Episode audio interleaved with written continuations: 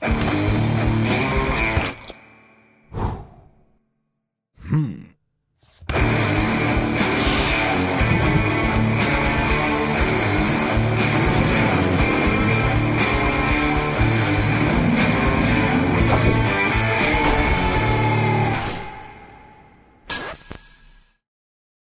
drugari, dobrodošli ovaj, u naš rođendanski podcast, ono...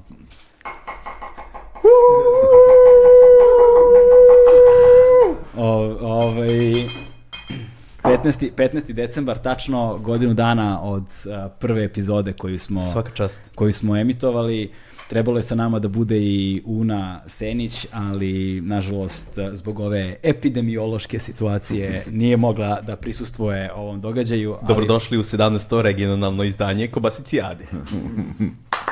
Ej. Mašemo uni. To, e, a, Pozdrav za nju. Momčilo, ovaj, malo pre si pričao nešto o ovim alkoholima.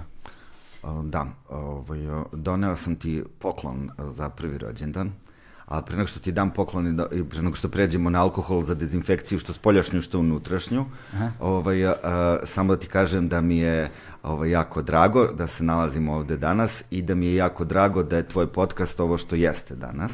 Hvala kućo, hvala. E, I ovaj, e, želim ti da sledeće godine e, dobiješ zdravu konkurenciju. To bi bilo dobro, da. Da, a ovaj, kad smo kod poklona,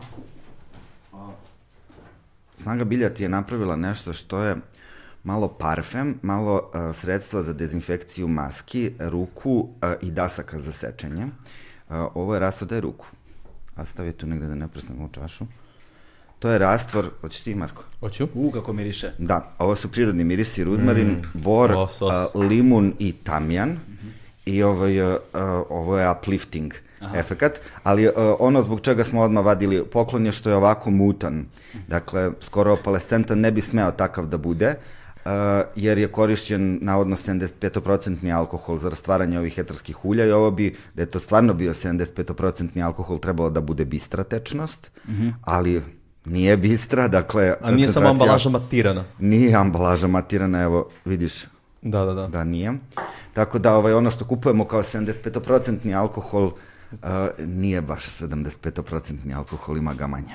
A koja je firma pravila taj alkohol, ili možemo baš ovo Da, da u Tehnogas, šalim se, ovaj, ako postoji nešto što se zove Tehnogas, izvinjavam se, ali neka firma jeste, nije, ovaj, kupljena je u prodavnici uz fiskalni račun. Sram tu firmu bilo. Dakle, ovi za 70%, 75% alkoholi nisu to. Da, ne mora da znači, možda su ti koji ti imaš u ruci, Imaš stvarno li tu jesu tinkturu to. da proverimo i ovaj? Da, to možemo vrlo lako. Ovaj. Ali neverovatno mi je, znači i na tome su naši da zakinu kao, šta, da. mislim, zapravo ga razblažavaju sa destilovanom vodom. Pa, ja mislim sa običnom vodom, ne, ne, po, Čak ne, ni ne trudimo se ni za da, da mineralizujemo i, ovo, i to je verovatno mala koncentracija, ali to se vidi, ovo je recimo već kad je 67-8, onda bude ovako. Da, I da, sad da. kad bismo dodavali 96% alkohol, to bi moglo da bude ovaj eksperiment, onda bi se razbistrilo. Nice. A da li bi a, 95% alkohol uradio nešto onda ovim etarskim uljima? Ne, ništa, ona se idealno rastvaraju u 100% alkoholu ili glicerinu ili ulju, a, samo ovaj... kada s- nemamo. Da, ali ovaj, a, samo je fora što alkohol prestaje da bude dezinficijens posle 91%, jer jako brzo isparava iz kože. Znači on je negde od 30 do 91 i antiseptik. Ispod i iznad nije. Zato što ima premalo efekta ili prebrzo Ili ispari? pre, prebrzo, prebrzo ispari, da. Nice. A, cool, cool knowledge. Da, nisam, nis, nisam, nisam razmišljao nikada o alkoholu. Ti si bio taj način. štreber, ti si onaj koji na rođendanskim žurkama voleo da priča o hemiji i to. Ne, ne o hemiji. He, to je, ja, volio bih da jesam, ali nažalost nisam. Za Dobro. mene su hemijske jednačine, bukvalno sam u fazonu šta What? koja je logika između u ovome kao, znaš, kako, kako ovo razumete uopšte, znaš, nisam nikad, imali smo neku ludu hemičarku, zvali smo je Dana, Mnogo je bitno do, do, do ono, toga ko, ko ti prenosi znanje, da li ćeš to znanje Da. usvojiti kao, e, ovo je nešto što mogu da naučim ili ovo je, va, ba, ajde, ba, mani me ono. Da, imali smo, imali smo neku uh, hemičarsku ovaj, danu koja je očigledno imala nekih um, um, psihičkih problema i ovaj, Nesuglasica.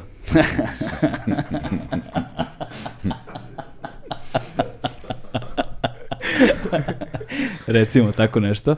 Ovaj, I onda su, mogu da kažem, ti časovi bili prilično besmisleni, znaš. Imala je neke silne fobije, mislim, ili, ne, ili, ili neke manije gonjenja možda, da su tako, ne, tako nešto. I onda su... Kako se to manifestovalo gledaš u, mene? u Ne, jednačini? ne, ne, ne, nego zato što poku... pa ne pričamo kao znaš, Dobro, nego, okej. nego, nego, i onda i, i, i ovaj i- Imala je izvesnih psihičkih problema. Da, diskretno pogledajmo čovek. Ovaj, ma, manije, manije gonjenja, mislim da su u pitanju. Nemam pojma, bili smo klinci, čoveče, 13 godina, sedmi razred osnovne škole kad dobiješ hemiju, ili tako, te neki 13 godina. I Čovječe, ne ja, ja sam imao nekog uh, profesora hemije u srednjoj školi koji je imao neke svoje, svoje bubice, ono. Bio je jako vezan za broj 37 i, i tako nešto, ono. Pošto 37 puta 30, 111, pa onda kad ga još množiš sa nekim brojevima, opet do, izlaze I neki... posle se ljudi žale na online nastavu. To je zapravo super stvar. Nema nikakvih manija gonjenja, ništa. Kod kuće si na sigurnom. Udruženje ljudi koji prate paranoike, Da, ne, da, ne da, može da, da da. dođe do izražaja. Ovaj, pazi, manija gonjenja nije proganjala nas, nego uh, nastavnicu. I, E, ali to, kako se to manifestovalo u, na primjer, hemijske jednačine? Pa nismo ih radili, znaš, zato što mi smo 90% vremena nismo imali nastavu, jer uvijek se smisli nešto zbog čega se nastavnica prepadne i onda ona ode sa nastave i mi nemamo čas. I to je tako funkcionisalo. ok. Zato nema nekih vrsnih hemičara iz vaše ekipe. Ne, mislim da nije ni jedan izašao iz... Ni jedan hemičar ili hemičarka se nisu izrodili iz više generacija koje su išle u našu osnovnu školu, tu ono. Topić. Definitivno. I imali smo, mislim, ono, priličan broj nastavnika koji su imali, pa, pazi, to je opet, to su posleratne godine, tamo, 90. naš... A koja je škola u pitanju? E sad, da otkrijem školu. tan, tan, ovaj, tan. a, Išli smo išli, na voždacu, na voždacu. Na, vo- Ok, na do, to je dovoljno. to Da, je dovoljno. dovoljno. Voždovačka neka. Voždovačka neka znaju, ljudi iz generacije znaju Tu negde u Beogradu. Tu negde u Beogradu, tako je. I imali smo, recimo, ja sam od uvek želeo da, da biologija je, recimo, bilo nešto što, u što sam bio zaljubljen. Kako smo mi caricu imali biologičarku? Ja baš nisam. Mm. Na to, ono, meni je... Meni je Ja i dan danas se sećam njene, ono, Vera Cimović se zove, a, kaže, indijanac gleda belog čoveka kako odmah posle obroka ide da pere ruke, kaže, glupi beli čovek. kao, umjesto da iskoristi, na primjer, tu mast od pileta sa ruku da kao svoju kožu ono nahrani ti, time, on kao, mm, skidam to, to sa sebe. I sećam se ne- neke epizode da sam ja tako jeo neku piletinu i sad bilo je leto i možda sam malo ja tu izgoreo na suncu i kao da sam onda iskoristio Bože moj po sebi da su to meni neki prijatelji i zamerili koliko toliko. Osjećao si se na pečeno pile, brate. Pa nisu, nije da su me ljubili tu ili kao, Mi smo bili zajedno na letovanju tada. Ne. sam ja taj prijatelj. Da, ja sam ja taj prijatelj. ne, ali, ali da, to, to letovanje je imalo isto neke zanimljive ovaj, Neke detalje možda nećemo otkrivati. Nećemo, ne. ne, bi, ne, bi, ne bi bilo dobro ni po koga od nas ovde. Ovaj, um, ne znam kada je sapun otkriven. Ti to možda bolje znaš. To jako davno. Ba, mislim kao, ali koncept uh, dezinfikovanja ruku i ono, je, znaš, ja mislim Ne, jako krajem- davno je postojao sapun, ali se nije koristio za pranje ruku ovaj, često. Tek negde to je početak 19. veka, ja mislim, ili čak i 20. Da, Da, je da. bilo da smo povezali ovaj, bakterije i to. I masovna umiranja trudnica na porođaju su se dešavala zato što lekari nisu pravili ruke i mislili su da je to banalna stvar i to je zapravo m, spoznaja da postoje bacili oko nas i bakterije. Ali za šta su se koristili sapuni onda pre toga? Pranje veša, koristili su se i za, naravno, kupanje i tako dalje, ali se, su se ljudi ređe kupali. Ima ta, ovaj, uh, ona čuvena španska kraljica Izabela, Izabela i Fernando, oni što su proterali ovaj, Mavare iz Španije, ona se kupala jednom u životu. I nije joj se Da. svidelo. Ne, kao i kupala se, da, pre udaje i kao to je dosta. Tako da, ovaj, uh, Evo, ovo te častim mužu moj. da, da. Sad i više nikad. Zapamti ovaj dan. Da. Ja, brate, to je možda A još... ste go- pravili iz hemije sapun? Ne, ali znam da je, da je ono pepeo i mas. Pa, to, to je stvari živa soda i mast, ovaj, pepe kalijum hidroksid, a ovo je natrium, ali može bilo koja soda i masnoća i dobiješ, mislim, saponifikacija, dodaje se um, ova natrium hidroksid, obična kuhinska so, koja se istaloži i dobije se vrlo jednostavno sapun. Nice, nice. Mi smo to ovaj, imali praktičnu A koju nastavu. mast? Svinjska je najbolja, ali možeš da koristiš i biljne masti. Palmino se koristi. Kokosov često, zejtin. Kokosovo, Da, nego, ne, mene, ja, se, ja se odmah setim uh, filma Fight Club, razumeš, i ovi koji kradu masti iz, uh, Iz- centara za liposukciju. Da, imala je neka super priča o ovaj, um, Napravi svoj sapun. Da, ne, nego crna hronika Vlaška, u kojoj je neka žena ubila svog muža zato što je nije odgovarao, a ona je onako bila alfa u porodici, i, ovaj, je u jednom trenutku se pobunio i onda su ona i čerka ga ovaj, ubili i nisu znali baš šta će za telom, onda su tela skuvali sapun. I e, naravno otkriveni su tako što je neko, pa su te sapun prodali, jer zašto, šta će s tolikim sapunom? I onda je neko našao nokat u tom sapunu i onda se ovaj klupko odvilo i tako. O evo, mislim, znaš, That's deep. Ne, ne, ne, to, ne to, nego kao, našli su nokat u sapunu, okej, ali... I ti posle imaš kako je- problem sa profesorkom hemije. Ko zna, ko zna kako je taj nokat izgledao, verovatno izgledao jezivo, znači nije, nije verovatno bilo naš ono isečeni deo nokat, nego brate ceo nokat, znaš kad ti vidiš ceo nokat. A, ono, možda je da, ako je ceo nokat bio, onda možda posmiješ u šta se ovde Kao desilo. fuck, da. Da je kao bio ono parče sečnog da, nokta, da, kao, nije, kao nije, vidi, nije, neko da. nije se baš pridržavao Da, da, to bi higijenskih. te malo izgrebalo, jao. ja vidi, fuj. Fuj, sva sreća pa ga ne jedem, kao, Da, da. znaš. Da nađeš nokat u supi, znaš. Nije isti koncept potpuno. Da, da, da. Ovaj, ne, pazi, ja ne znam da smo ukupno za godinu dana imali tri časa hemije da su se desile do kraja, tako da nismo ništa pravili na časovima hemije, nismo ništa učili na časovima hemije. Ne sećam se da smo imali jedan koristan čas a, hemije za celu godinu, tako da o hemija je zapravo jedna od onih stvari kojima apsolutno ništa ne znam. Jedva sam popamtio delove periodnog sistema elemenata i to je, tu se otprilike moje znanje završava. Mogu skandinavku da popunjavam i to je sve što ja znam o hemiji. Ovaj, Čekaj, zar nisi ti ženjen? Koja glupa fora. Ni- ne, nisam siguran da se me razumeo. Ni da je fora. Pa kao skandinavku da popunjam. fora je. Badum teš. Ovaj, ali smo na domaćinstvu pravili pečate od krompira, kao naš, eto, sa otprilike moje praktično znanje iz škole završava. Osnovne škole, do duše. Tako da, ne znam. A što se tiče biologije, imali smo a, tu čuvenu a, žabarka je bio nadimak, koja je, ja mislim, bukvalno do skoro predavala ovaj, u toj osnovnoj školi, koja je imala koncept uđe, ono, Izađe i gotovo. otvori dnevnik i svi se odmah tresu, razumeš? Znači, ili će da ispituje, ili će da diktira. Ali nije, ne, ne znam šta ti gore od ta dva. Jer kad, jer kad diktira, diktira takvom brzinom da ti ruka otpada, znaš, a uvek je zahtevala kada se zna da se zna od slova do slova onako kako je izdiktirala. Aha, znači svaka rečenica. Genijalna jedna no, nastavnica. Da, da. Pristup nastavi. Da, Da, da, da, da, da, da, to je vrhunski pristup nastavi i pedagog par ovaj, tako da, tako da ja sam apsolutno svaku želju za biologijom izgubio tad, ono, znaš da dolazimo, sad ja ne, nikad neću zaboraviti, peti razred osnovne škole, ja se strašno radujem biologiji, znaš, ono, baš se radujem biologiji, tad smo gledali one sve moguće prirodnjačke emisije, sam upijao, gledam premijeru, pa čekam reprizu, pa gledam reprizu, pa mi je mama kupovala knjige, pa svašta nešto. Pa I onda evo na poklon stres. to, pa sam, pa sam kupio, pa sam kupio kao klijent, to je možda jedna od prvih knjiga koje sam kupio, skupio sam lovu za onaj Bremov život životinja, ono srpsko-hrvatsko izdanje. Eno ga zapravo iza tamo, samo je pocepana korica iza aviona, vidiš. Aha, da. Eno ga taj Bremov život životinja, to knjiga ima A, to 30, Svi, svi imaju tu da, knjigu. 30 bar, godina ima ta knjiga. Da, da. Ovaj, ja sam naučio bukvalno na pamet celu knjigu, znači sve ono... Jel te ona to terala? Ne, ne, ne, ja sam kao ono iz, iz radoznalosti, razumiješ? I onda sam čekao da ta biologija počne u petom razredu osnovne škole i brate, Samo te ulazi, ulazi žabarka, ovako, mrkog pogleda, dnevnik, buf, znaš, isproziva ko je tu i krećemo, piši, zglavkari, znaš ono, Da, da, da. idemo, rkete, rkete, rkete, sve što sam ono, sve što sam, sve što sam dobio od tih časova biologije, ono, nabildovan ovaj mišić kod malog prsta od, Od pisanja. da, od, od diktata, tako da nije mi baš bila korisna ta osnovna škola, nimalo. Mm. Pa dobro, koncept školstva kao takav je malo ono, prezastareo. Malo.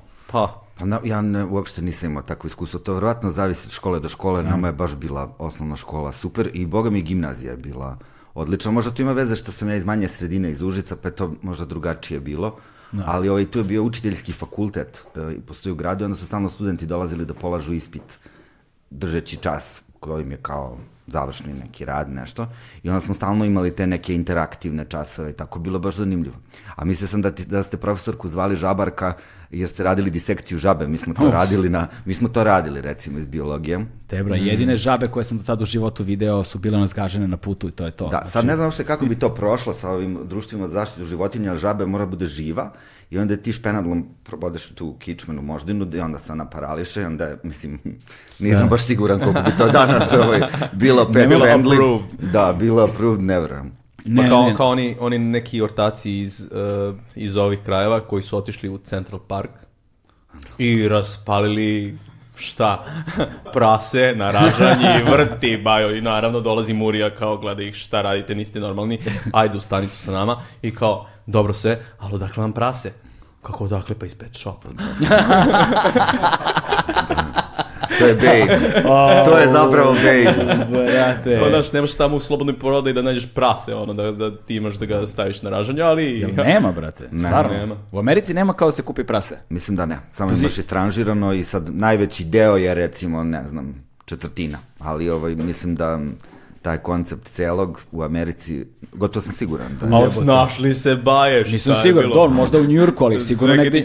Ti imaš 50 saveznih država, mora Ne, postoji sasvim pra- je drugo kad ti imaš svoje životinje, pa onda čak i to ne znam kako funkcioniše. Posebno ali- što znam da oni u Americi imaju ogroman problem sa divljim svinjama, ono, koje se tamo razmnožavaju kao nenormalne. Ono, izdaju, lo, izdaju dozvole za rokanje, Ne, ne, to sigurno sezona. lovci, ti ljudi koji imaju svoje životinje, ali ti da odeš u prodavnicu i, I da kupiš nabaviš, celo da. to, znači nema. Nisam imao pojma, jebote. Ne znam. Ja znam za priču kad sam snimao a, d- d- dokumentarac o ovim crnogorskim dinamitašima.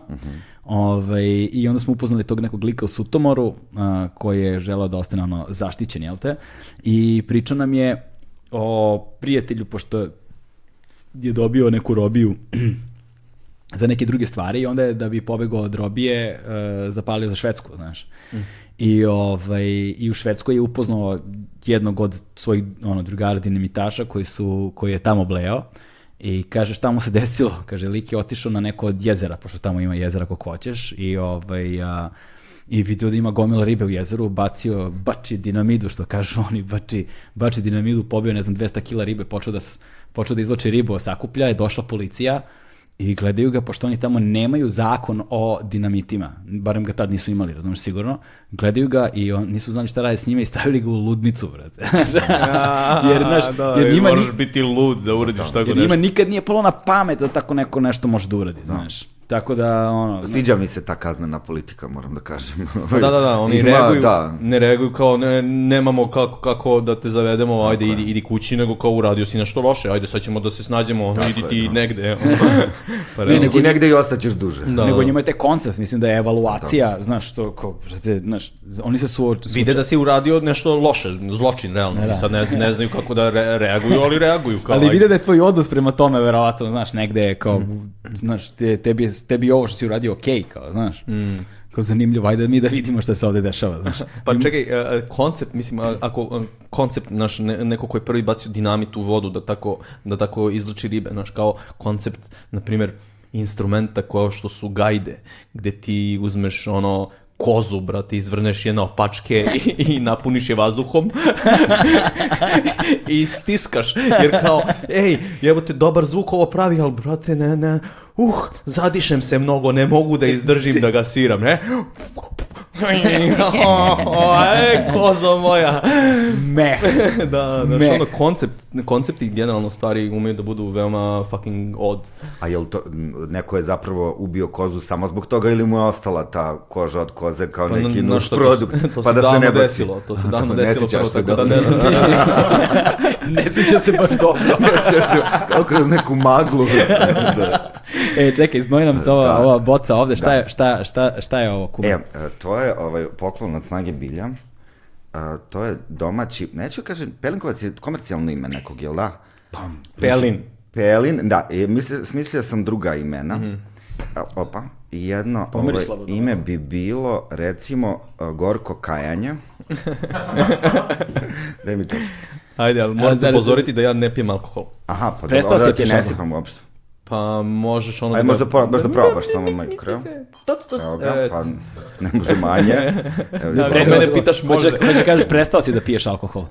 Pa nikad nisam nešto ni počinjao. Ja sam ono, naš srednja škola, sam pio neko pivo. Boga mi, pili smo mi u nekoliko navrata. Pa, mu, znaš, nije, ni, nisam alergičan, znaš, Da. nije mi... Pazi, Dodaj nam na, rođe, na rođenju si pio Da, i, jesam. i videli smo se još jednom posle toga negde smo bili i pio si. Mhm. Šta je to bilo? Svaka čast. Precizno. Ne, pa mogu, mogu u nekim kao važnim prilikama, ono, ni- nisam, kažem ti, nisam alergičan, nego, znaš, ne volim, naravno. ne volim miris, ne volim ukus, ne volim rad, ne volim dan posle, znači i onda šta ja tražim sa Da, tom dan posle je stvarno užasan. Znaš, što smo stari, to više nije samo dan, sad je tri dana. To se zove gorko kajanje. Čekaj, Da, dobro može, si ga e, nazvao. aj- je, ajde molim te, Vose, hoćeš da nam doneseš molim te vodu? Hoćeš ti da Da, popiješ voda malo? bi bila. Daj... Pa evo se. A, super. Mare, hoćeš ti da popiješ? uh, Šta? E, hoće i Mare, brate. Buć. Buć, buć. Ovaj, pa bokal i čaše, molim te, izvini. E, ovaj, čekaj, pomirišem malo. Neko je to dobro rekao, kao uh, piti alkohol je kao da uh, pozajemljem sreću od sutra. Pazi, to može se kaže za različite substance, iskreno. Pa može, može. Znaš, može se kaže. Ali, mislim, šta je sa alkoholom zanimljiv, zanimljiv jedan podatak?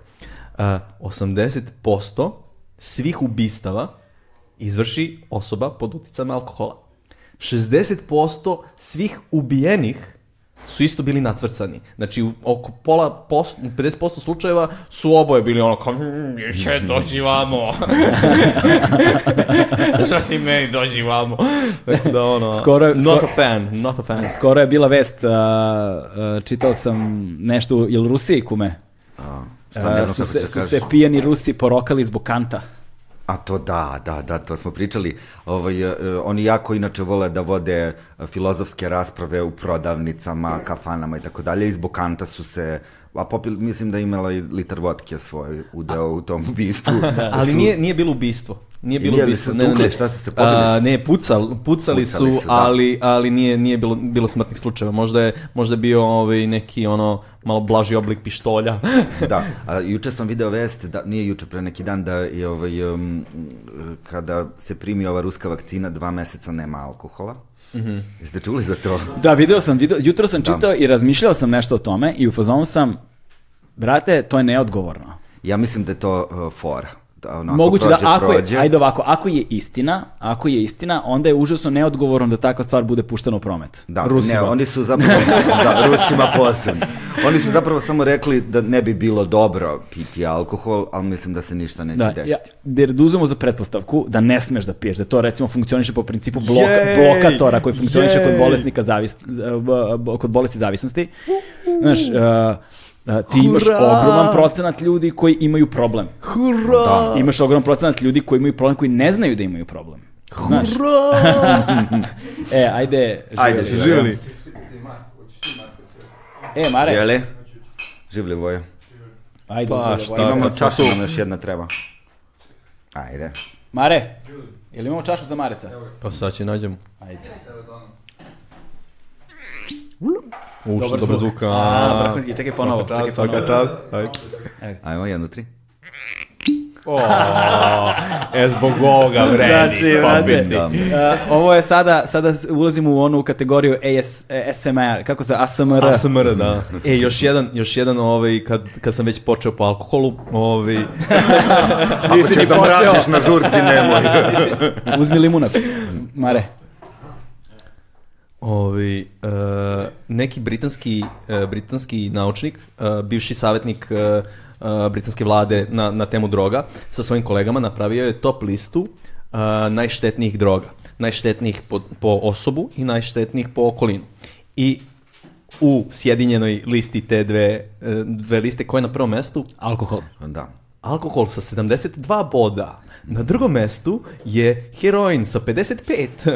na, na trećem krek sa 54. Znači, kao a, po, indi, po individu su oni ocenili i heroin i krek i tako neke droge kao veoma, veoma štetne. Ali po društvo, znaš, nisi čuo da je neko ono zapalio buksnu i otišao, prebio ženu, otišao u teško razbojništvo, ali kao alkohol, it ne, happened. Ne, pazi, ovaj, apsolutno sam saglasan kada govorimo o, o štetnosti alkohola. A sada pređemo na prednosti. Da, da, da, da, da, ima jako puno Ja čekam svoj trenutak. ali, ali, se ne, ali, živa. Da. ali se ne bih složio da, ovaj, da se nasilje nije dešavalo pod uticajem vutre, ono, znaš, samo nisu možda testirani na vutru, znaš, ali kao, bilo ih je, ono, Debra, mrzite. Mrzit, mrzit. istina, istina, istina, znaš, ali ovaj, ali sam... Kao sutra ćemo. Ali sam, već sam vidio svašta, znaš. Sutra ćemo. Ma da obično, ma da obično, ono, da, da budem ono iskreni tu, ono, politoksikomanija problem, znaš, kao obično su ljudi, Tako je, alkohol, tako je. alkohol je početno, a onda se tu svašta nakarikira i onda idemo u crveno, Pa znaš. čitao sam neku, neku studiju baš koju je naručila holandska vlada na temu uh, štetnosti pečuraka. Uh, Nisu ih našli. Od, od, jedan, od 11 smrtnih slučajeva globalno, znači 11 koji su uspeli da pronađu, jedan je overdose od heroina, druga je ono mešano sa alkoholom i dopom, treća je alkohol, ekstazi i ovo, četvrta je ovo, znači već jedno pet tih smrtnih slučajeva možeš da otpišeš kao, kao naš neregularne ono za, od, od samih pečoraka, a ove ostale opet obdukcije nisu, nisu, nisu utvrdile, tako da opet naš, Ja znam za slučaj jedan baš koji je pokrenuo lavinu celu u Holandiji. E, zapravo devojka je e, umrla pod dejstvom pečuraka tako što je skočila u kanal i Da, udavila da. se, ali ona je, skoč, ona je zapravo bila psihotična i onda je to ovaj, Da. Pazi, da, a da se, de, da, se, drugo. da se desilo ove godine, umrla bi od covida. da, ona je bila francuskinja i onda je ovaj, Jacques Chirac insistirao da se to istraživanje napravi. Jel, to, jel su tada zabranili sušene su pečurke? zabranili, Da, da, sećam se, sećam se tog, sećam se tog a Je perioda. li ona samo pečurke tad koristila ili još nešto Pečurke, pojačala? ali je, mislim, bila šizofrena. I onda to je, ovaj, e, e, to je posebno kontraindikovano. E da, ali, ali postoji, postoji inače to, to zvanično postoji kod osoba koje, recimo, pošto se šizofrenija genetski prenosi, ovaj, i onda ona ne mora da bude aktivna u, o bolest u tvom životu, ona može u bude nekom životu, okidač, da znači bude. nešto može da bude u životu okidač koji će da pokrene uh, To. predisp- već, već postojeću predispoziciju. I, ovaj, I onda da, halucinogeni to mogu da budu, ali poznato je da se dešavalo i po teškim pijanstvima, uh, pod ono ogromnom količinom vutre, ne znam, pod ogromnom količinom stresa, generalno život. Tako da različite stvari mogu da budu okidače, ali mora postoji genetska predispozicija i stvari u tome da to neki baš ono, užasno mali procenat ljudi, nešto Pa manje, da, od, u manje ovoj od studiji 1%. se napominje kao a, preporuka da, da osobe sa istorijatom kao u porodicama ne bi trebalo, ali neosnovano na nekim a, fizičkim dokazima. Da, nisu, nema nisu empirijskih, da. Tako Da. je, tako je. Nisu, nisu imali na, na, na čemu da, da baziraju to, to, to tvrdnju, jer baš kao naš Mada se nisu sad imali gde da ispituju. baš uh, psilocibe razmatraju kao lek i to je recimo u trećoj fazi kliničko istraživanje kao antidepresiv. Tako je, tako je. To je, na- dakle, ajde sada da... I stres i Tako antidepresiv, je, da... da. I posebno koristi se protiv bolesti zavisnosti jer ona zapravo um, zamrači taj put u centralnom nervnom sistemu koji postoji kod bolesti zavisnosti i onda u Meksiku u jednoj klinici rade um, ozbiljne tretmane uh, za prestanak pušenja, recimo. Aha sa psilocibama, da ti u kliničkim uslovima ležiš, onda ti oni daju dozu, ti zapravo imaš neki povez na očima, neka muzika, stvori se jedna atmosfera ovaj, posebno, to bude prijatno iskustvo, hoću da kažem, Da. jer se dešava jel, po tačnom dozom i tako dalje. Pa I ne mora ovaj- da bude prijatno. Pa ne mora, ali u, u klinici je prijatno. Pa ne mora ni u klinici, zapravo ono, što, ono što, što je neko rekao, od dobrog tripa ne naučiš mnogo. Kako se- ima, ima za ayahuasku, kažu, što je teža noć, to je bolje jutro. Da, da, da, da.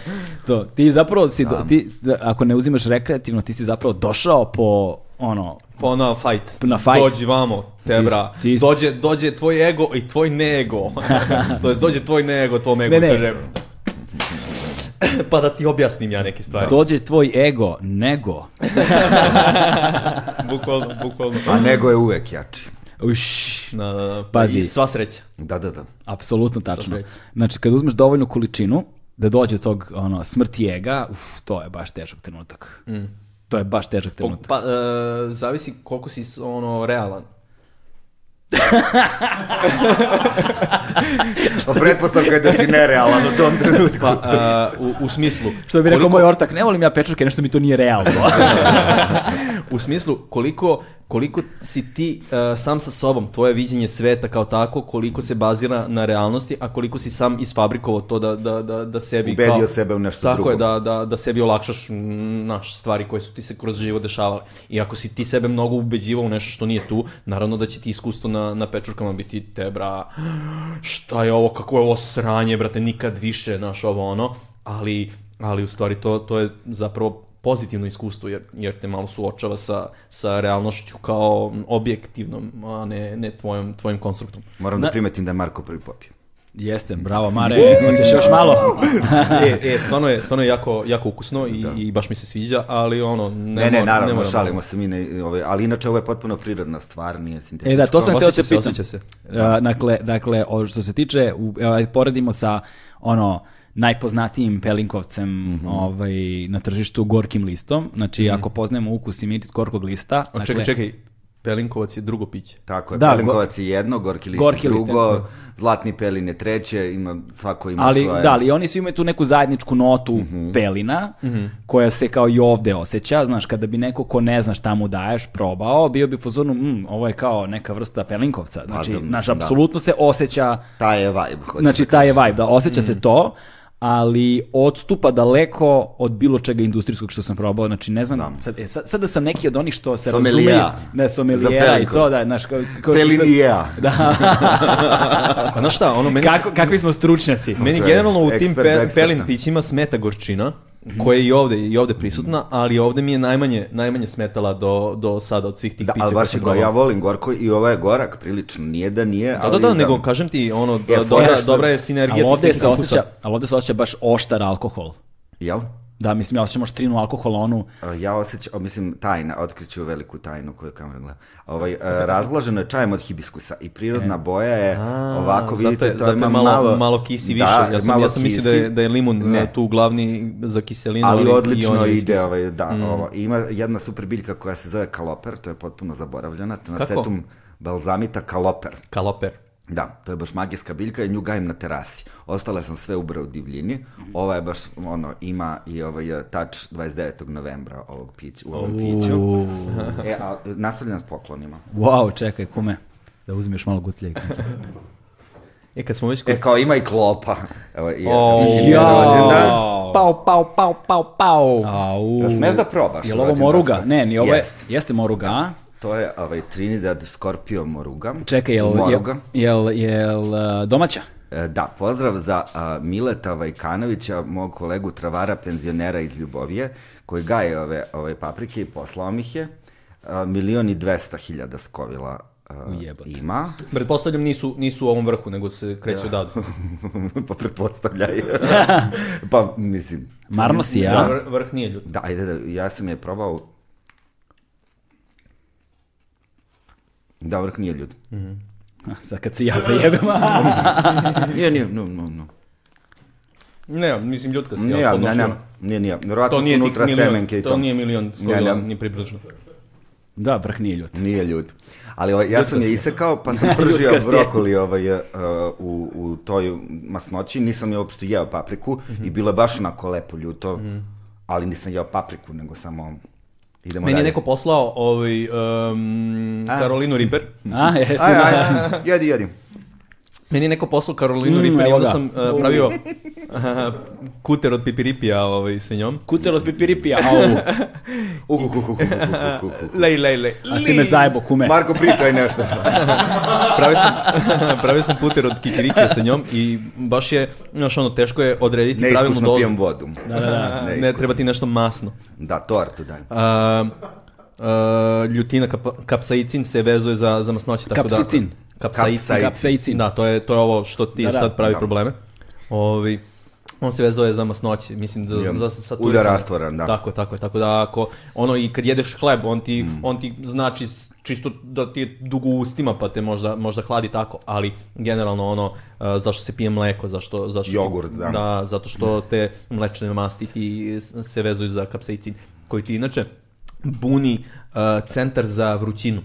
Jer ti nemaš receptore, receptore za kapsaic, kapsaicin, nego sad uh, naša usta veruju da smo mi ono pod velikom temperaturom, da smo se zapalili, da, da nam bukvalno ono usta gore, zato, zato ono brkaš ako jedeš kiselo ljuto. supu. Da, da, da, da li je vruće, da li je ljuto, nisam siguran. Znaš, prvi put kad sam probao, ćale drknuo neke papričice i ljutu supu. ja, ja, ja srčevalo i kao, pa, kao, je li je, je ljuto ili je vruće? Kao, al, al, zato što, znaš, on, on ti stvarno se kači na te receptore za, za vrućinu i kaže, a, a, goriš, bate, goriš. A i ovaj zbunjuje nerve generalno. Da, da, da. I zato se koristi ova ljuta paprika, zato sam je i dobio e, kao super biljno sredstvo protiv bolova. Aha. To artritis i tako dalje, sve što je povezano sa tim bolovima u koštano-zglobnom sistemu, a i utiče direktno na naš nivo serotonina. I onda nije ni čudo što sve te nacije koje jedu ekstremno ljuto, Indusi, Meksikanci, svi su hi, hi, malo se smeju. jeste, jeste, da, pa ima, pa, ima, ima, ima onaj kao neki, neki haj svoj uh, Da. ljutina. Da, da, ja. Ja. Mislim, pazi, i pre, pretrana ljutina služi kao reset, znam. Koga jedna- si jed- uzeo, izvini, molim te što te prekinem. Pa ja sam ovo sa vrha. O, malo, da. Pa ja sam svrha isto malo pojao. Ja sam, boga mi, lepo pojao. Da. Ljuto je baš. Ovi, Jeste, jeste, meni i dalje prži, samo se pravim, pravim se normalan. Rastvara se i u alkoholu, malo mučkaj. Ovaj, devojka neka je uh, imala problem od, od vutre, uzela je malo ono više dimova nego što, što bi joj prijelo i krenula je nešto da, da baguje. I ja, sam, ja sam imao neki mega, mega ljut sos, ima mrtvačku glavu na sebi, zove se Painmaker i rekao, zemi ti malo ovoga. Znaš kako je zaboravila? Stvarno? Da, šukite, fuć. Ništa, ono što je bilo, nema veze, daj sad ovo problem da rešimo. šekete fuć, nisam znao za to. Stvarno da ljutina resetuje vutru, a? Pa, naš, imaš problem jedan, imaš problem drugi. Mozak se fokusira na... Nadjača i ovaj problem ovim problemom. Opala! To je ono kao ako te boli ruka, kao znaš, zvekni se u glavu. Znaš, ako te boli glava, zvekni se u ruku. Tebra, ono. e, ti znaš da sam ja doživeo prosvjetljenje od ljutine. Imam taj isti painmaker i sad on ima, on ima mrtvačku glavu na, na sebi i Kao, ima kao, mehanizam. kao, kao onaj Blair što ima isto. Mrtvačku glavu. Moguće, moguće. Ima mehanizam, onaj e, kao za decu za lekove, znači možeš, Aha. možeš da ga pritisneš da bi ga otvorio. E sad, znaš, on nije dovoljno jak ako neko u, upne- upre kosivanja, to se polomi. I, I sad polomljeno, on ne možeš više da ga zatvoriš lepo. I ovaj, sad, tak, tako mi stoji, pao je u frižideru položeno i sva vodica Da. koja je mogla da iskapa, iskapala iz njega, Aha. a ostao soc, znači ostalo ono, ono gusto. Mislim, Talog. To, talog, talog ostao, da.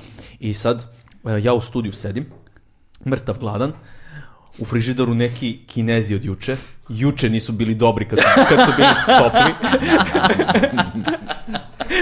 ja bez dinara u džepu, kao pa šta ću, ali ajde kao malo da im, da im dam neku foru, da im dam malo note i zapeklo, znaš, ono, samo talog i neće. I sad, naravno, ona filmska scena, ja nešto bacim pogled ovamo i samo čujem klok, klok, klok.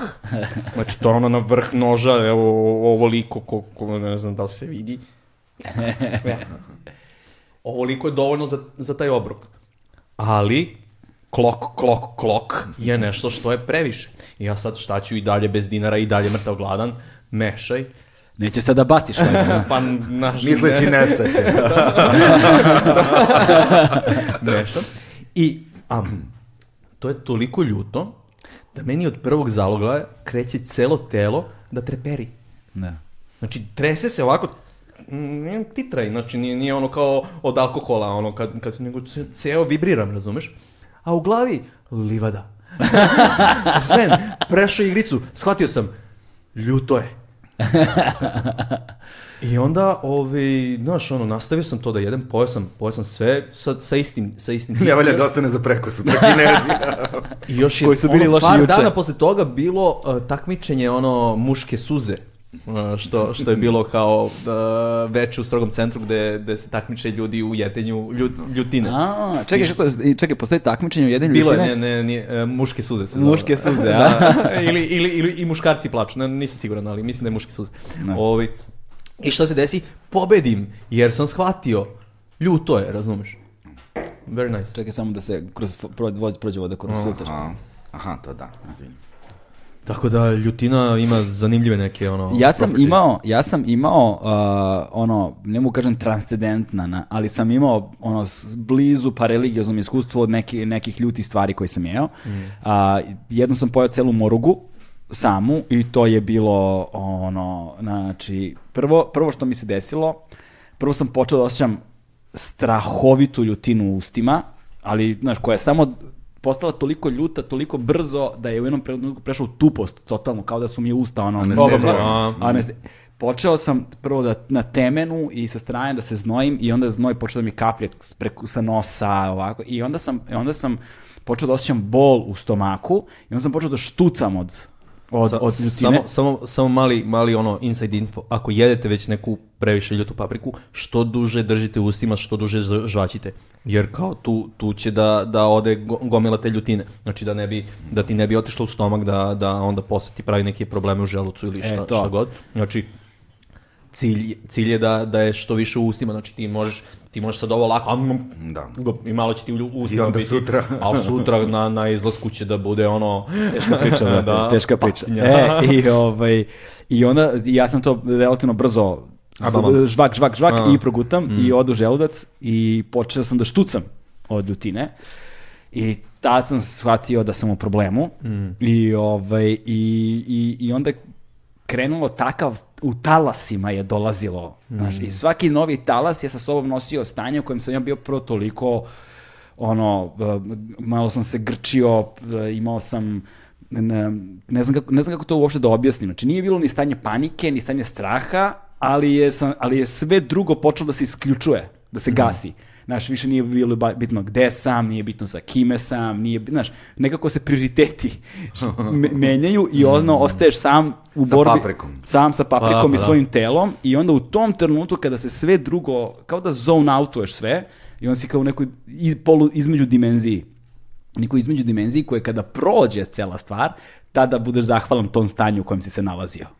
Ne znam, jel ima smisla to što sam upravo Ima, ima, pa ono, kao što si rekao, ako je teško veče, jutro je. jutro je, jutro je još- još bolje, ali, ovaj, ali kao što Sad je... baš s paprikom, da li je jutro bolje, je veliko E, pa da, pitanje. to. Kao što, ne, jutro je bolje, ali već neki ono kao... ali posle, Zavisi od bioritma. ali, posle, ali posle prve kafe... Da, da, da, da, Da, da. Au, brate, ja sam mislio da nešto nije u redu sa mnom, znaš. A je, ti se desilo nekad da jedeš užasno ljuto i da si zaboravio da si jeo ljuto i sutradan kad ideš na WC, da si u fazonu šta nije u redu sa mnom i onda si, a, jeo sam juče ljuto. Desila mi se zanimljivija stvar. Jeo sam izuzetno ljuto i otišao sam u WC na number one da šorkam i... Aha. Stvarno. Pa, naš, prstima sam pipao Ja. i prstima sam pipao. Teška priča, brate. Dobro je da nisi vadio sočiva posle toga. To, je bilo, to bi tek bilo ovaj, van telesno iskustvo. bukvalno, bukvalno. Ovaj, a, ti si htio da kažeš a, o, o alkoholu neku dobru stvar. Ne. A, Čekao si svoj... Veto. Ovaj, da, alkohol je jedna divna šalica. ovaj, ne, ne, slažem se da ne treba preterivati, nije to dobro. Ali ovaj, e, kada su biljke u pitanju alkohol u pitanju, e, to može da bude ovaj, koristan spoj, posebno kada su ovako prirodne ove stvari gde se biljke maceriraju u alkoholu, to zapravo... Što znači maceriraju? Maceracija je proces potapanja u neki rastvarač, gde ti dobijaš zapravo tinkturu. I ovo, gledajte na ovo kao na tinkturu od pelina, podobice, kičice, izopa, žalfije, čubra. Evo, moram da priznam da je jako ukusna, ono, jako, jako nisam... A i je jako, posebno za organe za varenje, za organe za disanje, Možda u količinama koje je Marko popio. količine, pa nije, jedna, jedna do dve, najviše tri, tako kaže ovaj naš narod. Na sat vremena. Na sve, svaki tu za- naš narod mudro ćuti, kao na koliko. Proizvojno odredi kao kako tebi odgovara. Rkte. Ovaj, a, m, tako da je dobro, posebno u ovim ovaj, problematičnim vremenima. Da, tako da, e, u ovim problematičnim vremenima se vratimo na onu vakcinu. Pod uslovom da je, da uzmemo za pretpostavku da je vest o tome da alkohol nakon uzimanja vakcine, uzimanja vakcine, nakon dobijanja vakcine, dva meseca ne sme da se pijete. Evo ga ovo. Ne, pre vakcine ne sme da se pije 7 dana, onda primiš jednu dozu vakcine, onda nešto 30 dana, 30, uglavnom sve zajedno je 60 dana, ali generalno mislim da to nema nikakve veze sa konkretno vakcinom, nego s tim da uh, ti se to U Rusiji imaš problem od alkohola. kao da u Rusiji piju losion za čišćenje lica od krastavca zato što sadrži alkohol. Ali ovaj, uh, ima veze sa tim što to deluje kao neki imunosupresiv, dakle, uh, onemogućava našem imunitetu da bude fokusiran i da bude stopostotno ono, u pažnji. Tako, isto važi i za pušenje ili tako dalje. Znači, prosto trebalo bi da čovjek živi zdravo i da se uzdržava od svega u ta dva meseca da se ne bi razboleo. Eto, to je, mislim da je to bila ideja. Ili pr- isprobavaju samo da vide. Znaš šta je, e, video sam, video sam uh, da se u posljednje vreme pojavilo dosta domaćih proizvođača čajeva od konoplje, kao sa CBD-em. Da. I ovaj... ali- Eh.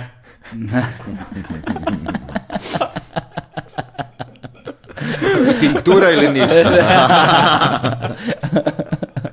ali, Dobro. da, ali da je zapravo naš zakon ono toliko ono bez veze da ovaj da je taj čaj praktično uh, ono beskoristan potpuno s obzirom na to da može samo tipa neke industrijske konoplje koji ima maksimalno 4% CBD-a u sebi. Ja mislim da sadrži. može da dele taj od industrijske konoplje jako dobro, nema samo...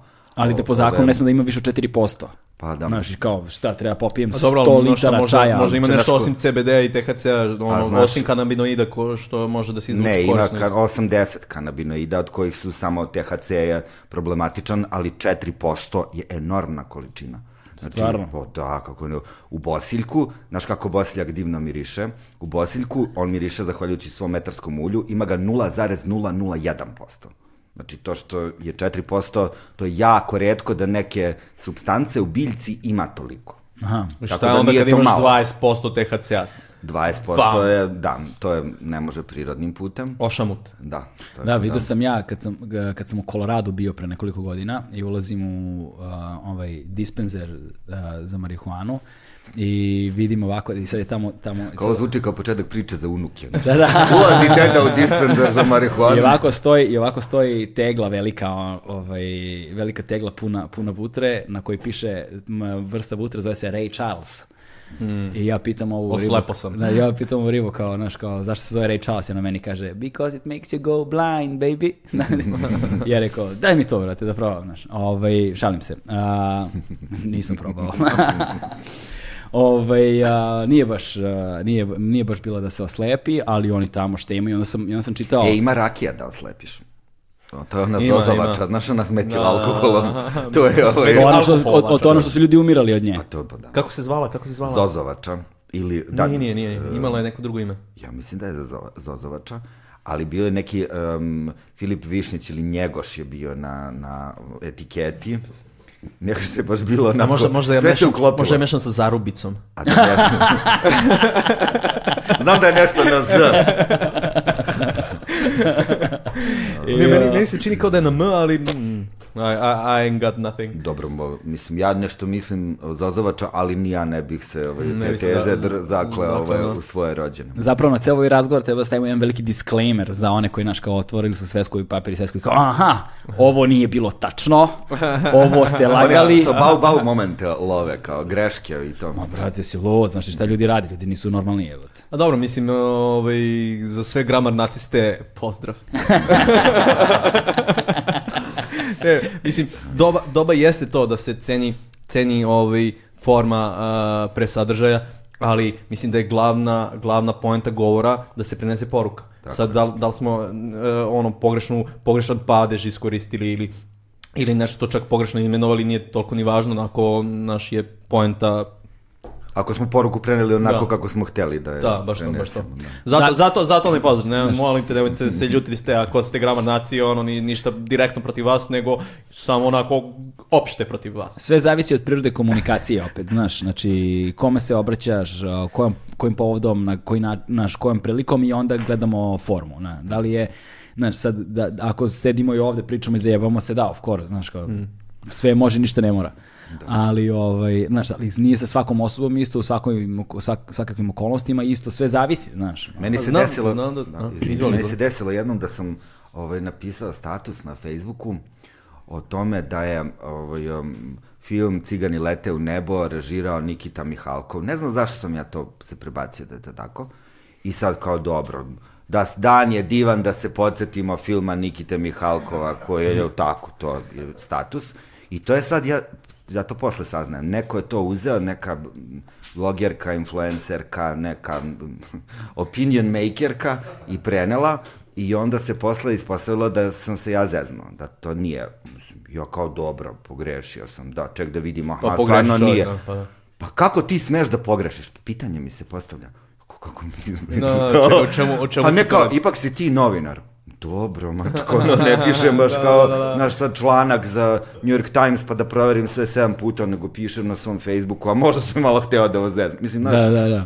Znaš, s druge strane, a, ljudi, ljudi često zaboravljaju da ne, ne često zaboravljaju, nego ljudi ne znaju generalno da u, u svim ono ozbiljnijim novinskim kućama ti kao novinar kada napišeš članak, neko ga ne, čekira. imaš ljude koji se bave fact checkingom, znači kao imaš pritom agencije, firme koje se bave isključivo time. Nezavisno od- od- Nezavisno od da. novinarstva, znači koje novinske agencije angažuju Da da, fact rade fact da, checking, da, znaš, to je prosto Proveravaju godine, imena, uopšte podatke, da. sve, da. Da, da, znaš, tako Mislim, da... jedna od, ja ću malo da digresiram, ovaj, tako da Samo sa- napred. samo, sa- samo nastavi. ako- Ja ću malo da popijem. Da. Kume, A, izvoli. Jedna od najlepših životnih lekcija a, koje, sam, koje sam dobio bila je, bila je na Tajlandu. Od pečuraka? Ne. od života. Pa to, to, to. Od tajlanđanina. A, Ili od Tajlanđanke. ili između. Nin, nin. Ovi, a, bio sam na Kopanganu na mesto koje se zove Top Rock. Čekaj, To- tamo smo zajedno bili. Tako je, tako je. Zajedno smo bili na Topanganu, ima, bila je i tu nekih avanturica, ovi, ali ovo nije jedno od njih. Ovi, To me bili za smo- drugi rođen. Znaš, kad se, kad, se, kad se zakoni malo oslobode u Srbiji, kao, znaš. da, da, da. Ovi, bi, e, mesto se zove Top Rock i to je neki fićka na vrh nekog kamena na, na vrhu tog, tog ostrava Kopangan i stvarno kad odeš tamo pogled je fucking amazeballs, znači vidiš okean ili šta je to, more, nije bitno, ovi, i cirkaš neke koktelčiće, možda ima i ovog, onog u koktelčićima, nije ni važno, ovi, ali put do tamo ti prvo ideš uz, ne, uz neko kamenje, pa uz neke improvizovane stepenice, pa improvizovane stepenice od kamenja, pa onda nešto uzbrdo, pa na kraju i neke merdevine i, i, i stigao si tamo. I sad tamo izbrali smo, ono, devojke i ja, silazimo dole, dolazimo do motora, sedamo na motor. Fuck. Sad što će? I onda uz neko kamenje, pa improvizovane stepenice od kamenja, pa kao malo uzbrdo, pa još nešto, pa je onda merdevina na kraju. I gleda me ovaj talanđanin, kao, e, već si se vratio sve. Ja kažem, ba, brate, glup sam, zaboravio sam ključe. On mi gleda, kaže, mi na Tajlandu ne kažemo glup sam. Pa šta kažete? Kažemo, zaboravio sam. Tebra, znaš koliko mi je to puta u životu pomoglo? Znaš, ono, krećem sebe nešto da jebem oko, oko ovoga ili onoga neke gluposti što sam, jesam, jesam sjebao nešto i krenem sam sebe kao, kakav si mentu, kako... Pa dešava se. I ajmo dalje, da, znači, ono, apropo toga, kao, zajebao sam se, kao, jebi ga, zajebao sam se, šta sad, ono, idemo dalje, ono, sledeći put, valjda neću, ono, i ako se zajebem, kao... A možda i hoću. Da, i ako se zajebem, nije, nije smak sveta. Da li ste nekad halucinirali, halucinirali straight? A, ja sam probao. To se za, misliš, religiozno iskustvo. pa ja jes. Ja sam probao.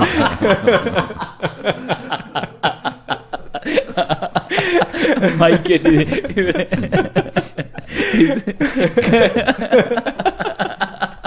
ja sam probao. Hoćeš da- da- da- Hoću da čujem, molim te. Pa, pa imaš e, onu, onu priču da ako e, tri dana izdržiš bez spavanja, da krećeš da vidiš bele miševe, razumeš? I onda sam ja... Ja sam, izvini, mislio sam da je to na, mislio sam da je to na, na ono, delirium tremensu kao, od alkohola. Pa vidiš i od toga, da. Možeš različitim putima da dođeš do cilja. Do belih miševa. da, ja sam, ja, sam, ja sam se odlučio za ovaj, na, na, na, na primjer. Pametnije. Ovi, I krenem jedan dan, pa š- drugi dan, oj, uš, uš, fu, i do, dogovorim se sa, sa ortakom, pošto smo zajedno to radi, kao ajde budi ti mene, ja ću tebe, ono kao, da ako, ako, ako, ako ovaj, ne izdržimo. I taj treći dan, ne znam da li ono, šta je bilo, u svakom slučaju nije, nije nam taj mehanizam dobro funkcionisao i, i zaspao sam, tako da nisam, tako da kažem, pokušao sam, ali... ali Istrajao nisam- na putu. Da, nisam istrajao na putu. Nisam se posle toga ni vratio tome, ali eto, za dva dana i nešto nisam, nisam doživio halucinacije. Bože, koliko lakših i bržih načina da se dođe do Da? ovaj halucinacije. Pa da, mislim, kad već čovek hoće da halucinira, može da izvede jednostavnije. Kako? Kako si ti? Pa ne, ovaj, misliš bez, Bez, bez, bez, pomoći, da. Pa uh, mislim da je to, to je ovaj, stvar trenutka i ja sam verujuća osoba, to je religijos, religijsko iskustvo. Ovaj, zaista i jako je kompleksno i divno. Tako da... A šta kao kroz religiozno iskustvo, šta si radio? Čekaj. Da, pa kroz bio sam na Svetoj gori. Aha. I onda je tamo Znam kad to... si išao prošle godine. Još sam tri puta. Da. I ovaj, ali je to jedno vrlo ovaj, neverovatno iskustvo.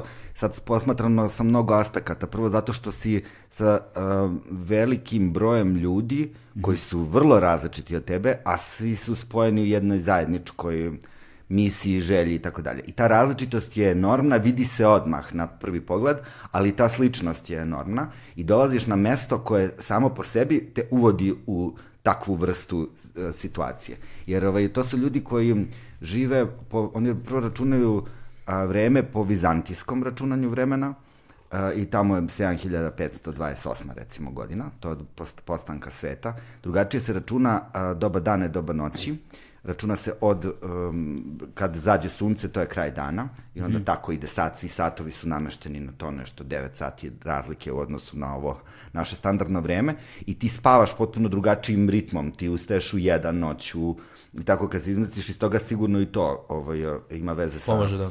sa tim, onda jako dugo stojiš, jako dugo u meditativnoj atmosferi, sad to pokušavam da približim onima koji, mislim, nisu opšte verujući ljudi, ali prosto ti stojiš jako dugo, a, tri, četiri sata u jednom meditativnom položaju, koncentrišeš se na jednu stvar. Ti zapravo vrlo lako dolaziš u jedno medi- meditativno stanje uma. I, ovaj, I nije uopšte to slučajno, na tom mestu nastao i sihazam koje je zapravo to, da ti doživiš um, ajde da kažemo halucinaciju, ali možda to nije prava reč, ali ti zapravo vidiš svetlost mm -hmm. tako što sediš uh, u određenom položaju, ti sediš na jednoj maloj stolici, uh, brada ti je tu uh, i izgovaraš tu čuvenu Isusovu molitvu, uh, udah, izdah, udah, izdah, koju je smislio Grigorije Palama i tako vrlo ti se koncentrišeš samo na to i isključuješ sve drugo. Mislim, ima, kada bi čovek to pažljivo analizirao, možeš da doživiš zaista, mislim, možeš da dođeš do objašnjenja kako se to desi, kako se to desi velikom broju ove ljudi tamo, ali ovaj, nalaziš se u jednoj neverovatnoj atmosferi, ali bukvalno, to je bio moj najjači utisak, kao da si vremeplovom došao Da, da. negde. Jer oni neko kaže, ono, Konstantin, Peti, Kopronim, oni si pljunu na zemlju, kao šta bi, kao čovek umro pre 1200 godina, ono, to je bio car ikonoborac čuveni, ali kod njih je to jako živo, živo sećanje na, ima ta super priča kad kažu otac Sava, otac Sava, ko je otac Sava? Pa kao Sveti Sava, kao da gledaju ko, ko idiota. Tako da te, te potpuno važe neki drugi kriterijumi i ti se, a još kad uđeš recimo u, u trpezariju, hilandarsku, koja je to kao, bukvalno kao Harry Potter izgleda. Mene to, to mi je bila asocijacija, jer je to nešto što je staro 8 ili 9 vekova oslikano i tako izgleda nadrealno.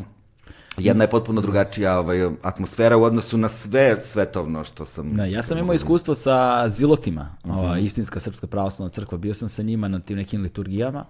Njihove liturgije, brate, počinju ono jako rano i traju fazon šest sati. sati, razumeš, i to si sve vreme se stoji, sve vreme, baš je ono izuzetno je zahtevno i onda, uh, naš, na kraju kada se to završi i kad kažu ono aleluja, ti stvarno doživiš katarzu, brate, Da, za, da, da. za početak što je fizički napor gotov, znaš, Da, i da. ono što stvarno oslo, osjetiš neko oslobođenje. Tako da, Ali tom- to, izvini, što te prekidam, telesno je jako uključeno u to. Da, da, da. Pošto tačno se Pisanje- zna kako ti stojiš da bi mogao da stojiš 6 sati. Ja, ja sam inače glup za to bio vrlo. Niti sam znao, ja sam toku svog života shvatio da nisam znao da trčim, da nisam znao da stojim, da nisam znao da hod... Na, na Ja sam tek nedavno naučio da hodam. Bukvalno, pa da. I onda kao, naš, mene naučio profesor fizičkog u školi, kao, naš, mora da prati udah, izdah, da, ja se zadišem, ne radi se o, Da. ovoj, o, o toj stvari. Trkačko je, ovo je bilo to kako, kako da, meni su se slične stvari dešavale. Ja sam recimo za, za hodanje skapirao i tad sam ih halucinirao isto. Ovaj, zato, sam, zato sam ih pitao kad sam bi, išao sam na kurs Gorske službe spasavanja, znaš. Mm. I onda na tom kursu, ovaj, ok, imaš ta vežbališta razno razna gde je, ono, jedna od primarnih stvari je deprivacija sna. Ovaj, i vršenje ogromnog uh, pritiska, tako da tebe slome fizički, slome te psihički, emotivno, duševno slome, znaš, i dovedu te do te, kako oni to nazivaju, tačka pucanja. I kako kažu, oni to objašnjavaju kroz analogiju sa biljkom, znaš, kad slomiš biljku tako, ali da ostane na jednom tra, ono, na jednoj niti da visi, ona, znaš, kada je prelomiš na dva dela, to je gotovo, ali kao, znaš, ako je prelomiš ovako, pa onda spojiš taj deo koji zakalemiš, i onda još jači nego oni prethodni koji je bio. Znaš, i onda oni tebe zapravo dovode od te tačke da, pucanja. Da bi, se, onda, da bi se nakalemio jači. Ne, nego da tvoj pravi karakter izađe na površinu. Aha. Gde onda pod ogromnim stresom i pritiskom vide kakav si. Da li si mm. timski igrač, da li si spreman da ideš dalje, da li ovo, da li on stvarno izlazi svoj pravi karakter na površinu i onda vide da li si ti dobar da budeš ono, da budeš član gorske službe, znaš, i to je taj princip, ja nikada ranije u životu nisam naš bio testiran na takav način. I onda ok, ova vežbališta prolaziš i onda ideš na taj finalni kurs koji traje 7 ili 10 dana, zaboravio sam, 7 dana je mislim tad bio finalni kurs na Kopaoniku gde te smeste u taj planinarski dom i, ovaj, i tamo, znaš, tamo se dešavaju ono situacije ideš rano ujutro od 6 ujutru, vežbališta, pa tu riknjavaš, pa trčanje, pa riknjavaš, pa ma, kratak doručak, pa ceo dan na stene vežbaš, vežbaš, vežbaš, pa onda medicina, pa radiš ono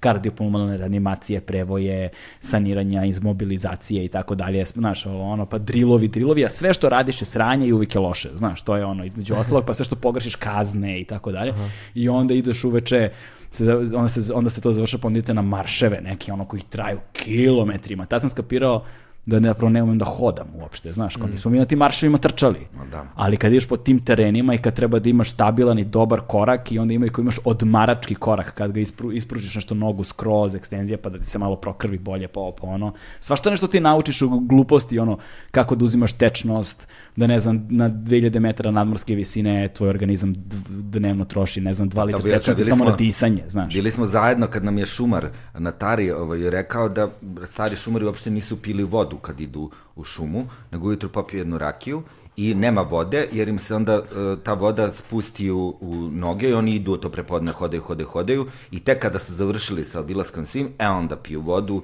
doručkuju i tako dalje što je vrlo, ima svoje verovatno neko objašnjenje, ali ova analogija mi je super sa biljkama, da. pošto um, zapravo, znaš, kad gušteru odsečeš rep, pa mu izraste da, da, rep, e to se zapravo dešava i kod biljaka, ne, ne izraste im ništa, ali ti kada odsečeš uh, lista loje, to radi jedan ruski lekar koji se zove Filatov, Um, onda, i on, aloe je lekovita biljka koja se koristi za jačanje imuniteta, za kožne probleme, a podstiče stvaranje novih ćelija, on je utvrdio da ti biogeni, količina biogenih stimulatora raste ako listove odseče od biljke i ostavi ih jedan do dva dana u mračnom da stoje, jer tad taj list misli da može da nadoknadi, da regeneriše ostatak biljke i on pumpa svojom nekom, on je odsečan, nije korenom, koncentracija tih biogenih stimulatora je mnogo veća nego kada ga odmah osečeš. Aha. Kada ga ostaviš dva dana, on zapravo bude potentniji.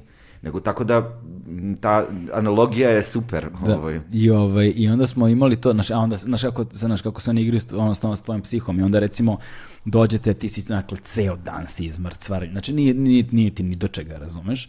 I onda te uveče smesti na neka predavanja, tipa naš, naš, da i sad sediš u 9 uveče na nekom predavanju sa jaknom, ono, zadžibrili prostoriju, vruće, svi ovako kuntaju ko zaspi i odmah sklekove svi rade, znaš, i kao ne smeš da zaspiš, onda mi je jedan... U Albijatu radio sklekove puno. I, onda mi je, I onda mi je jedan, uh, jedan, jedan prijatelj iz žandarmerije koji je tu bio ovaj, rekao, da prodao foru kako da ne zaspiš, kao staviš, uzmeš malo vode, staviš u usta i držiš vodu u ustima onda ne možeš da zaspiš, znaš. I onda ja, ali ja progutam, popio sam ne znam koliko litara vode do kraja tog predavanja, sve se završava tipa oko pola 11 i oni vas kao ajde sad na spavanje, to nam se recimo u zlotu desilo, bilo ajde kao na spavanje, idemo mi na spavanje ovaj, u pola 11 i oni kažu kao u 5 i 15 je ustajanje, znaš.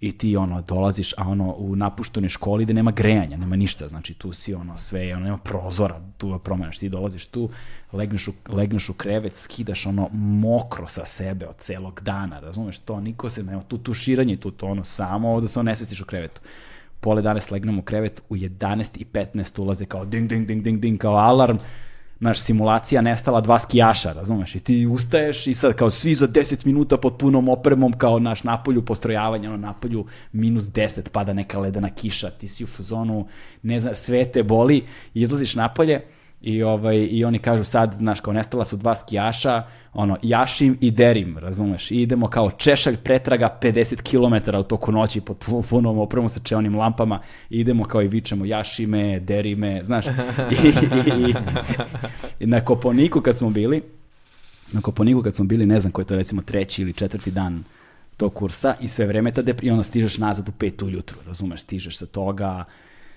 mrtav si, ono, pucali ti plikovi, krvare ti noge, znači ti stižeš i, ovaj, a, i dolaziš na, na, i na Koponiku i onda dolaziš kao sad oni tebi instruktori govore ka, kako si, znaš, kao sad oni ocenjuju kako vam je, ka, kakva vam je akcija bila. Sve je naravno bilo užasno, svi ste naravno bili užasni, nemate pojma, glupi, znaš, ono, driluju te, razumeš, a ti onako umoran, mrtav i sad ti treba sve to da, znaš, da, da iskuliraš.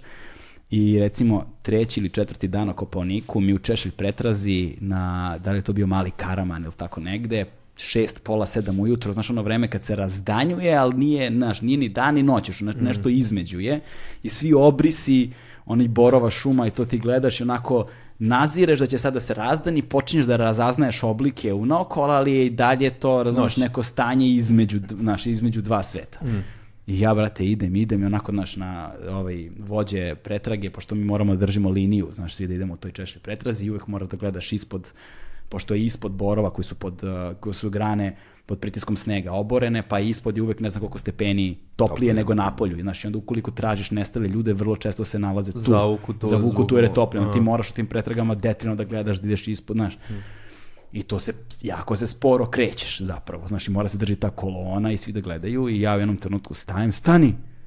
I ja vidim, vidim, brate, niklovani srebrni auto neki, ovako ispred mene. Bukvalno je kao ovaj ormar, znači na dva metra od mene, na pet metara od mene. Niklovani srebrni auto. I ovako, stani vidi, i pogledam ponovo, nema ga. I ja skapiram da ja, znaš, i poče... Neko je kupio pre tebe.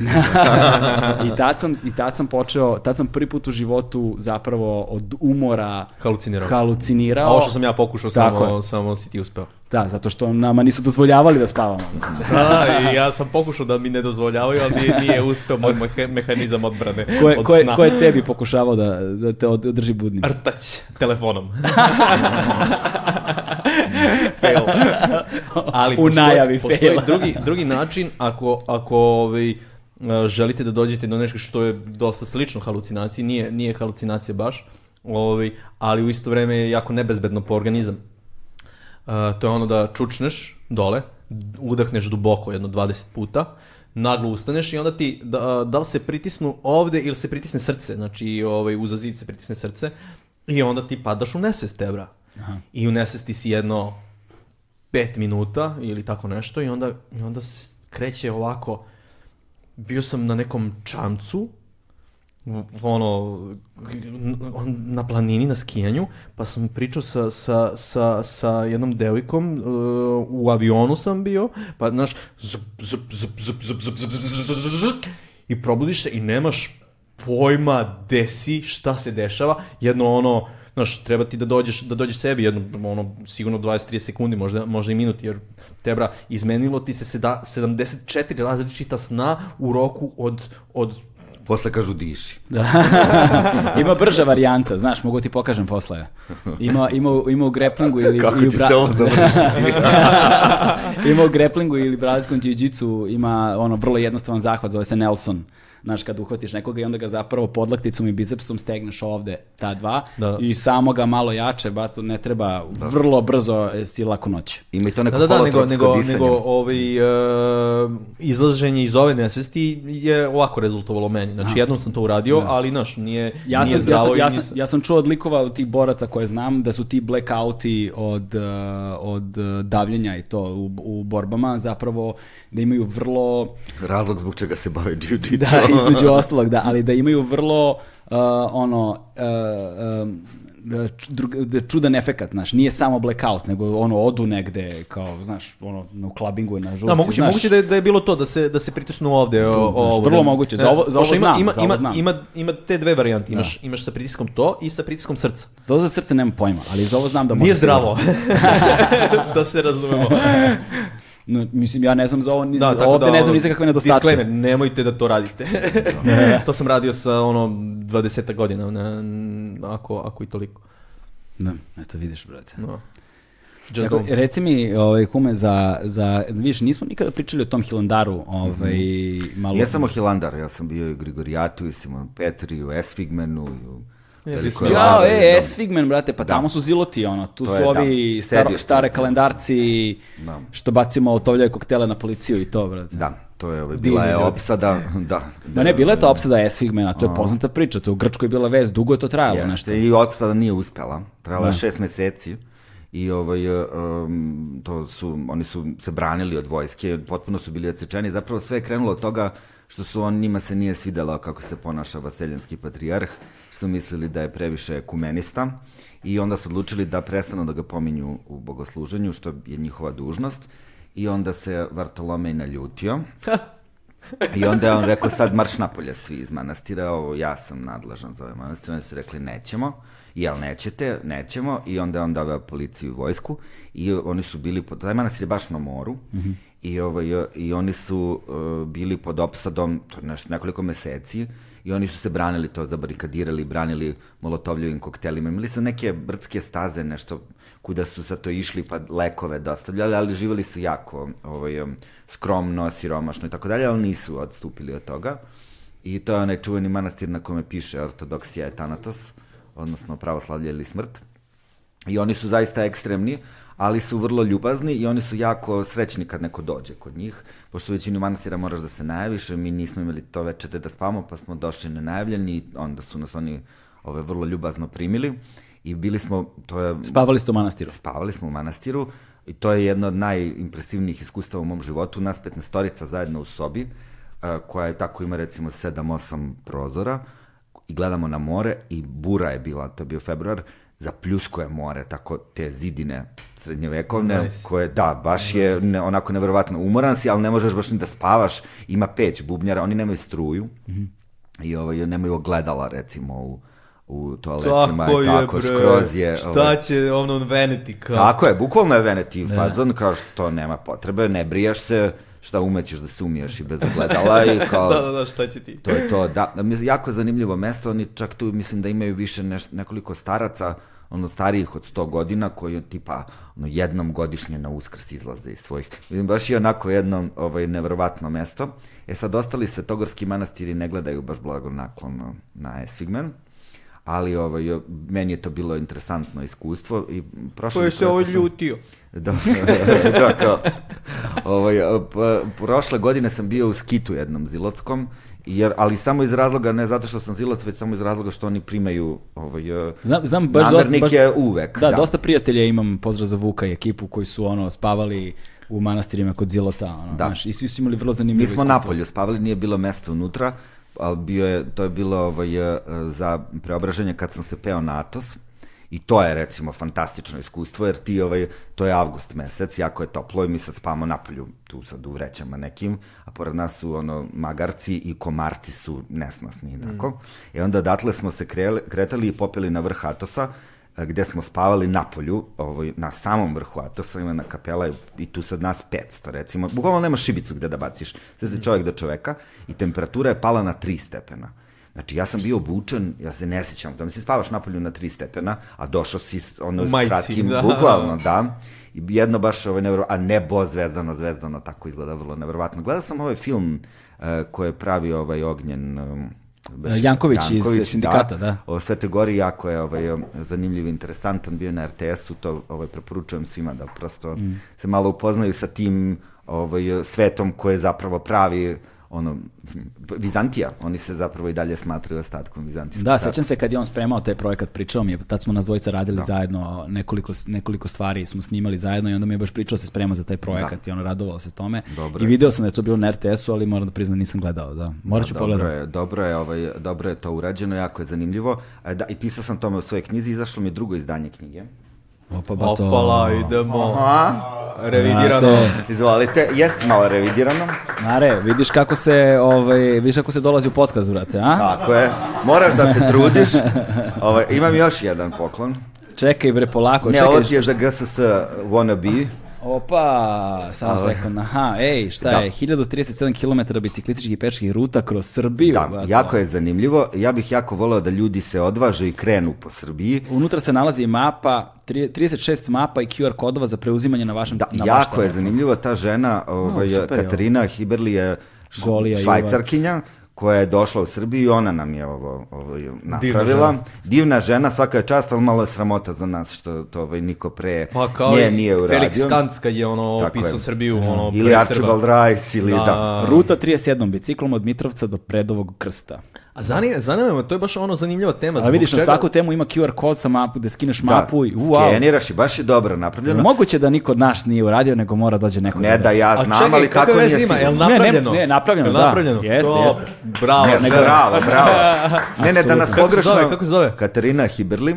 Bravo, Katarina. Da nas pogrešno ne razumeju, svaka je čast, knjiga je besprekorna i hvala je na ovome, nego samo nekako, meni se ne sviđa taj pocenjivački odnos koji mi imamo zapravo Ne znam prema- da li je podcenjivački, nego ona je verovatno došla iz, iz sredine gde je videla još jedno 500 takvih knjiga. U sredinu koje nije videla ni jednu.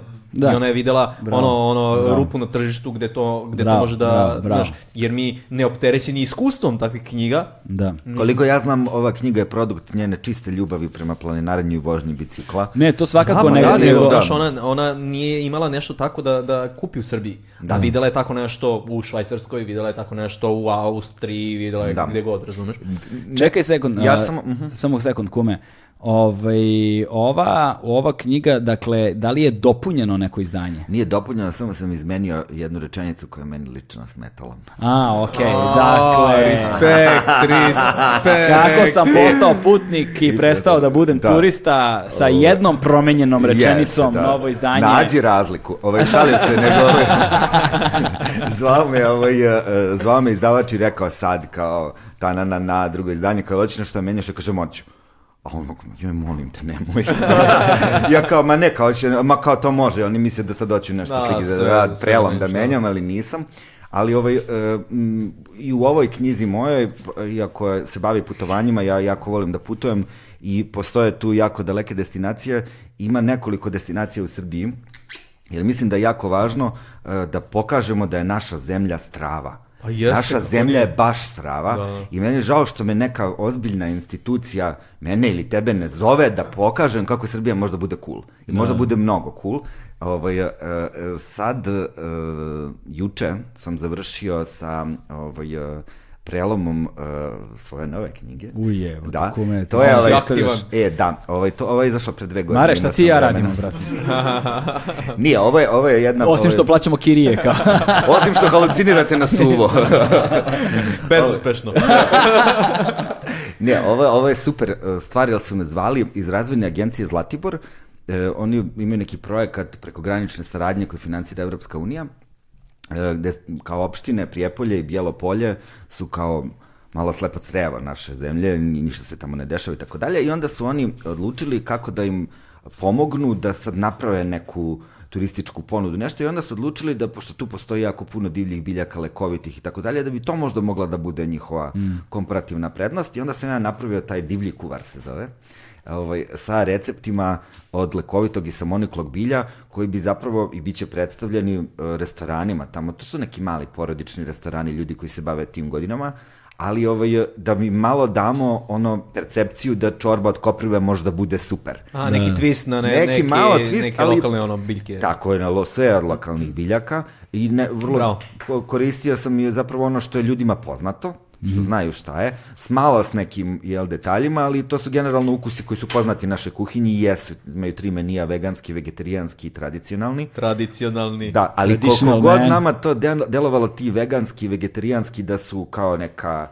um, pomodna koještarija i kao fancy wannabe, to zapravo naši preci su više 200 dana godišnje jeli samo namirnice biljnog porekla. Pa zato što nisi imao te, brat, ti možeš svinju da Nisi- ubiješ jednom. Tako je, nema meso, to da jedeš sveže meso, to je to tri put godišnje. Da, to razumeš? je, to je pro- produkt no- novog Tako doba. je. Ranije se nije toliko Nije uopšte, se često uopšte konzumiralo, jelo, da. tako je. I nego kad nego me- jelo- meni je to više kao a, skraćivanje opcija.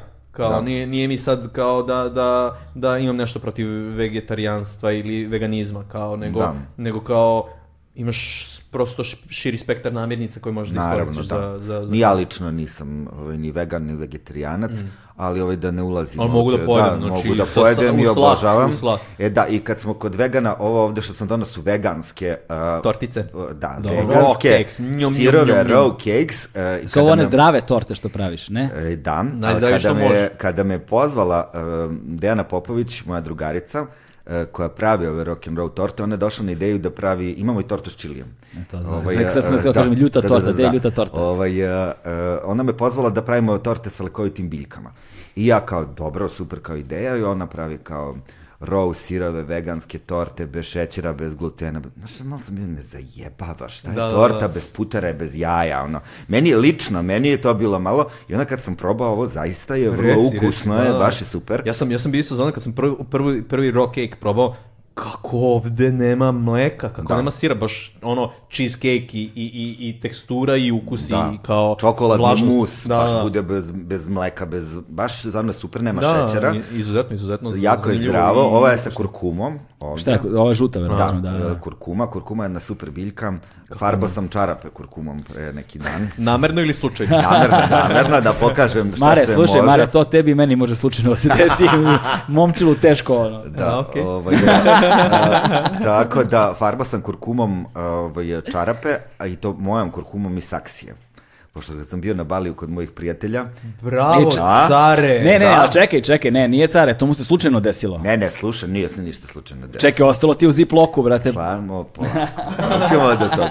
Ne, ovaj, bio sam na Baliju kod prijatelja, pozdrav za Mateju i Jelenu i ovaj, da smo stali kao da snimim neki klip za moj YouTube kanal Snaga Bilja i kao neka benzinska pumpa, slash apoteka, slash piljara, slash ne, Sve, sve je, to, tako u Aziji postoji to sve. Onako tri gomile, džumbir, krompir, kurkuma. I Mm. ja kao tu ćemo. Međutim, e, jako je bio bučan saobraćaj, nije to baš uspelo, kao dobro, nije zvuk bio srećan. Ja stavim tu kurkumu u kesu, i ovaj, kao ajde je ponesem, i on, ono kao zip kesu i ubacim to u kofer i zaboravim. Posle dva meseca mi je trebao kofer za nešto, nađem je tu kurkumu koja je proklijala i ja je posadim u zemlju i, ta, i kurkumu sam imao veliku, sad sam je vadio i onda sam između ostalog da pokažem da može da se ovaj, farba vuna kurkumom. A jel imaš, jel imaš još? Ja bi ono probao Da, da... ja ću ti dam, daću ti ovu moju jer je ona organska, ovu koju, Please. jednu koju sam ja izvadio, obja, objasnim ti kako e, važi, važi. Da, da proklija, ali držiš u kesi na mračno mesto. Sada ove godine sam sa džumbirom probao i on je proklijao, njega sam posadio, javljam rezultate. Kume, jel ti imaš i dalje onu rutvicu što smo kupovali? Ono? Imam, e, malo sam stavio i nje u farbu, da dobije ovaj, drugu Da. boju. Nije to ruti, to je harmalam. Harmalu, harmalu, da, da, da, da, da. Ovaj, e, em, imam, to ćemo da, ovaj, Daj kuvamo da pijemo pa to da harmalu jebote, nismo je pili dugo. To Da. je dobra fora, znaš. Ne. To je, to je biljka um, koja se nekada, već smo pričali o tome, ali uh, zove se um, još kod nas i tursko crveno, jer se koristila za farbanje vune u crveno za fesove. Kod nas se zove zrneš. Ili zrneš, Zrneš, tako je, zrneš. zrneš ili sirijska rutvica. Uh, Poznatiji peganum- harmala zapravo. Peganum harmala je najpoznatije svetsko. Zbog aktivnog sastojka harmalina. Da, jeste. Harmalina to je alkaloid koji deluje kao malo, malo inhibitor. Dakle, on je Okej, okej. klasičan antidepresiv, kao kantarion i tako dalje. I onda ovaj... uh, Izvini, to je ono što ide u ayahuasku, što ayahuasku čini aktivno. To je pola, Zato, zato, me, zato me verovatno i poznato zvuči harmala. to je, to je pola ayahuaske. Ili pola, pola neke buduće ayahuaske koje ćemo napraviti sa ovih prostora. Sa mimozom, recimo, a? Ne, ne. E, moja ideja je e, kantarion i trska, koren trske. Koren trsi, kantarion i harmala, Koren trske je zapravo najbogatiji, ne treba harmala, harmala ili kantarion, ili harmala i Aha, kantarion. kantarion ima istu funkciju. Isto je malo inhibitore ima, inhibitore monamenske oksidaze, a uh, dimetiltriptamin 2% ima u korenu trske, pa ćemo da probamo to da kuvamo, da vidimo... Koliko ga ima u mimozi? Šta će mislim manje. Manje, a? Mislim Pošto da je znam, manje. pošto znam da ekipa kuva ono Nisam, DMT od mimoze. Da, naravno, to je sad Pa ja znam za nekog lika koji ono vadi krastače i maltretira ih i skida ono sa njih. A da, to je, to je, ali to je, ali to je onaj Kao on radi pet, zapravo samo disekciju žabe. da, da, to je, ali to je onaj uh, biologije. pet uh, Mao. Mao DMT, da, to je taj, to je onaj žešći, jači. da. Nećemo da dajemo ljudima ideje da ubijaju životinje. Ne, ne, ne, ovo ih ne- ne ubija, samo ih ono... Samo ih odere i Ne, ne, ne. pusti. Ne, ne, fora je u tome što je žabit odbrambeni Mal- mehanizam. Maltretira ih, razumiješ, ono, pipka ih ono štapom, na, na primjer, i ona krene da luči Da sluzi, on luči, se on skine Samo pokupi sa leđa, da, Da. da, i onda, onda toga pravi. Ja sam Onda video to ove, puši i blesavi. ali, ali te žabe ne postoje ovde, brate. Krastače te, bra. A krasta, krastača? Krastače, krastače, ono skuplju u vreću i malo ih maltretira, znači... Me zajebavaš? I ne posle- maltretira ih mnogo. I posle što se u onaj veštiči napitak ubacuje žaba krastača obavezno. I moram da vam kažem jednu stvar. E, Kupio sam sebi poklon za novu godinu, a to je kazan. Čarobnjački E, kazan video sam to, imam video sam ti kazan. Od 20 litara, znači sledeće je nabavite žabu krastaču, imamo aparaturu. Pa, fali nam samo baba... Šalim se, napravit ćemo vegansku varijantu. ove Žabe veštičijeg krastače. napitka, da. A, samo ćemo da ono jednu iziritiramo i da... Ja, ono, pućemo. Da.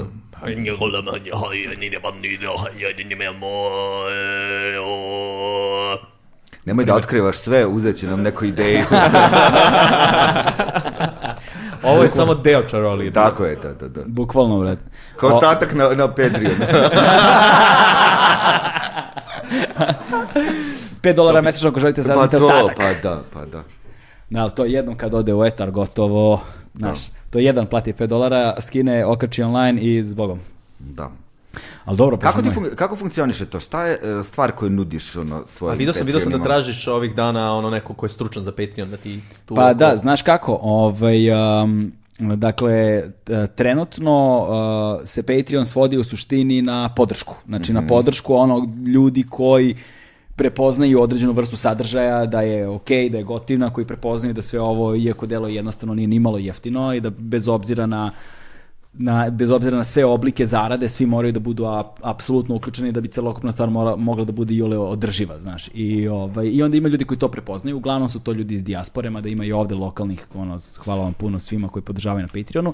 I onda oni zapravo, ono, zapravo prvi nivo Patreona je ono podrška support, znači po, ono klasičan Da, nivo podrške da. i sad ti najmanje što možda učiniš za uzvrat jeste da ranije njima daješ ekskluzivno sadržaj premijeru da mogu da vide.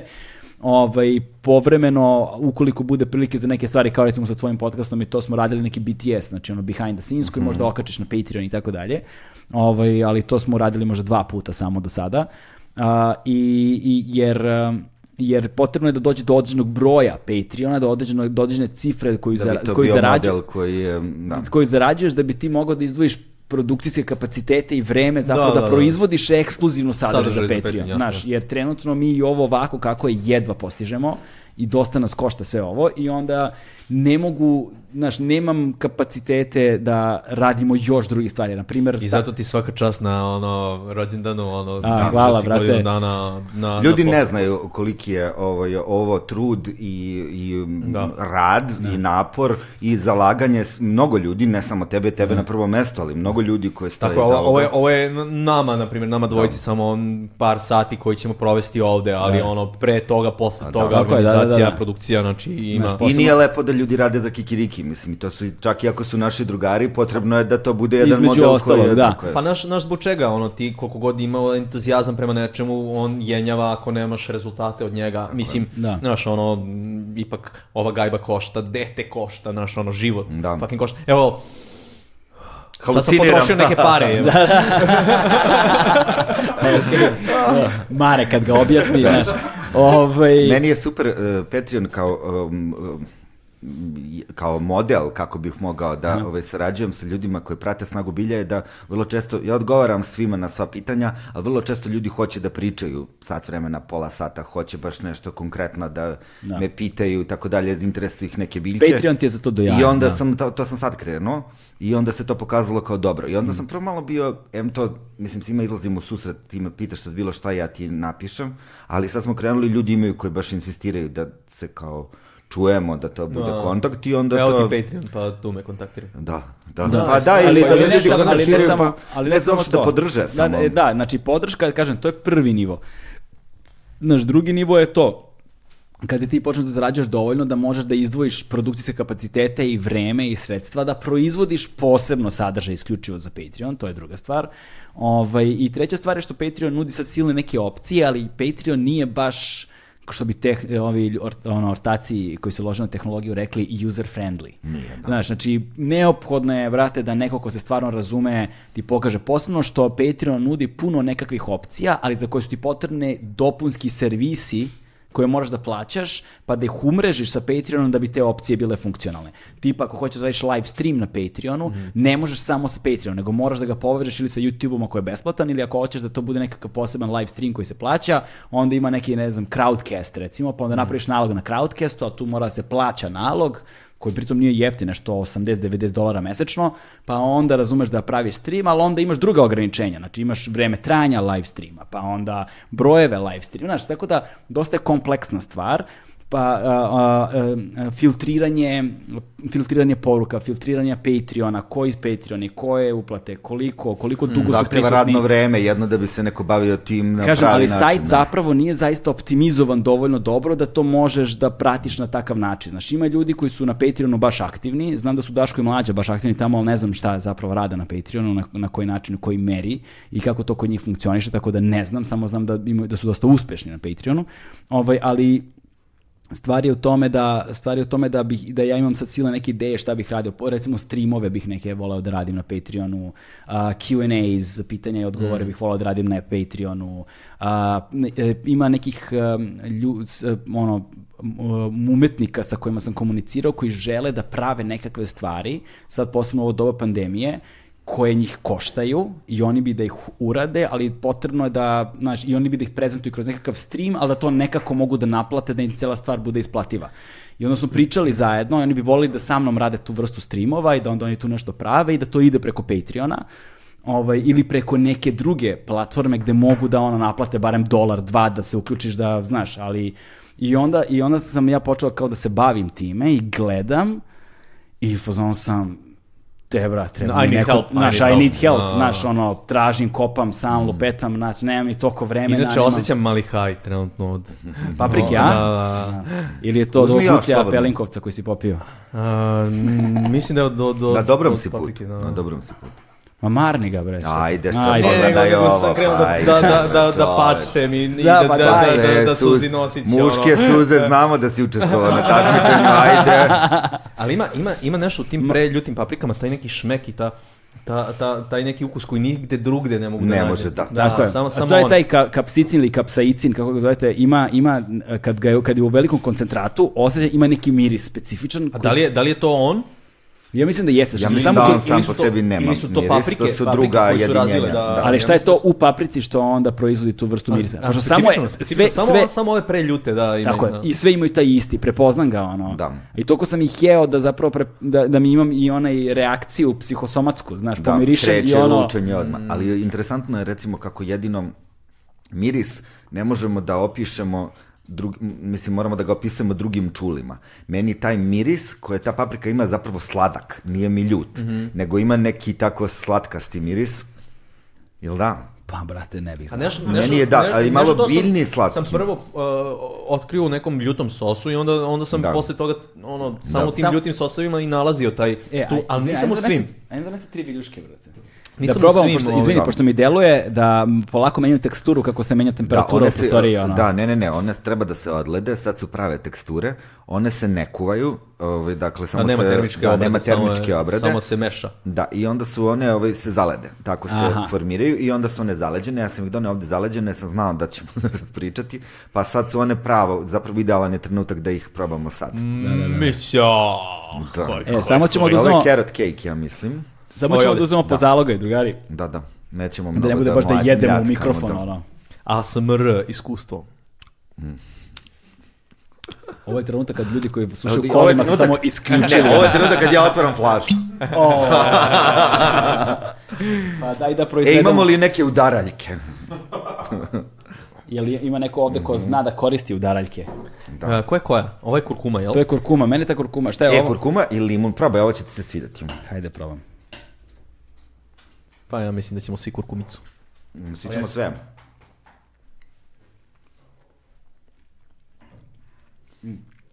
Meni je ovo super. Ima kokosa ovde. Ima kokos, da. Ti ne voliš kokos? Ne volim kokos, nego samo, samo Samo Ima koliko su, uvek su tu neki ovaj, potopljeni um, orašasti plodovi i desi se posebna stvar, kada oni stoje dovoljno dugo u vodi, prorade enzimi u njima i to ima potpuno druge, drugo delovanje i drugo, m, drugi ukus, da.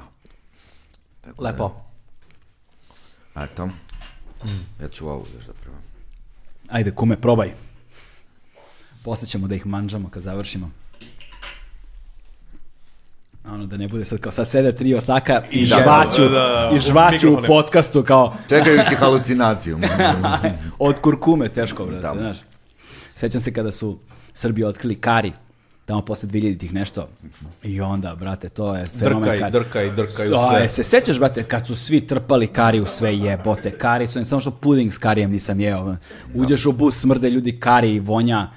I onda odeš u neku zemlju gde zapravo prave kari i ono nema veze s time, znaš, i nikako. Ne, I onda vidiš da postoji 20 vrsta karija. Mislim, Da, što da, da. kari gotovo ništa ne znači.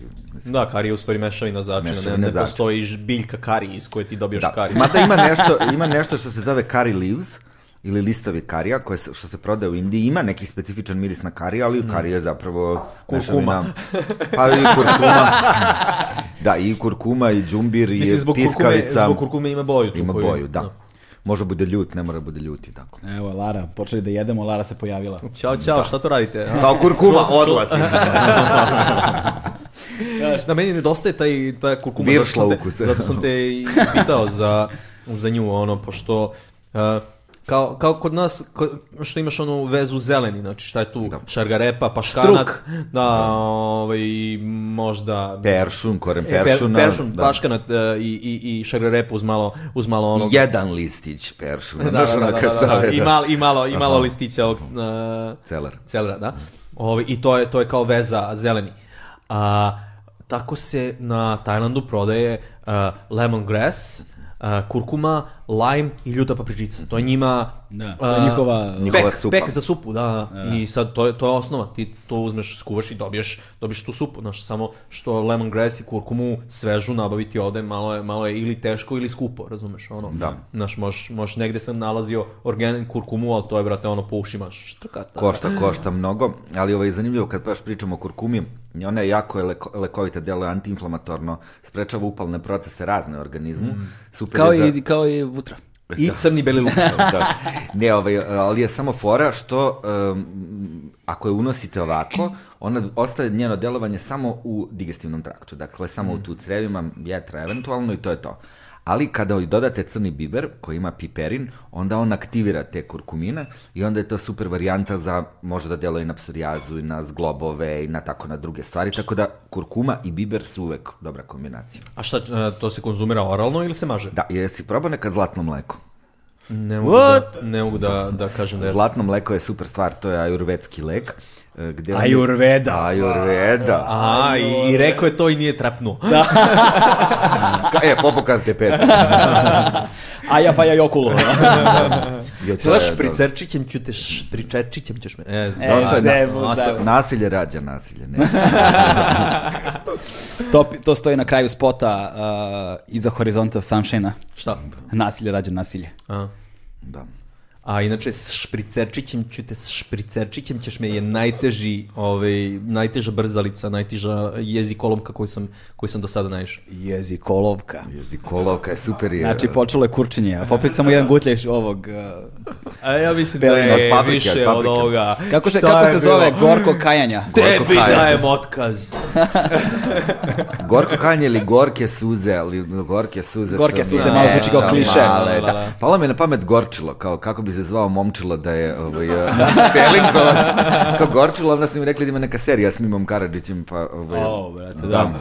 Go- Ja Gorčilo, gorčilo. Gorčilo Stojanović. Ja, tako, da. Tako da... da, bit će ovaj, dve reči. Između žrbnja i nakovnja. Okej. Dobro. Uh, Ajurveda. Bezmo.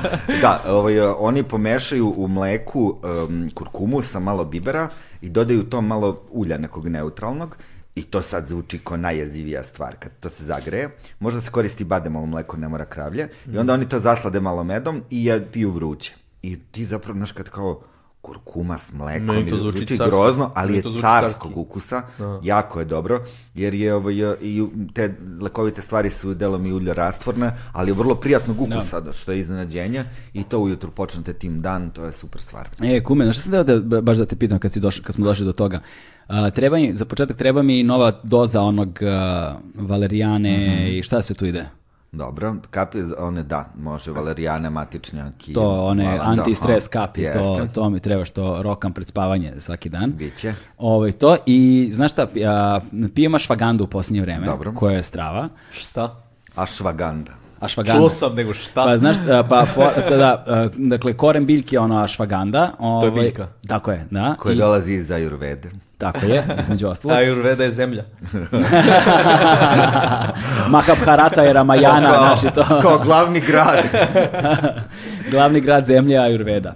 Ovaj, I i a, ono što je glavna stvar kod ašvagande jeste što utiče na obarnje kortizola u organizmu, hormona stresa, Mhm.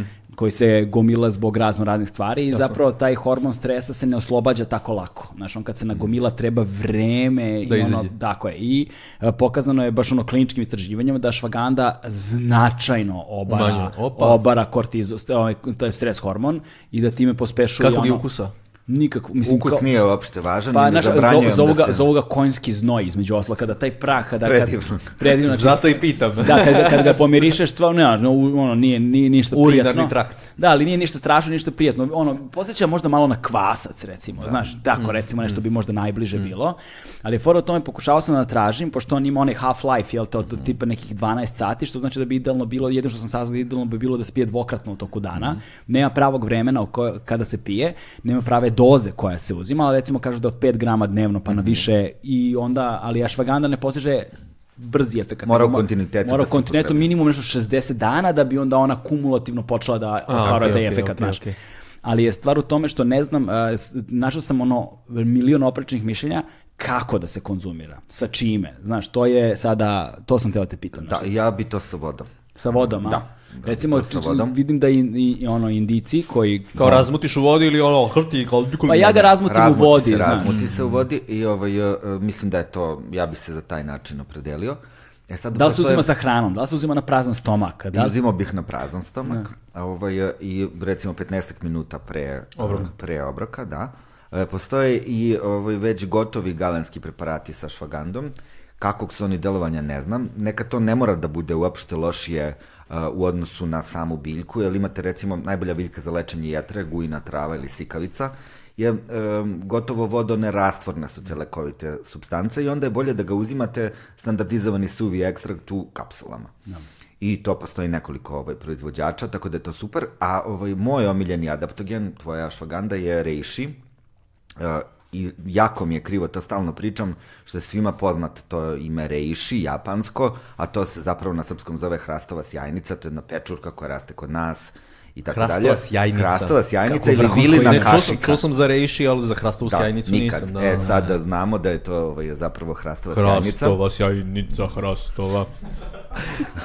Eto pesme, a? A, pa to nastavljamo da Pa kako- ubacujemo u kazan. Kako, kako, kako, da, da, da, da, kako, kako da približiš ovaj, ljudima neke, neke Jel ti, termine koji jel su... ti imaš neku pesmu Tatula, nemaš? Ili Tatule? Ne. Znaš, ne, sad, ću, sad ću ti ja reći. Hoćeš Znaš, da napravim? Ne, ne, izvini, sad, sad, ću ti, sad ću ti ja reći. Ček da pogledam u špajz. Dakle, da, sad, sad ću ti ja reći, dozvoli molim te. Dakle. Marko Milošević, Ne zna koja pesma MKDSL, to je između ostalog, ali Marko Milošević, a.k.a. MKDSL, nema ni jednu pesmu o tatulama, ali je skoro svaka u vezi sa tatulama. da, Pa da- nije, tatule su neke ono šašavike, razumeš, ono... I one ne- postoje u Ajurvedi. Nemaj, nemaju ovaj, a, smislen možda ovaj, U, ne. smisleno iskustvo na, na taj način. Ne, ne. Posebno ako se puše, A, brate. Imaju vrlo smisleno iskustvo za koje moraš da budeš ekspert i nikome ne savjetujem da to ovaj, isprobava. Pa ne, Ti ja- ti ja smo znam pušili drugara, tatule. Znam Da. drugara koji je ovako, e, u sred jednog grada s- u Srbiji, na tatulama, pošto išli su drugari da ga čuvaju i naravno izgubili ga. Ove, a, To je zato što nisu prošli ovo češljajuće nalaženje. trče po tom jednom gradu koji če, je... češelj pretrag. Češlj pretrag, Da, da, da, da, dobro. tr- trče po tom jednom gradu koji je zapravo jedna ulica ovako i nalaze ga na, na toj ulici kako stoji, evo ma, moram se prilagodim ovaj da bi, da bi se čuo Nemoj da se skidaš, molim. Moram. Plašiš me. I have to do this. Uh, stoji uh, na, na cesti, autocesti, autodrumu, putu, nije autoput, nego je put. E, vidiš zašto je I dobro ovako? što, e, vidiš zašto je dobro što imamo ruke za mikrofone. odlično, odlično. fora. Uh, I ovako drži, drži jaknu ru- u ruci iza njega naravno kolona automobila, čeka da vidi budalu ono da se pomeri.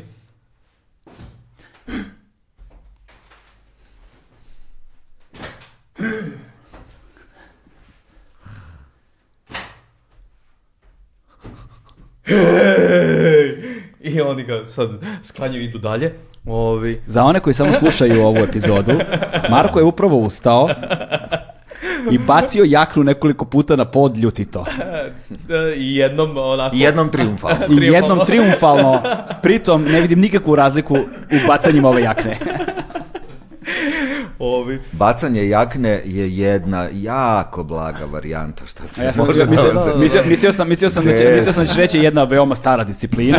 da, da, ja sam, ja sam, ja sam pomislio isto. Ovi, Nešto iz hata joga. a, Hat, ha, hat, ha, hat, Mislim hat. ima, ima, to je samo jedan, jedan delić e, toga da sva, svači trip ono ume da, da bude različit Da. na različitim Ali- ali da, situacijama, ali no- bih e, ono savjetovao ljudima da ne rade. Na osnovu stvari koje slučajno. Ja znam o tatulama, između ostalog, ovaj, i o velebilju, bunikama, ono to, belibu, sve ono što smo inače ti i ja tražili. Tropanolnim midrijatičnim solanaceama. Talk to me dirty samo. ovaj, a, ovo što si ti sada pokazao je ne najblaža verzija priče koju sam čuo od ljudi koji su konzumirali, nego... Ne, Nećemo nećeš se... u podcastu. da. A, Nećemo to je bio se- Pa početak. nisi treba da počinješ. Znaš kako kažu u šahu, taknuto, maknuto, znaš, ne počinji ako nisi spreman da završiš.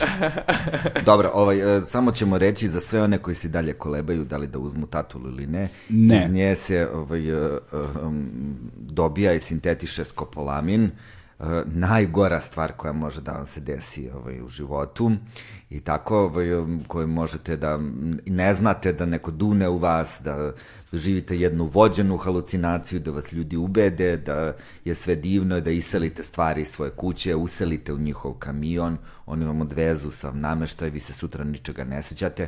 Dakle, to može da bude jedna vrlo ovaj, um, a, opaka i ovaj, bezobrazna stvar. Da, a pritom je veoma tanka linija između Života toga i smrti. i smrti. Tako. Znaš kao, u jednom trenutku ono, ideš na bankomat, eh, stavljaš karticu, vadiš sav novac sa banke, daješ ljudima, ne sjećaš se da se to radio, a kao ono, mrvica više, mrtav si. Tako da, od, ta, od 0 do 100 ni jedna sta, nijansa to, tog, tog sastojka te ne zanima u životu. Da, izbegavajte. Znači, Dobro. e, sa- Dakle, kurkuma. samo reci... Ne, brate, ako dovoljno puta izgovorimo kurkuma u ovom podcastu, ne znam, brate, Da li ga- ste čuli za crni E, beli, kao crni kuri beli luk? kuma. Hm? Za crni beli luk? To, to je, ja mislim, isto neka, neka sledeća stavka koju, treba, koju se treba posvetiti. To je luk koji je, beli luk, običan beli luk, koji je sistem, procesom fermentacije, ovaj, m, potpuno promenio svoja, svoje svojstva. Zapravo. postao crn. Jel o Postao tome crn, pričaš? Tako, Da. je, tako je, postoje crn. To je super Z-. Zapravo, zapravo, ovaj, a, nije mu se samo, a, samo boja pro- promenila, promenila mu se i tekstura i ukus. Naprimjer, čokoladeri Mhm. u, u Francuskoj su krenuli da ga, da ga stavljaju u čokolade, ono, pošto kako, kako... mu- Čokoladeri. Prvi put čujem reč čokolader. Ja mislim da je čokolater sa T, ali opet nisam siguran Pa, da sam čokolatier, sad kako Da, ćemo E, pa da, da, to, a to je problem u srpskom jeziku, zato što imaš te zvučne i, bezvučne, Bezvučne, parnjake, da. znaš, i onda kao D, T, B, P. Ali š- sa čime se ravna sad? Uh, Pa, znaš, jednačenje, der, jednačenje suglasnika e. po zvučnosti, ali naš, na, na, na, ako je na vokalu, onda nema smisla. To ti znaš, kažem, tako zato da, sam da. i iskoristio reč Odnosno čokolader. samo oglasniku, da, Da. da, da, tako da ne bih znao. Ovi, e, in any case, uh, tekst, Pozdrav za gra, gra, naciga, ovaj. Gramar nacija. Ne, rekao sam ne bih znao, tako da molim lepo. Dobro. Ovi, e, da, da mu je ukus i tekstura približan uh, suvoj šljivi zapravo. Ovi, mislim, naravno ide i u, i u jagnje i u ovo, ali zanimljiva stvar je da, I u je- jagnje da je i u dagnje. da je e, Svetska zdravstvena organizacija nedavno izbacila ovaj, e, dekret o o kao korisnosti tog crnog belog luka, da je on zapravo tipa deset puta zdraviji od samog belog luka, znamo svi koliko je beli luk zdravi, koliko je, koliko koristan, tako da ono, ima, ima tu Ja mislim puno... da ljudi ne znaju. Koliko god se e, priča o tome, priča se na jedan površan nivo i, i to se nešto mitologizuje, veze s nekim vampirima, ha ha ha, beli luk smrdi. Tako ljudi zapravo ne znaju da je to zasnovano na naučnim činjenicama, na istraživanjima, da alicin i alin deluju na gram pozitivne, gram negativne bakterije, na kandidu, na viruse, baš, mislim, I to se, obično im se okrenemo u to 44. je najveće istraživanje belim lukom sprovedeno. Tako tih kritičnih godina kad nema ovaj drugog, onda se okrenemo ovaj belom luku. Ja sam, ja, ja sam provalio, drugo, ja sam da. provalio da mi zapravo ovi, ono, poslednje dve decenije otprilike, ovaj, ponovo otkrivamo ono što smo nekada znali. Jer zapravo industrijska revolucija uh, hran, pre, pre, ono prehrambena ovaj industrijska revolucija koja se desila dakle sa, sa, sa ono industrializacijom jel te prehrambenih proizvoda koja nam je donela ono to izobilje u kojem mi danas živimo zbog I koja nam je objasnila da je margarin, wow. to, znaš, i onda, i onda zapravo smo mi u tom trenutku ostavili sve što je bilo i počeli kao taj industrijski proces i tek smo ono ne znam koliko decenija ono te ono, odnosno dva veka otprilike razumeš te te, te- industrializacije počeli da živimo posledice te indu- industrializacije i sada u posljednje dve decenije Pokušavamo da saniramo. pokušavamo da saniramo, a saniramo ih tako što, Što se vraćamo na old ponovo school. otkrivamo ono Pa crni beli luk kinezi prave hiljadama godina. Znači nije to uopšte nešto... Pa nešto da, ali je fora, pravimo ali je fora, ali je fora o tome što da, ali- da, Ma nisam, da, nisam znao da, da ali je fora o tome što poslednjih 200 godina te industrijske ono industrializacije hrane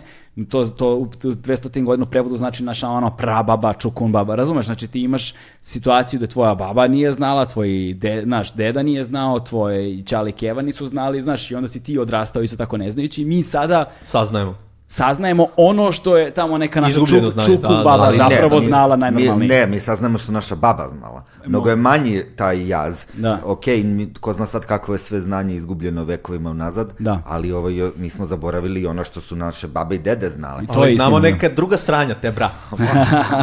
Važno je da nešto se zna. Ali to je fora kod tog putovanja, znaš, zato što ti napraviš pun krug da bi se vratio gde si bio, ali iskustvo stečeno Tako na je, tom je. putovanju, Da. ono što si ponovo otkrio, sada Ćeš otkrivaš mnogo bolje, bolje Tako da je. primeniš. Tako i mnogo ćeš ga bolje razumeti. Suštinu ćeš mu bolje, mnogo bolje razumeti, znaš. Neće više biti stvar nužnosti nego stvar izbora. I to je sada ono jedna posebna kategorija, razumeš? Da, da, da. E, a kad govorimo ovaj Malo pre si ga pitao je li ima neka pesma, znaš, ovaj, sa tatulama, ovaj, ja bih volao da... Ja zato što se spremam za taj kazan. I onda bih volao da A, budemo... da imaš magijsku pesmu. Pa da imamo magijsku pesmu Pa- Krastača, šta smo još došli, Reiši, Tatula, Nije rejši. pa Reiši ne kuđe, malo pre si nešto Ne, cvokoto. ne, ne, ne, ne, nego Hrastova... Sjajnica, Hrastova. Sjajnica, E, ali da, može i Vilina kašika. htio sam kažem krompirova zlatica. Šta je Vilina kašika? Isto to je... Vilina kašika je isto još jedan sinonim za ovaj, istu reiši. pečurku, da. Za, za, za... Ne, Re- sad, sad mi Hrastove kompirao sjajnice. hrast, Hrastova sjajnica. Ovaj, Seti se krompirova zlatica i to je Se, to. se setiti, kako se ona, kako se ona biljka, jao, iz nekog razloga mi je pada na pamet Idris Elba, ali kako se... A, Iđirat. Iđiro, te. A, kako te znam? A, u, a, ovo je nešto interno, ovo E, je... a Korus Kalamos, dragi ovaj gledalci i slušalci. Da, e, može i njim halucinacija. Kako, kako budala funkcioniše, a? Jebem ti. Ok, a, Ja bih rekao kako intuicija funkcioniše. između ostalog. Ne, samo se dugo znamo. Da, da, da. da. Ne, nego, ovaj, um, Gajimo ljubav prema Iđirotu zajedno. Pleistocen je bio divno, divan jedan period.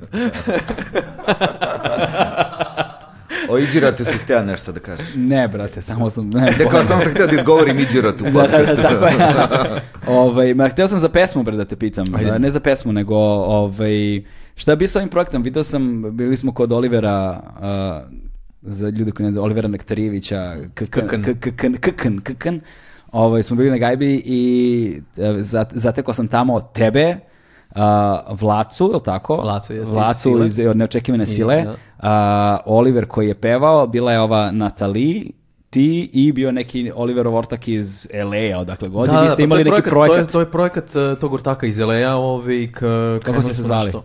Mm, znam. znači, toliko je bilo sveže da nisu imali ni ime kada sam ih zatekao, ali je bilo super to što su radili, znaš. Da, da, da, strava je, ali nismo uspeli da nađemo neki zajednički jezik. Ovaj. a, ja sam tu dao neku svoju ritam mašinu da se, da se uključim u to, njima, njima se nije svidio taj zvuk te ritam mašine, pa su me postavili za njihove gde se mogu jedno ovako, no, ali ne mnogo. I onda sam, no, ja morao da se povučem. Znači, oni su snimili tu neki materijal i bit će nešto toga, ali naš, nisam, nisam više ispratio šta se tu dešava, tako da, za, Zapravo rock and roll nije bio previše otvoren za, za, za inovaciju. za MKDSL-a. da, Da, zato je rock and roll. ovaj, Da, da, ali da, ali, ali, ali, ali, znaš, nije, nije lako biti ono, ono, otvoren dovoljno za MKDSL-a, pošto on, naš, uzme i ode. Ali s druge strane, meni je okej da kad vidiš da nešto nije tako kako bi trebalo bude, bez ljutnje, uopšte Da, da, čak da, da, da. samo kao nije Da, ipak to jer, moj jer, znaš, my ja, se, ja se nisam, nisam osjećao da doprinosim tu, znaš, Da. ja, ja, ja sam bukvalno ovako na, na, na toj nekoj ritam mašini mogao da jedan nob okrećem, ne mnogo. Da, da, da. I sad, znaš, kako, kako ja tu da se ložim, znaš. Na- Ne, Ne, ne, ne čekaj, ali, ali, ovaj, a šta, jesi se dogovoren što se do majkom? A pa uh, u komunikaciji smo ne, na nekoj preko neta, ono, uh, on, se, on je krenuo da se zanima za, za modularne synthesizere i za uh, doles jamming, takozvani ovaj, uh, uh, izvođenje elektronske muzike bez, bez snimanja u, u, u, ovaj, uh, u neki operativni sistem muzički, pa tu onda da ka, kasnije to, nego kao ajde sad, o, vidiš, sviramo, zezamo se. I, ovaj, I to je njemu sad nešto mnogo zanimljivo, pa komuniciramo tako s vremena na vreme. Ne, ne radimo još na nekom projektu, ali bit će i toga. Da. Ovaj, Neko to- komunicira sa Edom Majkom, neko s udruženjem Banja Srbije. A Ne, nego se ja dogovaram sa Edom već duže vreme za podcast ovaj, i nikako da se, da se, da se da usaglasimo da. i onda mi on pričao da se primio na te modularne ovo, ono, i onda sam ja rekao, ej, imam ja ono, pravog ortaka za tebe, Da, razumeš? da. I sad ne znam da... Ej, pa znaš šta, možda možemo da organizujemo onda nešto, neki session, uh, uh, ako se dogovorite Pa da. uh, za, za to, da bude kao session on, ja, možda još neko. Pa nešto. vidjet ćemo, znaš, prvo, znaš, problem je prvo ova pandemija. I To know, nam je, ono, da, ono, to nam je ono, prepreka broj jedan, ali prepreka broj dva su deca. Znaš, ne ono, nužno tim redosledom. Da, ne nužno, ne nužno tim redosledom. Da, Život, što baš bi se tako, reklo, da. život što bi se reklo. I onda ne možemo nikako da se uklopimo. Pandemija je malo smrt, lagano, izvinite. lagano, mislim da ono, vreme Ali on će se- sluša redovno, tako da, brate, dogovorit ćemo se. Ćao. Ovaj, o, to. I, e, I šta sam teo, sad sam, sad sam teo da, da te pitam još, e, za, vidi, video sam ono, da si ovih dana radio posebno u periodu dok smo skupili lovu za malu Aniku, Mm. Za koju je ono, lova sakupljena, to vjerojatno već svi znaju. Jej, kako, brate, kakvi smo ljudski maksimumi, brate, ono. A, reci, brate. Svaka čast, svaka čast, ljudi. Svaka vam čast, ali moram sad da se osvrnem na to da meni svaki put kad se to dešava nevjerovatno da lek košta 2,5 miliona to. Znaš, to E, uopšte me ta, sam- izuje me ta Baš sam, baš sam gledao, znači, naš, naš šta se, naš, na, na šta se to na kraju svodi?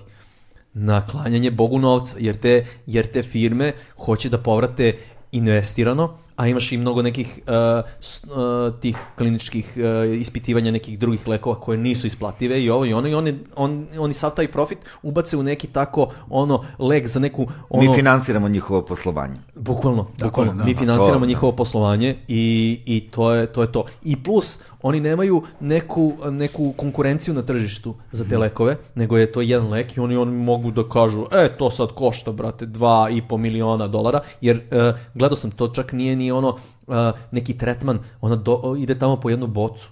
Znači idu tamo da joj, da joj drknu jednu, jednu boticu koja i ta, ta ekskurzija košta 2,5 miliona dolara, eura u stvari. Jeziva mi je ta činjenica. Svaka vam čast jezivo. što Dobro, ste znaš, ma, skupili pazi, taj novac. dobro, kom, komplikovanije, Nismo- nismo komplikovanije mi, od toga, ali sam, svi- ali sam u svi vi prošloj... koji ste skupljali. Dakle, ovo kad se bude emitovalo, to će biti prethodna epizoda, čini mi se. Ovaj, a, razgovarao sam sa, sa čovjekom koji je stručnjak za porez, znaš, i onda je on, onda je on pričao kako zapravo kada se upoznaš dobro sa poreskim sistemima, ti zapravo onda razotkrivaš jednu dinamiku moći koja se igra, ono, polit, celokupna igra zapravo politička, znaš, i, on, i onda je on pričao baš o tome kako a, retke bolesti, skoro nigde ni u jednoj zemlji, posebno za tako ekstremno skupim lekovima, ne spadaju pod nešto što bi pokrivalo nekakvo zdravstveno osiguranje. Znaš, kao nigde to praktično nećeš naći na svetu. Možda grešim, nisam stručnjak odmah da ono, stavim ogromne zagrade, ali, ali verovatno u velikoj većini slučajeva je to istina.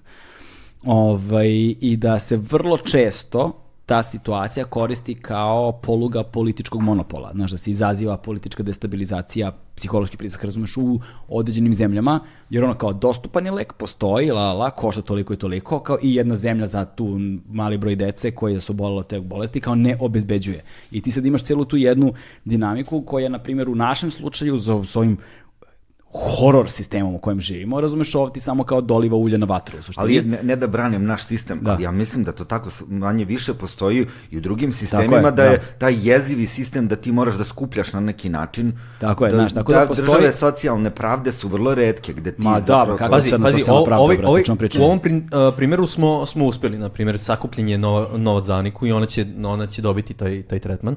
Ovi, ali, znaš... Ti imaš još dvoje dece, malog Olivera, malo Minju, samo- koje ne nemaju- Samo, ne samo što imaš još dvoje de, dece, nego što ti imaš uh, određeni uh, fond koji ta...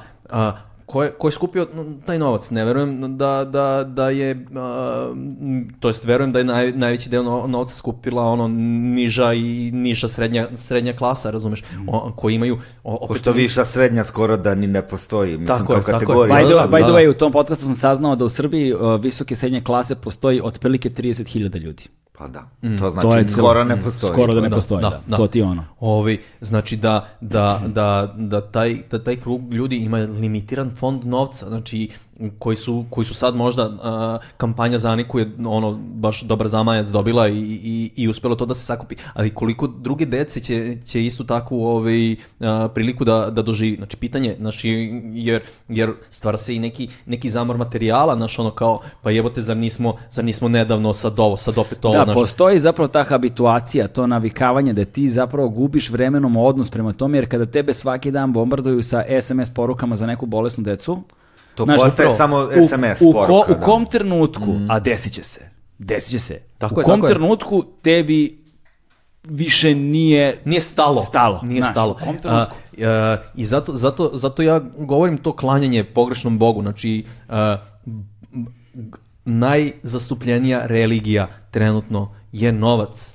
Fucking money, mane, šuške. Znači, to, tome se klanja najveći broj stanovništva na, na, na zemlji. I takav je sistem koji, koji je, ok, robno-novčana na- razmena se pokazala kao možda naj, najefikasniji ovaj, način da se, da se izdvoje kao ne, nešto što zapravo vredi Da, od da. nečega što ne vredi. Ali to ne znači da je taj sistem dobar. Znači, taj Onda sistem... je tako lako, pa že ova pandemija pokazala samo malo da se izmesti neka situacija i odmah su na, na ceni ono šta znaš da uradiš s rukama, ono znaš da umestiš hleb, jer ti umeš da nađeš nešto što ćeš da jedeš. To Tako tako, je, tako je. nama malo fali, da, da dođemo u tu poziciju i to kao imam novac, mogu sve, da nemam, nemam ništa i ne znam ništa, Da, da, da je da. to ljudima deluje kao nešto iz Playstacena, zapravo nije, to nas čeka iza ćoška, Upravo, upravo, zato, zato, zato bih ono... a, a, iskoristio dosta moždanih resursa, ne, ne mojih, ne tvojih, ne, ne, ne, ne tvojih, nego svačih, da se razmisli malo o tome a, šta bi bila validna alternativa a, robno-novčano na razmeni. Kuda bi a, čovek i čovečanstvo moglo da, da, da, da piči, razumeš, da, da, da se to nadomesti, jer, naš, realno ne valja ova religija, jer prosto naše Možemo kao- vrednosti koje zastupa nisu dobre. Da, možemo kao asteci da novac zamenimo kakaom. I znaš da se tamo Ne, to... Da, Te, tamo bra, su ovaj zrna opet bismo kakaa. robovali ono, znaš. O, tamo je robovanje bilo Nema- skroz okej. To je bilo pa šta ti je. Ne govorimo o robovanju, nego kao, znaš, ono, samom, samom pristupu sistemu, razumeš, razmene dobara, informacija, usluga, uh, svega god. Znaš, da li, a, pošto se pokazalo da kad imaš novac kao fizičku jedinku, da, da krećeš da ga vrednuješ više od svega ostalog, znaš, ono, kad, kad možeš da staviš uh, cenu na ljudski život, znaš, ono, čemu, čemu to vredi? Za, za Aniku je to bilo 2,5 milio, miliona dolara, u sudskim, u sudskim nekim praksama je to daleko manje, znaš, ono, ti ubiješ nekog čoveka, ono, platiš neku kaznu, kao, već, već je kao, ono namireno kao na što si rekao da li, da li, da li ono ti ako imaš bezgranično mnogo para da li za tebe va, važe isti zakoni kao za nekog ko, ko, ko nije toliko srećan u životu sa, Da, da. i sa aspekta novca ne sa aspekta sreće nego samo samo govorimo sad, sad o novcu mislim da je vrlo vrlo jedna ono moralno teška, teška ono dilema ispred, ispred čovečanstva ono na, na, na, na temu tog novca ono. Ne bih ja polagao previše nade u ulaganje naših mentalnih napora da će to da reši bilo šta. Shvatam da nema drugog načina, ali moram da kažem da sam pesimista. Kako, kako kažu ljudi, ono šta je najveći problem kapitalizma, kao nije problem u tome ukinuti kapitalizam, ne, naš, što Šta će je- ga zameniti? Šta Tako je. će ga Zato- zameniti? Zato, i to kažem je ulaganje, problem. ulaganje ono mental, mentalnih resursa u to šta bi moglo da zameni taj sistem Mm. i na koji način bi on mogao da se, da se efektivno poboljša, razumeš, jer, jer ovo trenutno fucking does not work. Ja Da. mislim da ide na gore. Apsolutno, mislim, znaš, ti, Ne, ti, ti- ne, hoću ti kažem, koliko god mi sebi laskali da smo kao na najvišem razvoju čovečanstva ikada. Koliko smo zapravo- Da. How, how are we fortunate, ono, onako? Ona, onako, Onaklica. koji je odgovor, brate, onako, onako. Pa onakilica, da se, da se razumemo, znači ono, ono, ljudi su bili da rekao srećni kad su bili hunter-gatherers, jer kao... Imaš... Da li su, ne znam. brate, ne ono, sećam ne, se. ne bi, ne sećam se. E, e, ja se sećam te, bra, ko juče da je bilo ono... Opet otkriva ovo za Brate, Zakazujem, brate. Zakazujem. Zakazujem. za, zakaži kazan. Da, zakazan, kazan, zakazan. Zakazan, kazan, zakazan. Kad smo već kod kazana, ja ću uskoro da pravim svoj uh, uh, specijalitet urnebes, zverev urnebes, u koji idu samo paprike i koji ću i sa vama da podelim. Ali to na, naš, uh, ne mogu još. Ali Ako mogu... ćeš u kazanu da praviš, imam kazanu? jedan od 20 litara. on Malo je. Malo, okej. Malo je. Treba molto, molto bene. Malo ti fale se restaurirao taj kazan, nije mi delovao baš. E, znate šta Ajvar? Duboko si me uvredio sada. kako ti zamišljaš čarobnjački kazan da izgleda? Pa mislim da sam hteo, otišao bi kupujem onaj, kako se zove, uradi sam, pa kupio. Ne, ovaj, šalim se ja, ovaj, samo ćemo da kuvamo u tom kazanu kupke protiv znojenja nogu od hrastove kore. Neće se kuvati ništa što će može da se pije, ali ovaj, vodimo ga u šumu, bit će ovaj, sa I njim. Ne hteo je treba meni se- da ga da za zverev urdebes. Ne Alo, treba bre. da se restaurira, on je pocinkovan s početka veka, tako da... Tako da je sve okej. Uf! Da, sad se kuvaju, Jesi se zajebo, a? Tako je kako je. drage, e, e, muške suze počinju. Opa, vat, uf, uf. A? A, vodica. Ja, da, e, izvini. Evo ga, brate. Ovaj, i a, da se vratimo na temu. Dakle, video sam da... Koju se, da, temu? Evo vidiš Ne, suzicu. ja- Opa, suze, da. Suzica. Pa, što da ne. Da je tetoviraš sada, znaš. Ovaj, Bio sam u Meksiku u zatvoru, bre. Da, bio sam u Meksiku da sadimo papriku kao. Ne? Ovaj, Znate onu žutu, A žutu wink wink. ne, čekaj, ali u- da, u toj pesmi su banatske paprike. Tako je, a ide se u Afriku, ne u Meksiko, tako da ništa A ne možda, poklapa. možda je neka, možda neka ozbiljna paprika. Znači u Banatu nema baš tih ozbiljnih. Na, najljuća domaća paprika ide, ja mislim, do 10.000 Ili uh, 20, skuvila. nešto, to je da, ništa. Govorimo o Milion i milion 200.000. i 200.000 koje je ova Trinidad ili 2 miliona i 100.000 koje je ovaj Carolina Reaper. Carolina Reaper, da, koji sam stavio u neki pipi ripi kute. Sećam se ja, sećam se ja jednom kad si ti pravio neke kolače, pa smo ih na 92 jeli. Kako je to izgledalo? Brate, Zabavno. It was Da, fun. da li su bili sećaš? row? Znaš šta mislim? Da, da. I remember I rem- as it was yesterday. Mislim da je bio KC grad, a ne, ne BD2. Ne, bili smo u tvojoj emisiji. A? A, sa Filipom si radio, idemo na Mars. O, Znam, sećam se. Donosi kolače neke. Aha. I onda smo posle išli neku kućnu žurku na Dorčulu. A, okej. Gde se u stvari prave ti kolači. A, U jednoj gde su- garaži. gde su- Gde su ti kolači pravi? da, da, da, da su ti kolači počeli da deluju, brate. Znaš. Tako da, ovaj, ne bih se ja igrao sa Markovim Šećerom. kolačima. Da. Da. Pa Ovaj, ne treba se igrati sa kolačima, pobogu. Kolači se jedu. Don't play with your food. Čekaj bre, ja nikako, nikako da završim. Dakle, počeo si tada kada je bilo za malu Aniku, ovaj, live-ove svaki dan, Da, sa Natalije, jel tako? jeste. Ovaj, u nečemu što zovete slana soba. Slana soba, pa da, ovaj, to je jedan, to je u stvari ime mog studija, Slana soba. Ovaj, i odatle- Zašto slana soba? A, pa zbog... Kao zato što gorke zbog, suze su zauzete. zbog, zbog slanog čaja. Ovi, slan čaj je... e, znaš šta je slani čaj? Ne. Pa imaš slan čaj od junetine, od piletine. A, supa.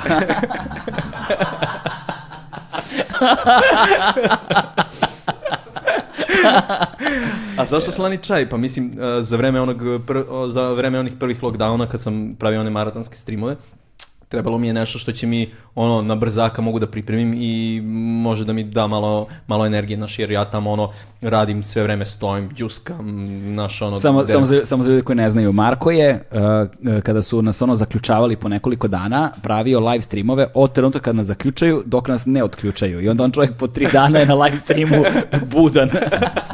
E, i sad- Vidiš da može. pa, znači, uh, re- rekord mi je od uh, 50 sati koliko je uh, trajao live stream, da sam 47 bio budan. 3 sata sam ipak morao, mor- morao da otkuntam. Spavao si u live streamu. U live streamu, tako je. Osta- Ostavio sam live stream da piči.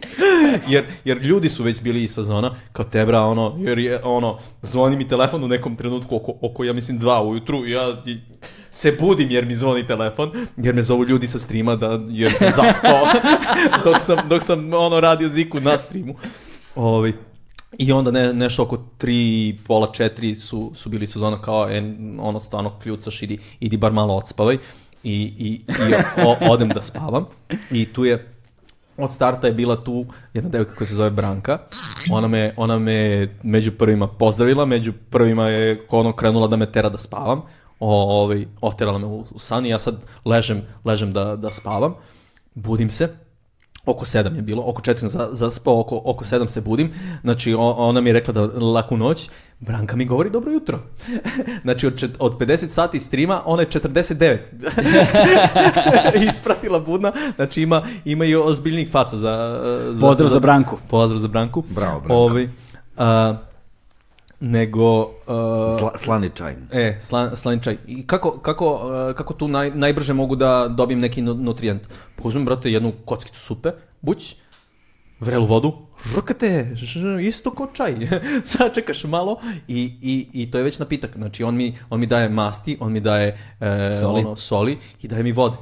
To je... Tibetanske lame prave, sad te slušam šta pričaš, oni prave slani čaj zapravo, Mhm. koji je zeleni čaj, koji ima taj kofein, jer držite budnim, vruća voda, e, stave malo himalajske soli, jer ti treba da povratiš te elektrolite i oni krknu to e, puter, onaj od. To- jaka. tako je, tako je. Da, i to možeš zamisliti na šta to liči taj čaj, sa, ali možda zapravo i nije loš ukus, to je više neka supa Ali sa... kapiram da nje, tu nije poenta u ukusu. Nije poenta. A ovde je meni i ukusno. Znači, mislim, ja, ja izbegavam kofein, tein, sve to, zato što inače spavam jedno 5 sati dnevno, ko će mi učkur, razumeš, ono, na gaćama, znaš, da bi, da bi, još, još ovih, naš, 18 sati što sam budan, ili ne, 19 sati koji sam budan, da, E da, da, ovdje smo zapravo sva trojica rano ranioci. Jesmo. Ovdje smo sva trojica rano ranioci, ovaj ne spava, ti ustaješ rano, ja idem na jutarnji program. da, ti, ti radiš jutarnji program, tako Da. je, jebote, ti si na RTS-u. Da. E, ali ovaj, taj, taj deo, moram da kažem, nije. Radio sam prvo godinu dana na RTS-u jutarnji program i tad sam dolazio ranom zorom u pola pet, odnosno u pola pet te skuplja kombi. Respekt. Ali ovaj, ja sam izračunao, pošto sam živio na Dorčelu, da ako peške dođem do RTS-a, mogu 15 minuta duže da spavam. I onda ja u 15 do 5 prolazim pored Minta, ljudi dolaze u Mint, kao. Tako, ti, Jo, taj Mint, Mala, brate. mala, mala. ti evo, plačući odlaziš do RTS-a i čekaš još sat i po da svane. baš, baš taj mint. Ja sam, ja sam držao dugo rezidenturu tamo i ovaj, to je baš, baš bilo, bio neki period kad sam sa sobom vukao gomiletinu neke opreme. I ja u mint dolazim oko 9, pola 10 uveče da bih se namestio, jer mi treba to sve da, dok povežem naš ova jedna sprava ovde, pa ova ovde, pa ova ovde, pa ova ovde, pa kabel od ove do ovde, pa do ove ovde, pa do pa strujni kabel, pa stati, pa ovo, pa ono i bukvalno mi treba sat, sat i po da, da, se, da se povežem. U 11 sam se povezao i krećem da puštam muziku, pošto od 11 kreće sa, sa radom, eh, radom klubu. U četiri dolaze prvi gosti. u četiri dolaze prvi gosti i ono oko 9-10 već je ono Puno. k- kraj, kraj žurke, kraj žurke oko 9 9-10 bio tada. Znači kasnije se to još malo pomerilo na, na Ja sam na izlazio kasnije. bogame iz Minta i posle deset. Ja da Pa to ti kažem, kasnije se pomerilo na, na još kasnije, ali to kad, kad je krenuo ponovo da, da, da radi u ovom, u ovom nekom uh, elementu, znači ja bukvalno 5 sati sam nastupao za sebe i za osoblje u šanku. Da, da, da. Znači, pošto ja, ja, ja ako mi kažu u 11, e, u 11 sam krenuo i ja ga, ja ga promovišem kao da, da kreće da radi od tada. I 5 sati praznog hoda muzičkog. Znaš, jer mm, ipak je ono Intermeco. ipak je, ipak je uh, uh, to stvar gde, gde, gde se bavi cik, uh, cikličnošću energije. Znači, ja dajem energiju, dobijem je od publike i ono, on, znaš, imam ponovo energije, a ovo je, brate, sve, sve vreme u, u prazno šaljem, razumeš? Sipaš u bunar, još, brate. Još ono moraš da čuvaš pesme kad... Za kad publiku ulaze zapravo. ljudi. On je vežba za lockdown. Da, čekaj, se sećaš, brate, kad je na RTS-u, kada su poslali fazon tri kanala samo, išao intermeco. Da, da, muzički Ono, internet. in- Zapa, pa to jeste intermeco, da. Znači, je kao... Ali i- se zvao, mislim, Da, baš da, ono da, debilno muzički. I, ove, Intermezzo i onda, da, i onda, i onda, i onda, uh, kao ko siesta u Španiji, znaš, ono, imaš kao posle doručka i kao posle ručka, kao, znači, ide intermeco, nema programa, kao pič neka muzika, jel? Da kao normal, hoće televizija ti kaže normalni ljudi sad spavaju. Normalni ljudi sad ne gledaju televiziju, Da, kao, brate, nema programa, Get a kao, life. znaš, nema programa, Da, da. a onda uveče posle 10 sati ide ono, onaj, kako se zove, Colors uh, and Ništa ili MTV na trećem kanalu. Oh yes, Talk to me dirty some more. To je posebna tema, o tome smo pričali toliko puta u ovom podcastu, ne mogu više. Da. brate. E, u svakom pa, slučaju, i, inače, ovaj, a, a, ta slana soba je derivat tog a, slanog čaja. Ovaj, I a, projekat... Rezanac si? Dobro. a, a, pod projektom isto koji zove MKDSLTV koji je pravi MTV MKDSLTV. MKDSLTV, jedna reč, da To zvuči kao neka jevrejska zdravica. MKDSLTV. MKDSLTV Kao, ovaj, digest muzzle to. Tako je, MKDSLTV. Zapravo, uh, Mazeltov kad si mnogo pijan. MKDSLTV. Ako sretnete neke tako Izraelite, pa vi nazdravite tako s njima. Molim vas, nemojte to da radite. Pa neće oni da razumeju, oni će da budu, da, brate, care, znaš. Od prilike. Zavisi ko, koji put nazdravljate. Ovaj, a, pa, pa to je, znaš, ono, neki, neki muzički session mu, b- u stvari, šta sam krenuo? Krenuo sam i da, da sinhronizujem a, Mornara Rorečea. A, To morar Popaj. Popeče. Popeče, da. Popeče. Ja sam ga zapravo zvao Popeče, nego kad smo krenuli da, da radimo sinhronizacije, nazvali smo ga Roreče i ostao Roreče. I onda sam se tek posle setio, pa jebote, ja sam ovo zvao Popeče. oh, well. Kao i svi. oh well. Pa da, imaš, neki su ga zvali Popeče, neki Roreče. Tako imaš dve škole. Ja, dve škole, dve, dve, dve škole Popaja. Da, kao, nestorijansku i arijansku jeres. Tevra, bukvalno ne znam nikoga koga je zvao Roreče. E, ali vidiš, ima, ima puno ljudi koji su ga zvali. Ja sam Znam. to, to otkrio kad sam krenuo da ga sinhronizujem. Znam puno ljudi koji su ga zvali E, složit ćemo Popeče. se e, da se ne slažete. A da, da, li, da li znaš šta je knkn pnkn? Kako da ne? Kako ne znam, brate, kikiriki. Da, postojala je... Uh, Kako ga Hrvati čitaju. nikako, Kad je na ćirilici, kad je na nikako ćiri- ne postoji način. Kako moj drugar, kako moj drugar iz, Uzmu leblebliju. kako ovaj, uh, Capa jebo je Sarajevo, znate, a kako, kako, kako drugar iz Za Zagreba, BBH je savremena. kako moj drugar iz Zagreba kaže, kad vidim slovo K i ne znam ni jedno slovo posle, znam da je knjižara. to je. Ovi, da, e, Kikiriki je zapravo bio neki, ja mislim, e, možda vitaminka ili ne, ne- neki makedonski proizvođač je pravio Kikiriki, onaj vakumirani, koji se bukvalno na svakoj trafici na, nalazi, gde je pisanim slovima pisalo Kikiriki, ali to se isto moglo pre, čitati kao. A ako si iz Hrvatske i ne zna Čirilicu. Pa ili ako si odavde i dovoljno si iz sezona. Kankan, pankan. Između ostalog. Ovi, ili kankan, rnkan. Neki su ga i tako zvali. E, to ti opet škola popečero Evo ga, reče. evo ga, popeče i reče u grickalicama. E, Jo, jeste Gricka. I dalje aktivan. Jeste? Da, po, ono kancerogeno. revitavi- revitalizovali su ga. Šta, sad kao sa manje kancerogenih sastojaka? Neko Pa se ima nikad on nije bio Tebra kancerogen košta je dovoljno. 10 dinara, brate. Nikad nije bio do... Pa šta je to ono štapić gde imaš više vazduha nego ono kukuruza i aleve paprike preko toga i mast. Prženo, da. Da. Transmas. I to je sve prste da poližeš. Mm, Ali, ali, ali ostanu crveni i dalje. E, trebaš da probaš Magic Chili. Magic Chili je neki kineski uh, čips od paprike. Znači nije, nije od krompira, nije sa ukusom paprike, nego su ono, uh, uh, šta se meni čini da su uzeli ono sušenu papriku. Šta se meni čini? Aha, pa zato što nisam ono uh, Kad prisutan. čitam tečno mandarinski. Ovaj, ne, ne, ne, nego, nego kad, kad uzmeš, uzmeš to, čini mi se da su uzeli sušenu papriku i da su je ono pržili u dubokom ulju. S, uh, imaš sad tu i susama i kikirikija i ovaj, U uh, fritezi. Da, u i nekog, ulju. nekog, nekog ono, nešto nalik na brašnu što se zapeče, ono, na, to je, to, to sa, što je nalik brašnu, to je, toga je najmanje to je najukusnije, ovaj, ali to je najbolji čips koji sam ja probao u životu. Znači, zamisli čips koji je, ono, uzmeš, uzmeš onako kolutić paprike, onda rska pa to malo ovoga, genijalno. Ali, znaš, crven si do ovde, te, bro. to je toliko masno i toliko crveno da, znaš, ono, ne, ne, ne vredi ti da, da radiš bilo šta, osim da jedeš to. Ali, genijalan proizvod. Ni, nećemo nikad završiti priču o slavnoj sobi, brate, da? E, i sad, šta se, šta se u slavnoj sobi dešava? Pa ništa, ovaj, uh, krenuo sam da pravim televiziju zapravo. Ovaj, pra, punim, MKD Saltav. MKD Saltav, da. Ovaj, uh, punim nekim sadržajem ovog ili onog uh, tipa, dovodim, dovodim uh, muzičare u, da gostuju, to, to se zove uh, Slana soba Studio Sessions ili ti SSSS ili ti još bolje.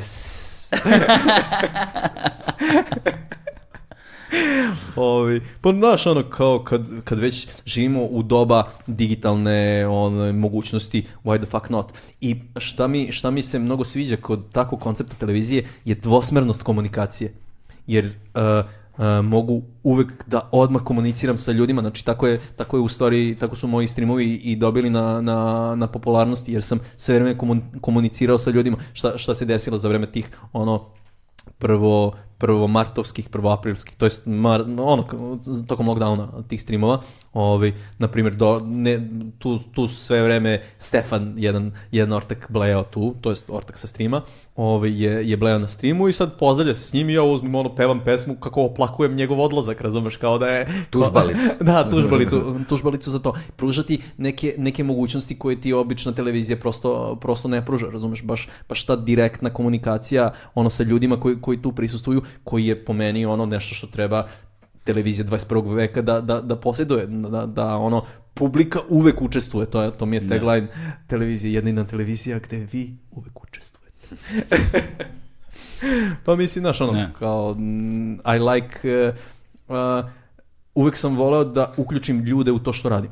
Da. Jer kao, oni su valjda tu... Poučen iskustvom iz Minta, od sad uključujem ljude u sve što radim. bukvalno, bukvalno. Znaš, kao, zamisli live stream za nula ljudi dok ne dođu, po, ne počnu dolaze u četiri ujutru. Dešavalo se i to. Dešavalo se i to, why the fuck not? Kao, nisu tu, ono, mo, ima... To te ne sprečava da radiš. Sjećam se na Hvaru kad smo bili.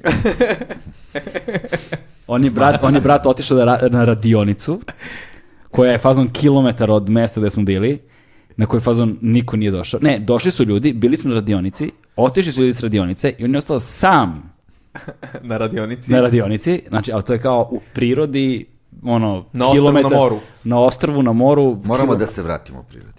Apsolutno, ovaj se vratio, brate. Ja, ja posle tipa jedno tri sata, gde je bre ovaj Marko? On i dalje pušta. Ja se vratim tamo, on sam pušta čovek u mraku, sam u šumi. Tebra, pušta. ali, ali ja, sam, ja sam tu... Jedino svetla sa ovih, uh, kako semplera i to, znaš. Sa svetionika. Pa, znaš, znaš, znaš o čemu se tu radi? Tu, je, tu se radi o drugoj stvari. Uh, različito uh, podneblje ti daje potpuno novu inspiraciju i potpuno nov, uh, nove kreacije nastaju vezano za taj lokalitet na kome se nalaziš. Evo, baš sam, baš sam sad uploadao neki EP koji, koji se zove Pad Thai, koji sam napravio na Tajlandu. Jer, jer naš, ja to u ono betonu Beograda i, i Beogradskom studiju neće takav rezultat iz mene da izađe. Znači, ono, ja tu, ja tu mnogo, mnogo više čujem to more i, i, i, i to leto nego, nego što mogu ovde da ga proizvedem. Jer, znaš, By the way, ti imaš i Bandcamp, uh, si je, se angažao si se oko toga sada, puno, imaš tu puno nekih izdanja, a? Pa imam puno izdanja, ali nisam se nešto angažovao, nego to mi je ono kao skladište, ono, pa, pa ono, sreća ima neki ljudi koji me prate, pa nešto tu i kupe. Ovi, ali... Ok, ostavit ćemo link za tvoj Bandcamp ovde, podržite rad MKDSL-a, kupite nešto. E, tako je, brate. O, tako je, ostavit ćemo link u opisu podcasta. Znači, Mo- fuck money, ali jebi ga neophodan je za sada. Nismo još, nismo još ovaj, e, razrešili kako da, kako da dođemo do, do te robno-novčane ili robno-robne, robno-uslužene razmene, tako da novac je za sad najbolji način. A u ali ovom lockdownu- razmišljajte. podržite autorsku, znači prvenstveno hoću da kažem, podržite autorsku muziku. Znači autore, ne samo ljude koji proizvode mainstream, Ma i autorski rad, bre, autorski bilo rad, kakav. bilo Bilo kakav, kakav jeste, to. jeste. Tako da ostavit link za tvoj Bandcamp, za uh, tvoju stranicu Snaga Bilja na YouTube-u, ako može tvoja knjiga da se kupi online, ostavit ćemo to. Raw Cakes, Raw Cakes, uh, Rock and. Raw, tako i to ćemo da ostavimo link ako hoćete kupite kolače, brate, ako hoćete da vam momčilo napravi ovaj pelinkovac, To, mora, to ćete morati malo da se potrudite. e, zato na Patreonu imaš cenovne Na rangove. Patreonu, pa to, pa da. Znaš, tako da, ovaj, a nas ako podržavate na Patreonu, molim vas, nek bude ona najniža cena 5 dolara, nemojte da dajte više. Osim ukoliko niste dobrostojeći i želite, onda nemam ništa protiv, u suprotnom, molim vas, ne više od toga. Uh, slana soba, uh, Natali, uh, E, Sessioni, a, sa, sa Natalie inače pravim divan album. Znaš, ono, ona je mega talentovana, zato sam, zato sam i krenuo u tu saradnju s njom, neku opsežniju. Ovi, pošto je ona ono, prvo lice MKD Soltava i, uglavnom prisutna u uglu ovako. i, ona, i ona je u stvari i autor te emisije koja je slana Soba Studio Sessions. Ona, ona bira koji će muzičari do... Pošto ja sam ono... e, Ali vidio sam neke, elektronike- pazi, vidio sam neke blurovane snimke, su namerno blurovane ili slučajno? Loše kamere, dobro. A, ali pazi, pazi ovo, pazi ovo. Zato treba Bandcamp da radi. Niko mi neće moći kasnije da kaže da je kvalitet opao. Sviđa mi se ovaj biznis model. Ao, brate, prešao si igricu. Prešao si igricu. To su kao oni ortaci što kao idu naduvani da se slikaju za ličnu kartu i onda kad god su naduvani izgledaju normalno. da, kad pogledaj, kad vidiš da je crveno, brate, šta? Ovi, I pravimo divan, divan album. Ovi, na, naj, najpribližnije što bi, što bi mogao da kažem da je ona neki srpski, srpska Erika Badu, Badu na primjer. Ono, ima tu i, i soula, i džeza, i funka, elektronike, naš regija, baš, baš ono širok uh, dijapazon žanrova je, je ušao Da. u taj, taj jedan album koji je veoma, veoma je onako prijatan, neopterećujući, naš vrlo, vrlo, vrlo veliki kontrast, na primjer, sa mojom muzikom ko, koji sam, ja sam klaber, ono, all my fucking life, razumeš? I ono sve što pravim, treba mi malo da, a, a, a pritom, pritom ćeš malo jače da sa nekom, sa nekom, ono, mm, psihodelijom ili mrakačom da to i baš je, baš je veliki antipod onom mom stvaralaštu i, i neviđeno mi prija ceo taj rad. Baš sam, baš sam enormno zadovoljan i srećan tim albumom i ovaj, stay tuned, ono, uskoro će se i to do- dogoditi. Do jaja, brate. Baš mi, na, na, čega- sad kad sam ga vidio kada je bio fazonu, ja sam klaber i to, na čega sam se setio? Setio sam se kada se u Rusiji pojavio hard bass. Znači, hard bass kada se pojavio, ja ne znam sad koliko mlađa publika to pamti, nije to baš tako davno bilo, ima deseta godina, tako. deseta godina. Te bra, hard bass je možda nešto najgore u muzici što se pojavilo posle. pa sam- bo to! Gotovo, gotovo, gotovo, gotovo, gotovo, gotovo, žitom, no, to, Znači, Uzeli su esenciju energije. Znaš, sad I ne doveli je u ekstrem. muzički sadržaj nije, nije toliko kao produhovljen, ali tebra, koga boli uvo Može svečano? samo da napreduje. Znači, i, i, Ma- i Marko kad se, za, e, Marko kad se da, e, to je, e, bukvalno to je taj koncept. O, niko ne može da kaže, Samo može da ide napred. niko ne može da kaže da je kvalitet opao. znači, e, ovaj, i onda, je, onda se Marko zak, ja se toga sećam, da neću nikad zaboravim. To je neka 2009. 10. 11. Tako, tako. To je vreme 9., 10.. Sobarice, a? Mm, tako 9., nešto. 10.. Brate, Mare se uvatio za taj hard bass i kad je počeo da ga jaše, to je, ali onda je on počeo da fura tada, pre nego što su postojali ono squatting slavs in track suci, to, Mare je bio Adidas. Preteča toga, znaš koja, ono hard bass. jebote, čoveče, ja nisam mogao da živim od toga. To, I onda je to, A na- čekaj, kad sam, kad sam vežbao, brate, grleno pevanje, ne, ne, samo, to, to je više kasnije, ali je, bio, ali je To se bila na faza, srpskom kaže izvika. ali je bila, ali je bila, ali je bila faza i ubrzo nakon hard basa ili otprilike od vreme hard basa se pojavio i dubstep. Razumeš? Da, da. I onda je Mare furao hard bass i dubstep i to samo onaj wobo bo bo bo bo bo bo oni su Kao dropovi. gosti nisu dolazili do pet. Jo, brate, gosti nisu dolazili. nisu dolazili. De, de, Šalim nisu to na dubstepe. na- Ne, ne, ne, na dubstepe, dubstep je bio popularan, ali jednom od moje, mojih najgorih nastupa u životu, Je sa mnom. drugi od mojih najgorih nastupa u životu, ne, ne, ovaj, ovaj, ovaj tops the cake. Kad sam, uh, to, to, to je bilo u cveti, paviljonu Cvete Zuzurić. Već mi je smešno. Uh, zapravo Stanko je uh, tad u to vreme bio držao, držao taj prostor i on je bio deo communitya koji se zvao BG Wireless, gde su, to je bila preteča interneta, gde su se okupili entuzijasti za, za kompjutere i umržili se ono nekim, ono, pravile su se antene od Pringlesa, razumeš, on je, on je idealan transmiter, bio, bio je pravih dimenzija i od pravog materijala da, da pojača ovaj, tu transmisiju i umrežili smo se tako i mnogo smo se družili i sad jedno veče organizujemo mi naš slet u toj Cveti Zuzurić Ali slet. i ja sam, ja sam iz gasa Debra, što ja ne bi miksovao uh, dubstep i italo disco Jebote. i to, Jebote. i to pesmu na pesmu, znači sa, sa levog ovog playera ide italo disco, sa desnog ide dubstep. Znači, Tebra, to je toliko loše. Znači, Italo disco su ono 80. godine i ovaj... Uh, I koji je to BPM za početak?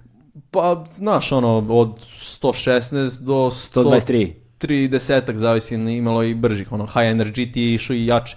Ovi, to ti je pod žanr tog italo diska koji je malo klubski.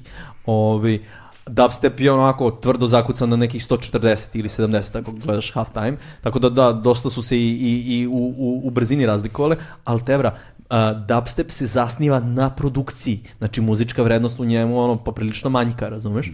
Jer je to više ono mrakača klupska da te drma bas, da te ono ošine, razumeš, taj kick i snare i to, to je I to. da, da, da ti se tresu grudi od sabova. Tako ono, je, da. tako je, a Italo disco, brate, tankosava, znači, znaš, ono, kako su, kako su već mogli 80-ih da, da prave to, ništa nisu se fokusirali na mast, oni su se fokusirali da to, ono, se čuje, valjda, koliko, koliko je koji studio mogao da, da postigne to, to da zvuči na, na, na nešto. I tebra, jedna ploča tankosava, druga ma, masnosava, ali ova ima neki muzički sadržaj, ova nema. To je skakanje, brate, sa, sa stila na stil, sa žanra na, na, na žanr, ali, znaš, ja, ja, jesam, ja jesam poznat po tome da, da nemam ono muzičkog rasizma i da, da, ovaj, da je svaki žanr kao ravnopravan, ali ovo je just plain bad. Da, ovo je baš, baš loše bilo. Loše, loše. Znaš, ono, ljudi su, su bili iz fazona,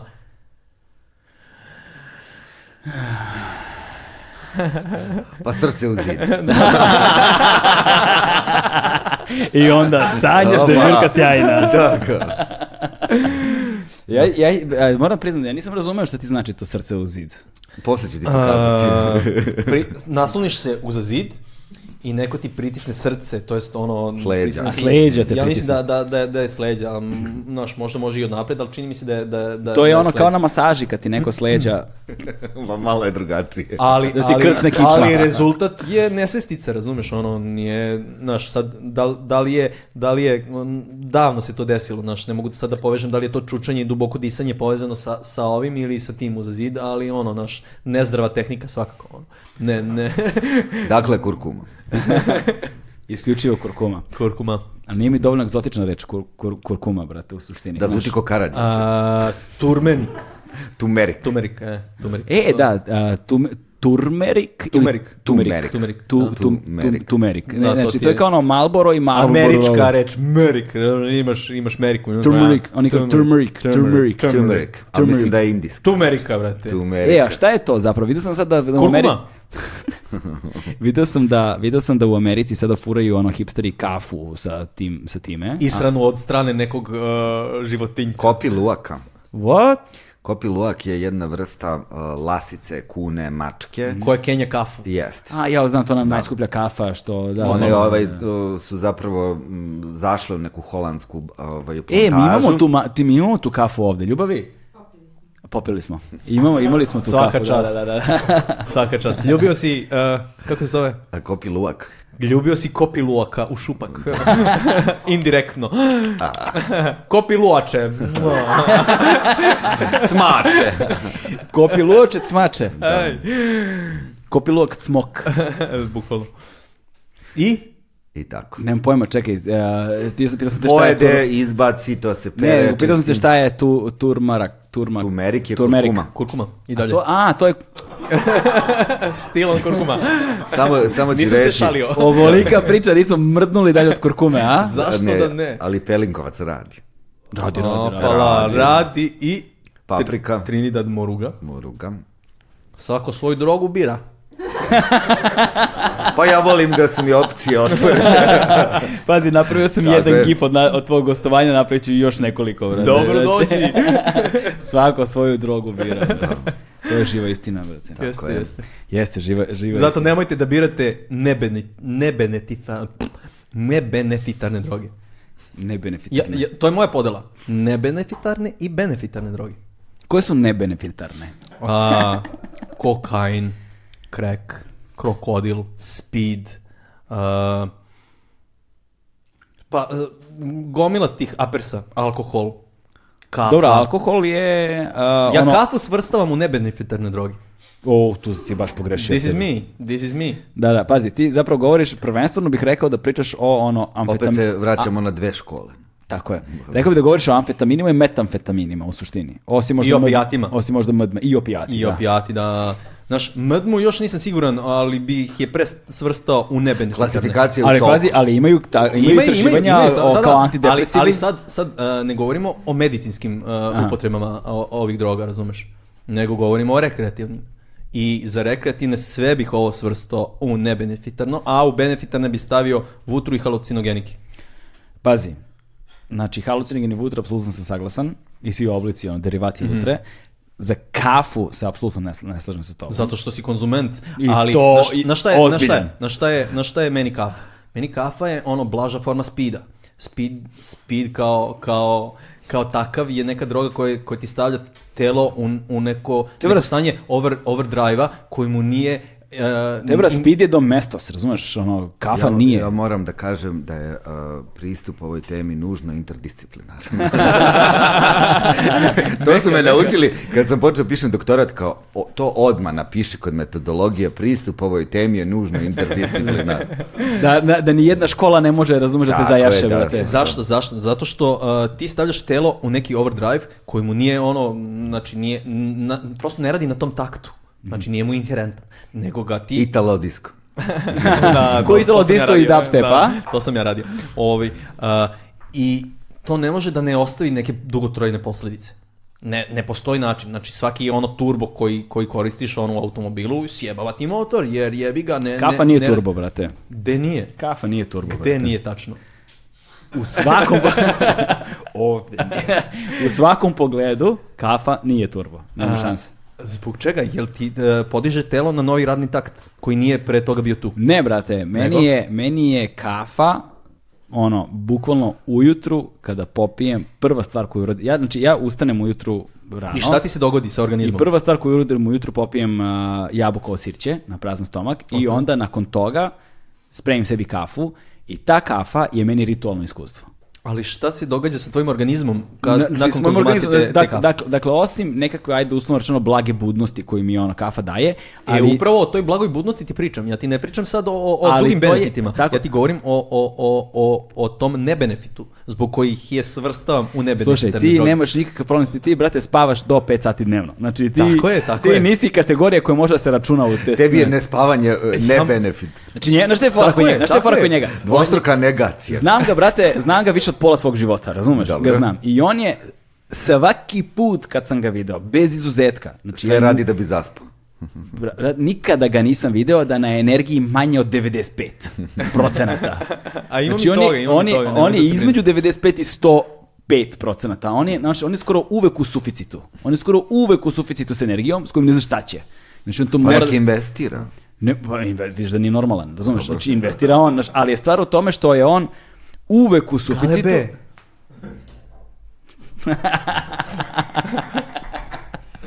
Ne, I onda, na onda ni, ne, znaš, nije, nije merna jedinica ma, Mareta, znaš, nije ono, prosto, ja nisam upoznao puno ljudi, mislim, nisam upoznao nikoga kao što je on, nikada, majke mi.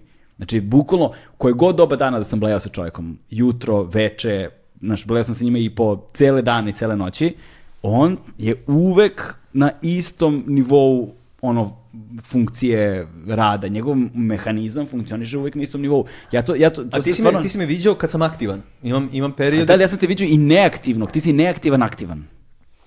Oko? Razumeš, znači on je, on je, znači on je, znači, on je, on je, on je Ne čovjek- benefitarno, benefitarno. znači ja sam dolazio kod njega, on je čovjek dugo žive u svom studiju. Znači on je konstantno stvarao. Dobro. Znači i kada je sedeo i kao, znaš, ono low energy šta god, i dalje to što ti čuš što iz- Ali izlazi Debra, ti znaš da posmatrač menja ishod uh, ogleda. Istina, da. Zato, Ako ćemo zato- sad do drveta u šumi zato- koje pada od širine. završit ćemo sa, Nećemo. završit ćemo sa Hoćeš Schrödingerom, nikada. razumeš? Zato i hoću da pravim TV. Ja sam provalio da, se, da sam bolja osoba kada, kada, im, kad me neko gleda. I onda, onda gledajte me kao, gledajte me kako sam... Pomozite mi u mojoj borbi da budem dobar. Tako je, tako Da. je, jeste. Znaš, ako, ako je već tako, why the fuck not? Evo, evo 24 sata me gledajte, ja ću onda, znaš, ono više da se cimam oko toga da postignem više stvari, nego, znaš, ovako, ovako pustim neku seriju, brate, ono, binge-ujem, brate, bez, bez neke preke potrebe. Ali kao, znaš, Ali činjenica da uopšte imaš uh, tu potrebu koju realizuješ, dakle da imaš taj, taj, taj hod od želje do realizacije, taj, ja to, ja to zovem voljni moment. To je ona razlika između kao, e sad ću da operem veš i zapravo ustaneš i opereš veš. Znaš, postoji prostor između ta dva. Znaš, ja taj prostor zovem voljni moment, neko će ga zvati nekako drugačije. Koji je rastegljiv. Koji je vrlo rastegljiv, tako je. Da. Znaš. I fora je u tome što on ima uh, on ima i, i tu inicijativu na ideju. Znači on ima ideju i onda on krene u sprovođenje ideje. Ma koliko god da je jalova, koliko god da je besmislena, koliko god da je šta god, on ide. Znači, on, to je najveće bogatstvo njegovo je što on ide u te eksperimente, u ta ludila, uopšte ne razmišlja o tome To je super pristup i ja mislim da je bolje, znaš. bolje završeno nego savršeno, bolje da nešto probaš. A? bolje To je završeno nego savršeno. Op, op, za Što bi dubstep rekli, wo, bo, bo, bo, bo, bo, bo. Više ovih mudrosti na kanalu Snaga Bilja. Petkom. E, evo je RTS škola. RTS škola. Da. E, tu priču nisi nikad završio. Da, e, pa ne, ni priča je bila samo ja sam tužan dok Marku gosti stižu, a ja moram da idem na RTS. Ali ovaj, to je bila tužna priča, ali ovaj, to je bilo Brate, kako- davno. aj- Ajde, sa- znaš šta me zanima sad? Ajde, pusti svu ovu zebanciju na stranu. Debra, ti se pojavljuješ na RTS-u, Mhm. što bi moji prijatelji iz Hrvatske rekli, a kaj vam je ovo TV PTC? Znači, znaš, na RTS-u i ovaj i u jutarnjem programu, al tako, znaš. I sad. Svakog utorka, posle Tako, mi, 10. mi kad snimamo podcast, ovaj, gledamo te Dobro. u jutarnjem programu, bio smo smo, evo ga kum, brate, na RTS-u, a? Ovaj, kakav je efekat nacionalne frekvencije? Mislim, ja ne znam da sam ikada bio fazon, znaš, ono, Jako veliki. ne. jako veliki. E, Doduše, ja govorim o lekovitim biljkama i moja ovaj, ciljna grupa je, su nešto stariji ljudi, ali moram da kažem, to je sad vrlo interesantno, posle gostovanja kod tebe u podcastu to se značajno promenilo. Da? I sad, da. Da. I promenilo, ja nisam recimo uopšte imao mlađe ljude od 35 godina na mom kanalu, a sad su recimo ti od 18 do 35, recimo 17-18 procenata, što nije O, uopšte veliki skok, da. malo. Da, da, da, tako to je ogroman skok, da. Ali ovaj, moram da kažem da ovaj, e, vrlo često gostujem na različitim televizijama, posebno u poslednje vreme, i ovaj, e, ima jako velike veze, televizija s nacionalnom frekvencijom, i to na RTS-u gleda puno ljudi, jutarnji program gleda puno ljudi, Ovaj, ali e, pored e, televizija s nacionalnom frekvencijom i jutarnjih programa, moram da kažem da tvoj podcast je za mene lično i po broju pratilaca i uopšte ljudi koji me, su me prepoznali, imao jako veliki o, uticaj i Unina, sad još jednom da je pozdravimo, gosta sam kod nje na Play radiju, nevrovatan broj ljudi me sluša, to je doduše opet jutarnji program, Da, da. ali na radiju, sad meni je to možda bilo nevrovatno jer ja nisam neko ko sluša radio uopšte nikada, ali to zapravo ljudi slušaju U kolima. u kolima i to je izuzetno slušan program i jako veliki ovaj, uticaj uh, imam. Da, može jedino da se, možete jedino da se poredite sa praktičnom ženom. Wow, Da. brate, praktično, Praktična žena, fucking kida. Pam, pam. Kida, to svi Bo, bo, bo, gledaju. bo, bo, bo, bo, bo. Da. Tako da ovaj, uh, izuzetno su popularni, a naravno ima veze i ovo sa... Šikina žarenica. I Žikina Šarenica, bio sam i Tebe, tu čekaj, skoro. izvini, molim te, ali činjenica da šarenac... Ne zove, ži- se, ne zove se više Žikina Šarenica, nego samo Šarenica. Ali činjenica da šarenac vodi šarenicu. Da, to je meni to, to, do jaja, super je. Super, potpuno. Da. I super se on snašao tu, ali da. Top, top, a. Ali to su, to je baš da, kad je Žika otišao na Koliko Pink, dugo onda to nisam kao, uradio s prstom u ustima, te bra, svaka čast. ajde ti sad s prstom, ja ću s flašom. E, je li... Čekaj, ajde. na tri, jedan, dva. Ej, čekaj, aj ponovo, ponovo, ponovo. Sada Mare da ima svoje modulatore, da, sam sem, uradio- da sempluje. Aha, a ne, nemam. A, Da. Nemam ni ja kazan ovde, ali ko me pita. Nema veze, brate. Sledeće neko izdanje. Da. Možemo, brate, ono, vi ima tamo neki feed ovaj, koji ide u sluške, pa imamo, Im, pa da, ovaj... Samo bi bilo možda previše clubbing. Nemam nikakav problem, brate, s clubbingom, znaš. To je, to je, to je, pričao, pričao sam sa nekoliko ljudi o tome, pričao sam do... I, čekaj, zvonimo, moramo još jedno. No, kakav zvuk, čoveče. Ovaj, Prelijepo. A sad sad ne, svisine, svisine, svisine. a, a se U mikrofon svisine. Evo, ostalo još malo kume, sipaj. Dobro. Radi Pelinkovac, a? Malo. Pa ono, sabili ste Popili- flašu, šteta da ne Flaša radi. od pola, flaša od pola litra, dragi gledaj. Da, a možda Optička varka da je ovolika. kamera dodaje 20 kila.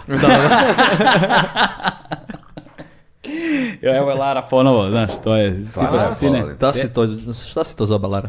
Ovaj, planiramo da stavimo a, GoPro na ove nogare od stola i da onda snimamo Laru. Laru. Ovaj, nikako da se setimo to da uradimo, ne znam da smo, jesmo uradili, nismo, a? Jednom smo uradili, ali Lara nije otišla pod sto. to je to. Ali Lara nije autorizovana. Znala je, znala je. Lara Posmatrač menja ishod. nije htjela da autorizuje da potpiše NDA. Opa! Robala. Šta si uradio? Pa nešto što sam je čačno loše. Ono, A, što- dobro, dobro, Ili pre, previše dobro. Vraćamo se na Skandinavku. Jo, bože moj, brate, strašno. Ovaj, ne znam više ništa da pričam, brate, majke mi. Pa možda ništa. možda da završavamo. Da, da, možda, možda, možda, možda polako, možda polako. Ne, nego, ovaj, e, ti si, ti si, to sam htio, znači, ti si se sad prebacio na, na radiš sa, radiš sa RTS-om, a, Pišem za radiš, Blitz svakog utorka. stvarno, aj, to si počeo radiš, jebote. Pa ima već 12 Dobro, koliko ti stvari radiš? Pa e, radim jako puno, ali ono što je kod mene zanimljivo, a mislim da je to generalno kod svih ljudi, što radiš više, radiš bolje. Jer kad radiš jednu stvar, onda je to rastežeš, binđuješ seriju, nešto Da, to. da, da. Kad imaš dva ili tri Pa ovo, pa ovo, projekta, pa ovo, aha, onda jeste, to sve gura jedno drugo i to bude, posebno ako radiš nešto što voliš i što Slažem je zanimljivo. slažem se, ja sam to primetio. isto. Tako je, dok ne dođeš do jedne tačke, e onda natovariš sebi mnogo obaveza i onda ništa ne radiš kako bih hteo da ga Da, radiš, preva, preceniš svoje mogućnosti i onda sve radiš sa Sa- 60% da, svoje energije manje. i onda se osjećaš loše i onda gledaš i znaš da je to moglo da bude wow i bolje, ali nije. Ali nije, da. Tako da sledeće godine ću da kuvam mnogo više.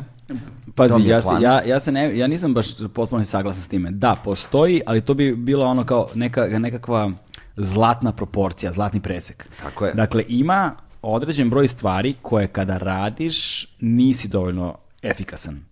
A onda se povećava broj stvari koje radiš, pod pretpostavkom naravno da voliš to što radiš. Mislim, to je imperativ. Ovaj, I onda postaješ efikasniji zato što jedna guraju drugu. A onda postoji granica preko koje Pre, samo si se rasplinuo. ni jednoj ne posvećuješ dovoljno vremena i povećava se stres. Pa Ono, to ti je kao Da, sa, da, da. to ti je kao sa podcastom. Jedan nedeljno je wow. Dva nedeljno nisu dobra varijanta. Mislim, lošije... ovom trenutku, U da, ovom u ovom trenutku, da. trenutku, Ne, dva, ne, ne, ne, nisam se dobro izrazio. Jedan u dve nedelje. Da, da. Nije, mislim, Nije, nije, nije, nije. nije to dobro. Ti sam sebe teraš da to bude dobro kad ide jednom nedeljno i onda je to druga stvar. E sad, dva nedeljno, da li su ta granica koju prelaziš ili ne prelaziš, kako to sad izgleda, i u kojoj formi, to je sad druga stvar. Ja od, po- ja od početka razmišljam o konceptu ono da kao bude ih više nedeljno, ali sam sebi postavio za početak kao i sve ostalo što radim, Zadatak da bude barem jedan. zadatak šta je to što ti možeš da ispuniš tako da bez obzira na bilo koji spoljašnji faktor ti možeš da isporučiš. Znači šta god u životu da se dešava, Da, onda ti možeš možeš da- da uradiš. Znači šta je I to je bio jedan nedeljno. Šta je to čemu ja mogu da garantujem kontinuitet? Ali jedan nedeljno da ljudi razumiju nije uopšte malo. Nije, nije, nije, nije, nije Nije malo. to malo, to je Ko- jedan ozbiljan rad i trudi, mislim, Ja sam jedna... u fazonu, jedan nedeljno je ono što mogu da garantujem. Da, da, da. Pa ćemo vremenom da, Da vidimo vidimo, da se napreduje, znaš, jasno, jasno. da li tu ima prostora, da li još može, još može. Znači, na, nažalost, naš iskustvo me naučilo da naravno prostora za napredak uvek ima i tehnološki, i sadržajno, i ovo i ono, i da ovo još uvek nije doseglo svoj, ono, Pik. Ne pik, nego form, Maksimum, o, oblik, da. fo- formu takvu da je to zapravo optimalno, toliko Da, da, da. ja mogu sad na to optimalno da dodam još nešto što bi, o, što bi pojačalo efikasnost, a ne bi Nećeš mene ovo da ostavljaš dok ga ne, ne Tako je, usavršiš još malo. Da, još malo razumeš, tako, tako, tako da, a, tako da op- op- a, ovo dosegne optimalan režim rada, takav da ja mogu da postignem ef- efikasnost sa dodatnim sadržajem, a da ne izgubim na energiji. Znaš, jer ako... Moram, moram da ti dodam da ovaj, činjenica da se Una nije, nije pojavila, ja vidim kao uh, dobru, dobar trenutak zbog količine ljudi. Aha. Uh, tri ljudi u podcastu, uvek mora jedna osoba da priča, a dve, dve, dve da slušaju. Sa, sa četiri osobe već možeš da praviš grupacije. Aha, da se Da, pričamo ti i ja, on je da. Tako da, je, da, tako je. I onda to, to uh, neko ko prati podcast ne može da isprati. Jer imaš dva raz, razgovora istovremeno. Znači, uh, Dobra, odakle ti ideja? Da bismo sada tipa Una i ja pričali, da biste vas dvojica pričali, bismo mi to radili Pa možda vidimo ko je zanimljiviji. to, to dešava, pogotovo ako, ako se umeša, umeša i alkohol.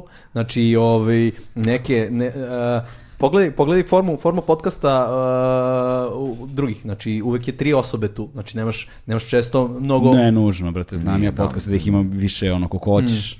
Znaš, stvar je samo u tome da postoji neki optimalan broj, ja bih rekao da je ono od dve osobe, što je minimum, do, na primjer, pet osoba, bih rekao da je neki opseg gostiju, da možemo da razgovaramo, da cirkulišemo, da, da stvar funkcioniše i da s obzirom na dužinu formata svako ima dovoljno vremena da nešto kaže ovo ono, a da niko ne bude izostavljen, da se ne, nas, da ne nastane totalni haos, to je otprilike to. Preko toga Je već, već ono, ono. ko će, brate, da, znaš, i tehnički, ono, Da, ali- kapaciteti za šest mikrofona, šest ruku, šest, znaš, to je sad već ono ozbiljna produkcija, Yes. gabariti prostorija, infrastruktura, onda... To je već novogodišnji program. Ma da, to je već ono, Da, da, znaš. da, da.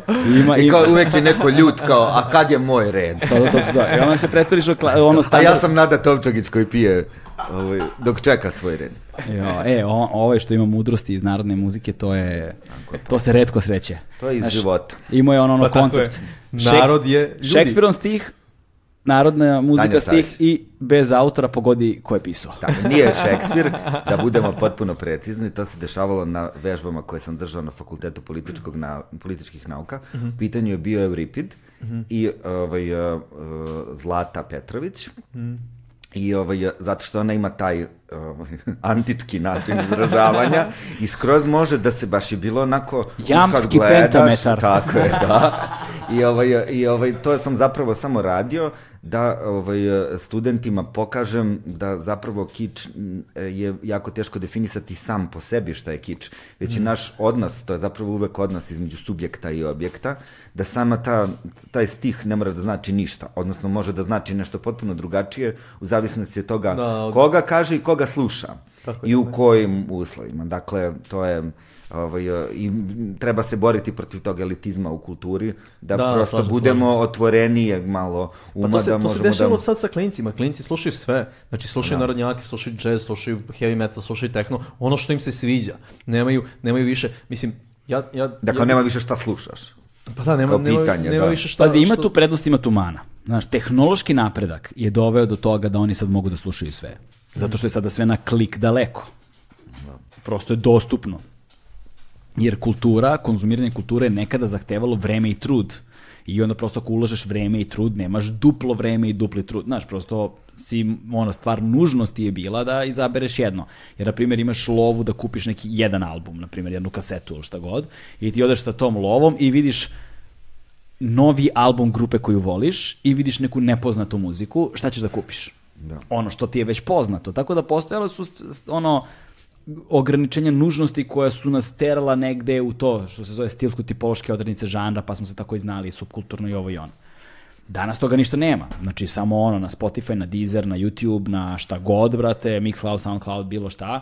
Slušaš, brate, sve na društvenim mrežama. Ali to, to onda... Ali ima negativnu zauzvrat- stranu. Ima, ima negativnu stranu, ali više mi je pozitivno to što se ono smanjio taj kulturni elitizam. Znači, uh, izjava jednog prijatelja koji je rekao nešto tipa uh, ne mogu ja sa svakim da pričam o muzici. Kapiraš, ono, nije, nisam se pronašao u toj izjavi. Zašto ne možeš? Kao pa ne može, ja sam toliko vremena uložio u slušanje te muzike kao da ne mogu ja sa svakim sad da diskutujem o tome. Zašto ne možeš? Ja sam i sa zona mogu od svakog da naučim nešto novo. Znaš, nekog, nekog ko se nije posvetio slušanju muzike sigurno ima neku pesmu koja je njemu zapala kao, kao za uvo. Može to, znaš, ono, neka Nada Topčagić ili šta god, ali, brate, to ne znači da to nema neku, neku svoju vrednost. Da, ovaj, da, da ne mogu ja nešto To od te je, to osobe je da ipak naučim. stvar koja zavisi od tvog ukusa i senzibiliteta. Tako je, Ti tako ne je. možeš možda da raspravljaš o nekim činjenicama sa bilo kim ko ne zna ništa o nečemu, ako mi pričamo sad o nauci Da, i tako da. dalje, to, je, to mogu negde da razumem, ali mi pričamo Da, o da. nečemu, to nas, mi ne treba to da promišljamo. Tako, to treba da percepcija muzike. tako Ali je. meni je zanimljivo isto tako, ako razmišljamo na taj način, zamisli, zamisli osobu koja ne sluša ništa i voli samo jednu pesmu. Meni je onda ultra zanimljivo kako ti u svom celokupnom životu u kojem ništa postoji? nisi, pa ne znam, ali govorimo ono, znaš, Verovatno i postoji nešto kao slično. hipotezu uzimamo, razumeš? Znači, da celokupnog svog života nisi apsolutno nikakvu muziku slušao, sem jedne pesme koju voliš i nikada ništa drugo nisi imao upliva. Znaš, mene zanima efekat te pesme, kako je do toga došlo, znaš, sad tu se otvara ceo jedan spektar stvari na kojima možeš kao eksperiment, eksperimentalno saznaš svašta o osobi. Ili o, neč, o, ne, o prirodi čoveka, razumeš? Znači, bez obzira na stepen nečega, e, stvar je samo u tome koja je tvoj kapacitet da razumeš okolnosti i da ih interpretiraš. Tako da, e, nije važno tome koliko neko zna i u neznanju se sadrže informacije. Naš prazan prostor takođe komunicira. Ali kako kaže T.S. Eliot, opet petak nas nazivi. Informacija je potisnula znanje, a ovaj, um, um, mudrost je negde uskratila, mudrost je potpuno skrajnuta, tako da živimo u vremenu mnogo informacija, a malo znanja. Tako je, i naš, naš, a mi se čini da je, da je to što si rekao kič, ovaj, da je to više neki elitizam određivao šta je, šta je, šta je kiča, šta ne. Mislim, čini mi se da su, da su mladi urbani ljudi iz unutrašnjosti e, činili okosnicu underground scene u Beogradu. Jer ti kad dođeš ono kao, kao neko ko nema, nema ni, ni kučeta ni mačeta ovde, moraš da se više cimaš, znači da ako si deo urbane kulture u underground, ti ćeš da budeš, brate, ono na, na, na njenoj, na njenoj, na, na, na, na, u prvim njenim borbenim uh, redovima. Ja sam- A da, na primer, nemaš u svom rodnom mestu, nisi imao mogućnost da biraš, nego si u izlasku mogu da samo slušaš, na primjer, neke narodnjake kafanske i onda dođeš ovde i kao, znaš, mene, meni je nedavno neko prišao da, da mi prigovori što sam ja 2006. godine u plastiku vrteo Čolića. I to sam ga jednom pustio. Znaš, Debra, kol, koliki je to Get trag, a life. koliki je to trag, koliki je to trag ostavilo na tu osobu, znaš, pa tih, da. tih tri minuta, ni tri minuta, dva minuta, Znači da razumeš? dobru stvar uradio, ako taj čovjek pamti to. Ali samo jedan, samo jedna stvar u vezi s tim, pa ti nastavi jer ja moram doći do WC-a. Ja. ovaj, I nekultura je deo kulture. To je taj negativan prostor o kojem govorim. To je taj prostor. I nekultura je deo kulture. I kič je deo kulture. I šund je deo kulture. Sve je to deo kulture. Čitao sam neku knjigu, mislim da je Abraham Mol, Abraham Mol ili tako nešto to. E, brate, moram do WC-a. Odmah se vraćam. Idemo, imaš dva. E, evo, šta, šta se meni dogodilo? Me, me- ja sam u, u Kruševcu vrteo, vrteo muziku i ovi pušt... u Kruševcu sam uh, vrteo muziku, klub KCK, i sad ono atmosfera, padanje na glave, cepanje grudnjaci, znači ono, uh, bukvalno ribe na stolovima vrište, ono, žurka par excellence. I uzimam, uzimam ploču, tačno se sećam, Tomas Schumacher, Jar, Jar, ili Jari se zove, Jar, ovi, koji je meni, ono, tog meseca top izdanje, znači naj, najbolja ploča koja je tada izašla.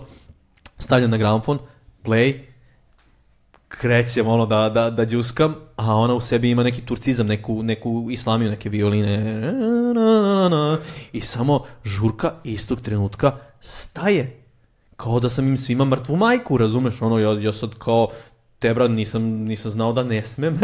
kao, ajde, puštam, puštam, puštam sledeću traku, ajde, žurka se nekako, nekako nastavila, ali ono, do, osetno su mi zamerili što sam, što sam tako nešto uradio. To je upravo to, oni nisu imali, nisu imali alternativu, nisu imali opciju šta drugo da, da, da urade. Ovi, I onda su, su bili prosto razočarani time što sam ja pustio nešto što ih podsjeća na to što, što oni naš, nikako ne mogu, ne mogu da mirišu. Zato i mislim da, da evo, desi galebe. zato, zato sam i počeo onu priču kao okosnica underground scene, da, da oni kad ne, naš, ono, dođu ovde i nemaju, nemaju alternativu tome, neću ti ja ovde slušam narodnjake, znaš, ono, jer je to za njih šun, za njih je to kič. A pojavom ovih novih narodnjaka, novog, novog talasa te narodne muzike koja je više neki pop nego, nego što, što, što se bazira na, na, na, na toj nekoj orijentalnoj ono pristupu melodiji da ovaj uh, da onda oni mm, više nemaju kao jasan jasan stav prema tome, znači ovo je ovako, ovo je onako, može ovo, može ono. Meni, na šta je sad meni ono potpuni underground, to sam ti rekao tamo, srpsko, ono, izvorna ko, kola i, i tako neka izvorna muzika, to je tebra, gde sad to možeš da slušaš? Da. Znaš, gde, gde, gde, gde ti to sad možeš da, da odeš i da, da čuješ neko Ne, kao- pazi, ima gde Ja se moram čuje... samo da te prekinem, izvini, uh, skoro mi se javio jedan čovek koji um, snima neki film i baš se bavi kolom i uopšte tim tradicionalnim plesovima celog sveta i vezom biljaka između toga i tako dalje, ali on je taj kod kola zapravo turiranje traktora. What? Da, Kod ti. kola, turiranje da, traktora. To je, da, to je to ta neka metrika zvuk da ima veze sa tim. Pa traktor ti je dvotaktni motor. Dvotaktni ta. Ali opet, uh, znaš, imaš kola koje, koje su, ono, uh, nepravilno takta, na primjer, uh, Niška banja, topla voda, to ti je devet osmina. Tan, tan, tan, tan, ra, ta, ta, ta, Ali to nije kola. Nije kolo. U, možda... Šta je ta lava? A? Ta lava? Ne znam šta je sad kolo, šta. Kolo je, mm, kolo je druga stvar, da. Ovo je ples, samo južna Srbija. Donje Vranje. Pa dobro, ali imaš, imaš i ono kola koje su sedmo-osminskog, ono... Da, da, moguće, nego samo E, Niška to, banja, to mislim da da. je ta lava. Ne znam. Da, da, da. To Makedonija tamo. To. Da, ali uh, opet naj, najlakša, najlakša, najlakša forma plesa ti se i zasniva prvo, prvo na jedinici.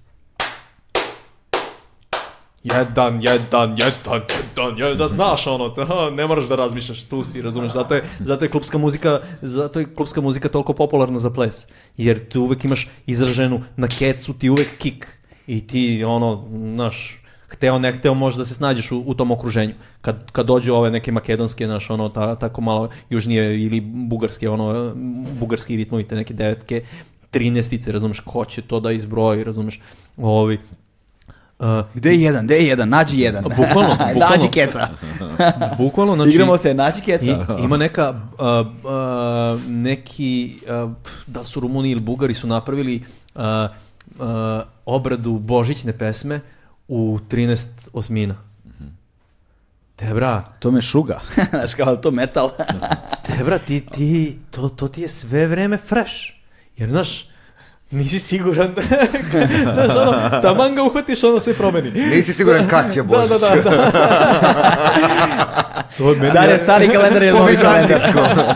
to je meni jedna od najzabavnijih pesama koje, koje ono, znam, jer baš iz tog razloga što je sve vreme nenormalna. A, a, a poznato je, znaš, ono, m, božićna ta neka melodija, a, ali kao, a, nije kao, baš je, baš je ono zabavno. mega, mega. Christmas time of year. E, Da, baš smo tu negde. Ostali smo bez pića, brate. Pa, ja imam. Još malo, imam ja još malo, ali... Znaš, Imam može- ja još malo. Imaš O, malo vode, imaš ti dosta ljute paprike, znaš. Da. pa nisam ni nameravao celo da pojedem. Dobro, polako, ali je dobro. Imamo... Želje su jedno, život je drugo. ono. Nikada... Pazi, ja to mogu, ali samo bi bila agonija i mučenje, nemam, nemam, nemam, nemam sad potrebu za I tim. time je transcendencija. Nemam Bol- potrebu bol trenutno za oslobađa. transcendencijom. Dovoljno sam transcendentiran. Kao za one koji slušaju prepodneje, znaš. Kao. Mada više nije, ne znam ni koliko, sedimo Pa i kao ovdje više, već, više pet, ono. Da, da, da, dobrih tri sata smo sigurno ubili, ono, Pa lagano. mislim više. Ne bih znao. Više, više. Jesmo, a, do, bog te ma- znaju. Ni Ja ne- počemu ne понімаю. Ne pa njimaju, tako je. Da, to sam, ovaj, to smo ti i ja pričali, inače, životna želja mi je, mislim, jedna od mnogih, između ostalog, ovaj, i jedan od razloga zašto sam kao... po- Te zvao u ovaj podcast. Da, ne, po, ne počeo, počeo, svoj, po, počeo svoj YouTube kanal. A, jeste, nije bila ideja samo da pravim podcast, nego da kao, naš, ja snimam još neke druge stvari. Galeptav. E, galebovi, galebovizija. ovaj, kao Minimaxovizija, samo galebovizija. Ovaj, da. Leto nadi. Znate, se sećaš kada su na trećem kanalu imali uh, poslepodnevni program sa tipa Ade Ciganlija? Pa leto ne? nadi, ja kažem. Jesi to tako zvalo? Leto nadi, to je svaki dan bilo. I ovaj, popodne nešto. No, u Da, da, nešto tipa vreme od- sjeste. Evo da. to ime. Od 12 do 3, nešto tako, tako da. nešto, da, da, da. I to kao pevači pevaju na splavovima. Sećam se da je DJ Munja puštao Mhm. kao muziku, nešto kao DJ na, znaš, pazi ti, koji je to koncept bio, brate. Dosta loš, ali dosta dobar istovremeno. Ne, znaš, kad, znaš kad je nešto dobro i loše u isto vreme? Kao Gricko. Ovaj, a, jedna, jedna želja mi je e, da, da e, putujem e, vozom Moskva Vladivostok. To kao i da obiđem, ali da, da, ali da obiđem i sve između ono što može kao Bajkalsko jezero, ne znam, da klopam ono Da izađeš hranu, ono, na stanicama. Da izlazim to na je tamo stanicama izvodljivo potpuno. Koncepcija Pa da. je takva da ti možeš da izađeš i ulaziš u voz, da budeš dan, dva, tri, pa se vratiš. Pa mislim, kupiš kartu da imaš recimo 3, 4, 5 izlazaka, ulazaka. Mislim da to tako Ili je možda vremenska karta, tipa Ili da je traje karta, pa da. samo ulaziš kad ti odgovara, izlaziš sve dok si unutar tog vremenskog perioda, znaš. A šta kao trans, ona neka... Transsibirska železnica, da. I, Znači ulaziš u Moskvi Ja sam za. i ideš do Vladivostoka, znaš, kroz Imaš Japan. transsibirsku, transmongolsku i Tako je. trans... još neku. Ne znam, znam za Transmogolsku. Zavisi, do- zavisi gde, gde, gde završavaš. Jedna završava u Vladivostoku, druga završava Ulan Bator. Ulan Bator. a treća ja mislim neki... To ne znam. Mm, Peking... e, Moguće. E, da, ima za Kinu možda neka, Mm. ali to možda jeste i tr- i Transmongolska možda ide, za, ide tako, znaš. Mislim da, da su tri, ali Mongolije. moguće da grešim. Ni- Nisam skoro se ono... Da. I, ovaj, I to sam baš sa tom Transsibir, Transmongolija, zapravo mi je bila ideja da idem... Uh, Kad mo- idemo? e to, bila mi je ideja zapravo da idem do San Peterburga, jer tamo onda dočekam tipa to uh, ili Belu noć ili Aurora Borealisa. Vidi ga ovaj, brate. Ima tu još neke stvari koje ih volim da vidim i onda ima taj neki ponoćni voz od San Peterburga do Moskve. To koji- sam išao tim vozom. Stvarno, a? Da, od Moskve do ovaj, San Peterburga i on kreće iz Moskve u ponoć.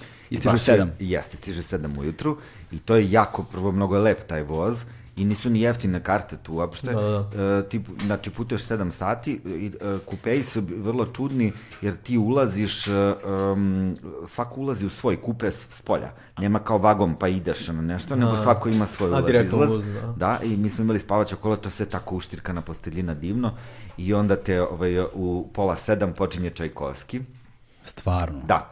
I tako te bude. Što se i onda razglasa ti- kao? Sa razglasa i onda ti donose doručak, a doručak je onaj njihov super raženi hleb crni, e, puter dimljeni losas i imaju čaj crni koji se zaslađuje slatkim od višanja ili nekim nešto. Uje, da, boce. to je kao Nice, doručak. nice. Da, mnogo je lepo, baš je stvarno onako... Da, ja. I onda sam Dobro, zapravo... ta karta je ono... Pa skoro nije- kao avion košta. I Moskva, moja ideja je zapravo bilo da odem u San Peterburg i imam stvari koje bih volao da vidim tamo. Ima taj neki uh, uh, kafana po, ko- koja, koja se zove Beograd, po, koja je, za, u kojoj je zapravo Dostojevski počeo pisanje svog romana Braće Karamazovi, gde je ono poglavlje čuveno Dobro. Ok. Jedan od najlepših gradova Nema na veze, svetu. imam svoje šta bih volao u San Peterburgu da vidim i onda da idem taj Ne, nisam ponoći- zbog tebe, nego zbog ovog dela. Aha, to. Ovaj, a, a, u, u, u ponoć kada se sede na taj voz, pa onda da stignem u 7 ujutru u Moskvu i onda da presedam tu za Moskva Vladivostok, taj Transsibir, i onda imam to Bajkal, ovo ono, znaš, gde bih izlazio i imam prijatelje koji su išli tom trasom i bili su u fazonu obavezno prva klasa kola, ne znam, i fora je kao da ne, ne nosiš svoju hranu, to, nego da izlaziš na tim stanicama, da, Da te žene to, dolaze da. da sa posluženjima, da jedeš lokalna posluženja koja se nude na svakoj od tih stanica i imaš da biraš, sad sam zaboravio koja je fora sa tim kartama, jer ti imaš ne znam koliko stanica, to se tipa s- 10 dana Da, se da. putuje, razumeš? I onda imaš da je pres, koji je ekspres, koji ide, ne znam, ovako, koji preskače ovoliko stanica, koji ide direktno, znaš, imaš ti da biraš tu. Ja bih izabrao tu neku, znaš, da imam, da izlazim i da se zezam, Da, da, da, da. se vraćam, da odem do Vladivostoka, da su rekli fazon nema ništa, i onda odatle da vatam trans Mongoliju do Ulan Batura. A nije ta- to Transmongolija. Transmongolija ti je isto, isto ti kreće iz, Iz Moskve, Moskve, da, ali ima- i ide neko, neko vreme, ja mislim, isto Tako, odavde. ide od dole, tako je. Vladivostoka do- Ali ima i od Vladivostoka da se vraćaš. A. Pa da ideš za, za dole. da, da, nego, Znaš ja, ja, ja sad ono, Da se ne vraćam cenim opet formu pre suštine, kao To, nije to. ti to transmongolska. znači, nije mi fora da se vraćam nazad za Moskvu, nego da se spustim za Ulan Batur Mhm. i onda tamo ima nekih genijalnih stvari, razumeš, da tim stepama možeš da noćiš, da svašta tamo nešto može se dešava, pošto taj Ulan Batur je pola selo, pola grad u suštini. Mhm.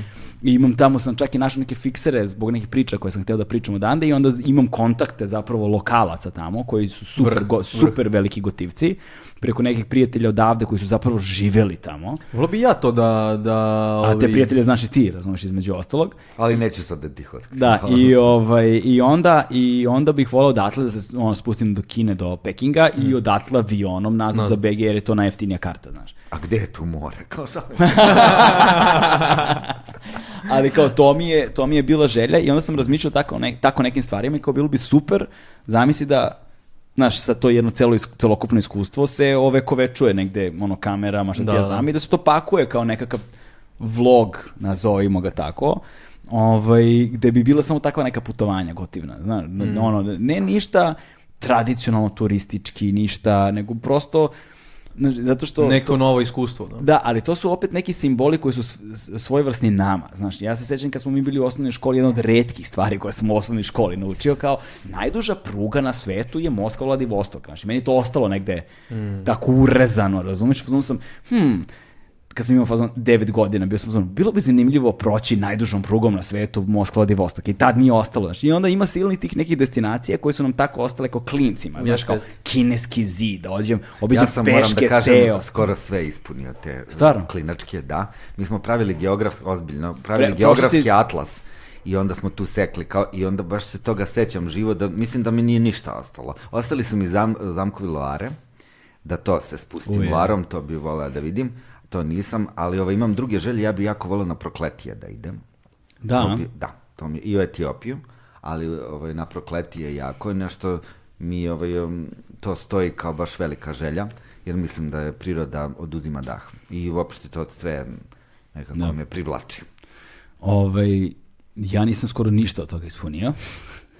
I to i, vol, i volao bih baš, to mi je ono, te neke stvari koje nisu uopšte tradicionalno poznate, ne znam, turističke de- destinacije ovako ili onako, ali nešto što mislim da je apsolutno vredno i treba proći, i treba doživeti, i treba videti i treba na neki način da se ove koveči, znači to su to mislim da su neke stvari koje bih baš voleo i da ih nekako snimim i, obele, i ono zabeležim i da to ostane i da to bude negde kao na s jedne strane kao vodič za ne- one koji bi da putuju, znaš, i s druge strane bo, prosto nekakvo informativno iskustvo i nešto što bi se možda zabeležilo na neki lep način, znaš, prosto eto tako, tako, tako, tako te neke stvari i destinacije. Recimo, jedna od stvari koje, mi koje su mi ostale, to smo ti ja pričali više puta, kako ljudi odavde imaju potrebu da e, kada, kada govore o egzotičnom, kada govore o e, meditativnom, o ovakvom ili onakvom, uvek se ne gleda nešto što je daleko, nešto što je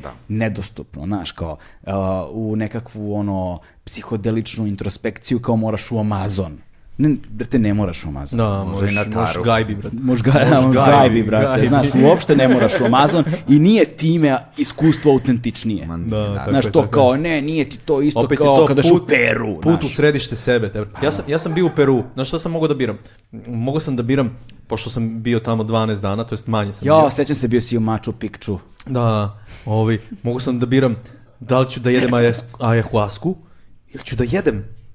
Ayahuasku. I chose to eat.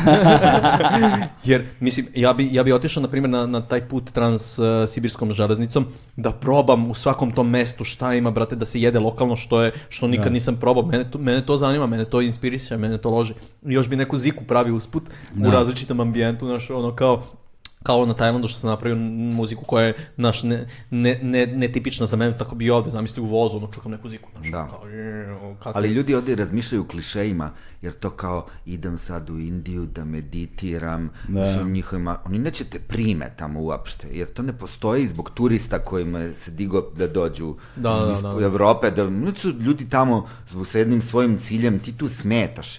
Šta, nisi hinduista, aj ćao, ono, nema šta da razgovara s tobom, ti, on neće da bude turistička atrakcija, ne, slično je na Svetoj gori, jedan moj drugar je bio razočaran, jao, pa niko nije hteo sa mnom da priča, pa da nije došao s tobom da priča tu. Da, bukvalno. Mislim, da, ono što, mislim, Zamisli, ono, da, imaš ti i imaš on. Ali iz neke egocentrične pozicije to posmatraju kao da je sve stvoreno da bi oni sad doživjeli Mhm. neko iskustvo kako su pročitali u Gloriji da bi trebalo da izgleda. Mislim, ja bih egocentrično se ponašao u smislu ja bih išao na, na moje iskustvo, ali znaš, ono, da, išao bi ali na, ti sad na- da misliš da neko će sad sve podrediti Naravno da tebi. neće, neće. A, Ne, brate, ja, neko se ja sam tu da napravim svoje iskustvo. Tako je. Da. Pazi, neko se odreko sopstvenog života Da. i svega zauvek da bi kao, znaš, živeo jedan život posvećen nečemu i sad ti turista dolaziš, Kao reci nešto pametno. znaš, to kao komičar reci nešto smešno ili, znaš, to je kao kad odeš u zoološki vrt. To je isti princip. Da, meni je zoološki vrt pakao. Jeste, jeste. Bukvalno, brate. Znaš, pakao. Pate životinje, a ti ih gledaš, ono, Da. Pipkašiš nekim, Da, ono, i ono, i šta, pakao daš mi je, kikiriki, i ja. sad bih iskoristio priliku da apelujem, nemojte se slikati ono s tigrovima, znaš tim životinjama, A, predatorima, koje tigrovima, su drogirane i one se drogiraju, godinama ih neko drogira da biste vi debili ih grlili, Da. I kao, jao, kao ja sam hrabar, evo slikam se s tigrom. Mislim, Da, tigar, brate, na, na ono, Tako. Xanaxu, brate. Tigar na. Godinama, da, da, baš je to što- strašno što bi- i tužno. Što bi Marko rekao, nebenefitarne droge. I nekompatibilna životinja. da, barem tigar nešto iz toga dobija. Da, znaš. nope. Nego ništa te, brate. Dobija pare taj koji ga drogira. A, dobro, dobro. E, drugari, mislim da smo stigli do samog kraja, brate. Ovaj, ka- Bilo je mučno, ali poučno. Cara Ne, do duvara. Ne, ne, ne, ne, hteo sam, hteo, hteo, mogli smo mi još, ali smo ostali bez e, kartica da snimamo materijal, tako da ćemo da nastavimo ovo, ostali smo i bez flaše pelina, tako da ćemo nastaviti druženje u, a, Imamo u salonu. Imamo limuna, imamo Dobro. i još pića. Dobro, Imamo ja ne pijem. Ja ne brijem. Ja ne pijemo 2009. Isto, ja ne pijem već tri Ajde, ovaj, to je to. Stigli smo do samog kraja. A, hvala vam, hvala vam puno. Ovaj, E, srećan rođendan. hvala puno na Hvala rođendanu. što si me zvao. Jes, jes, Hvala. jo. Ovaj, MKDSL Bandcamp, ostavit ćemo link, podržite Mareta, podržite autorsku muziku, uh, Snaga bilja, YouTube stranica, uh, knjiga kako sam postao putnik i prestao da budem turista, može, ćemo link da možete kupiti knjigu, ro, Rock rock, and roll, rock and Rock and roll, roll, da. a za ove specijalne stvari morat ćeš da otvoriš Patreon. Tako je, Pa ćemo da. da pričamo o tome. Nas možete podržiti mesečnim pretplatama preko Patreona i jednokratnim donacijama preko Paypala. Hvala svima koji nas podržavate, hvala svima koji nas gledate. Naravno, like, subscribe, share i sve ostalo. Hvala puno, to je to. Kraj. Ćao.